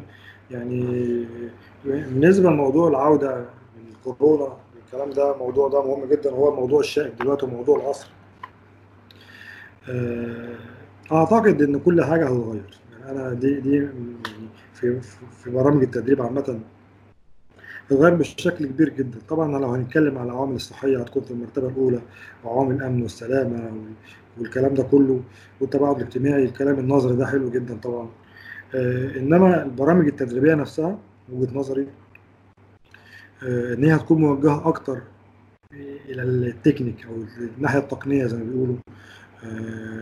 وإن البداية نفسها أنا شايفها إنها تكون متعبة جدا من ناحية اليه تنفيذها إن إحنا هننفذها إزاي؟ يعني إن أنت تفهم الناس تلتزم إزاي؟ هو الموضوع ده في آلياتها في الأول. أنا وجهة نظري لما إحنا نرجع لازم نرجع بالكبار البالغين أو المستويات العليا عشان هم هيفهموا بسرعة فينفذوا لما أجي أبدأ مع الصغيرين هيبقوا جايين آلية مش عارف يعني هو هيكون خلاص فهموا شايفين زمايلهم زي السباحة كده لما بنيجي نعمل نموذج بنختار واحد يعمل نموذج والتاني بيقلد صح؟ فأعتقد إن إحنا لازم نبدأ مع الكبار الأول. أنا البرامج نفسها هتكون موجهة أكتر من وجهة نظر الناحية النفسية وإن إحنا إزاي هنعوض الحاجات البدنية المفقودة وإن إحنا إزاي نكسب الإحساس ونعوض الفقد اللي حصل نتيجة القعدة الكبيرة دي. وجهة نظري طبعا إن إن العودة لما ترجع لازم هتكون تحت أطر معينة هتكون الشغل كله تحت تحملات مثلا شدة منخفضة دريلات البرامج نفسها هتكون شدة منخفضة. لازم المدربين تشتغل على الجزء ده كبير جدا. ومن وجهة نظري لازم ندرك في البرامج المدربين السباحة اللي هم ما بيهتموش بيها برامج يعني اللي هي قياسات المدى الحركي أو أو ال range of motion زي ما بيقولوا الحاجة الكبيرة يعني. دي عشان تقلل الإصابات أو نفهم إيه اللي حصل بعد. بعد القعدة دي كلها أنت لازم تبدأ مش مش من مش من آخر ال data عندك. لازم تبدأ كأنك تعمل data جديدة تعمل قياسات جديدة. آه وعشان تقلل الإصابات دي لازم تعمل قياسات المدى الحركي زي ما قلت عشان تقلل الإصابة. والتمارين بتاعتك لازم تكون معتمدة على القدرة على التحمل. الهواء الدموية ال cardio عامة آه وهتعملها عن طريق الارضي أو الشغل جوه المية. ممكن تعمل برامج ميكسات من جوه المية وبره المية في في في, في اتجاه الكارديو عامة وتقليل الإصابات. لازم نشتغل على إن العضلات نفسها ما نضغطهاش. تدريب على تحمل التحمل العضلي مش القوة العضلية في الأول. وشغل الاوعيه الدموية شوية لازم نشتغل عليه شوية بالتمرينات. هنا بندرب عارف أنت بس يا كابتن مؤمن لما بنيجي نتكلم بيقول لك إيه؟ بتدرب العضلة على شغل جديد. لازم تت... أنت هو هو إحنا أنا اتعامل معاه يعني لو حتى الأولاد بتتمرن في البيت هي في مرحلة زي ما تقول كروس تريننج أو لسه لسه يعني هم في مر... يعني بره. بس, بس برضو المده اللي مقطوع عنها تدريب النقطة الثانية النقطة الثانية المهمة اللي أنا عايز أقولها تكمله بتاع البيت دي إن السباحين بي- بيشتغلوا بدني بس في اتجاه العضلات. إحنا كسباحة إحنا مرتبطين بجهاز تحمل دوري تنفسي. الموضوع ده مهمل جدا فلازم ندخله أول ما نيجي. هيكون زي التحملات بالإضافة اللي إحنا قلنا تدريب العضلات أو النغمات العضلية وإن إحنا بنأهل برامج للسباحين دلوقتي تمام؟ آه، فلازم نراعي الجزء ده كبير جدا معاها آه، وبتكمل معاها إن إحنا نركز على على آه، التدريب المنخفض الشدة الطويل الدريلات التكنيك ما بقاش متسرع الموضوع هو الارقام زي ما بقول لك هي هتحصل عملية هيبتدوا من rehabilitation بالظبط. يعني هو هي كامل rehabilitation بعد كده يبدأوا يبدأوا من ال rehabilitation يبدأوا يطلعوا على progression بالظبط خفيف. آه، ومن ال progression هيبدأ بقى يطلع ك mixing أو آه، يطلع كتخطيط كامل. بس كان المشكلة اللي هتقابلنا مع أبطالنا يعني اللي بيجهزوا الأولمبياد أو اللي بيجهزوا بص إحنا؟ ديت ديت جزء في ال- الأول حاجة ذكرت جزء في الأول ذكرت جزء في الأول إن آه، اتمرنوا بنص الحجم التدريبي وكان نفس التطور الرقمي. آه آه، آه آه. بس بس هنا أنت مش هتعتمد آه هنا بقى مش هت يعني هم لازم ينزلوا الأحمال يعني يقيسوا الولاد فين؟ لأن على حسب برضو الفترة لو ثلاث شهور لو ثلاث شهور توقيف غير ست شهور غير سنة. أكيد أكيد. بص يا كابتن مؤمن آه، اللي هينجح في الموضوع ده اللي هو المدربين اللي حصل عندهم إصابات كتير ورجعوا بيها دلوقتي اللي هيكونوا عندهم خبرة كافية جدا يعرفوا ينفذوا البرنامج دي. تمام؟ آه، هي- هينجحوا فيها جدا وهتسهل لهم كتير جدا. بس لازم من ضمن البرامج اللي إحنا بنتكلم فيها دي لازم تدخل برامج تغذية. يعني لازم تدخل عشان دي ده جزء كبير جدا في المناعة إن دلوقتي أنت عندك اوبئه وامراض فأنت عايز الجزء المناعي يبقى الفيتامينات سي وال- والحاجات دي لازم تدرك في برامج التغذية هتدخل برامج استشفاء جوه البرنامج نفسها لأن أنت جاي لك عندك ال- السباح مبطل التدرج نفسه في الحمل لازم يكون كل أسبوع مثلا لا يزيد عن 10% يعني أنت لازم ما أنت. من 5 ل 10% كمان و... وفي نفس الوقت لازم آه، الأرضي يكون مركز مع ال injury prevention أكتر أو المنع الإصابات في الأول. بالظبط. قلنا في الأول هو قياسات المدى الحركي اللي هو range of motion range of motion يعني لازم لازم يبقى منع الإصابات يكون متركز معاه قوي في الأول آه، كروتينات عشان ما. يبقى مأمن السباح بتاعه لأن الولاد قاعدة بقى لها فترة. بالظبط. دي نقطة بالظبط. النقطة التانية أنت لازم ت... وقت التدريب نفسه لازم يقل في الأول وبعدين تبدأ تتدرب واحدة آه دي دي عافية مش. دي ده مغرم أخاك لا بطل يعني بس مش هتقدر تروح للساعه ونص والكلام ده. كمدرب لازم تبقى ذكي يعني. أنت لازم تعمل آه، تدريبات أرضية م- نفس نفس وقت حصة ال- أو التمرينة بتاعتك. لازم يكون في آه، يعني آه، توافق بينهم أو إزاي تعرف تركبهم مع بعض. ده دي يعني أعتقد إن العودة دي عودة المدربين أكتر. يعني المدرب الشاطر هو اللي هينجح. إن أنت إزاي تدمجها هو أرضي أصل أنت مش لازم تستنى مدرب ال fitness أو إن هو يعمل لك لا أنت مدرب أرضي لازم تكون عندك المرونة دي عندك الذكاء ده إن أنت تعرف تدمج الاثنين مع بعض. بحيث إن مجموعة بتتمرن ومجموعة بتعمل أرضي برضه في نفس الوقت. برضه ما تنهكش برضه دي. الجزء بت- ال- ال programming بتاع لازم يخش على الأقل بنسبة 40% أو 50% بالظبط. ال- النفسي. البرنامج النفسي لازم هيبقى شغل عالي جدا لأن الولاد هتبقى متحطمة وبالذات الأبطال اللي كان عندها أرقام وعندها إنجاز دلوقتي هيعيدوا آه، لو الفترة طويلة هيضطر يشتغلوا من أول وجديد. فلازم أنا أعدهم نفسيا للموضوع ده.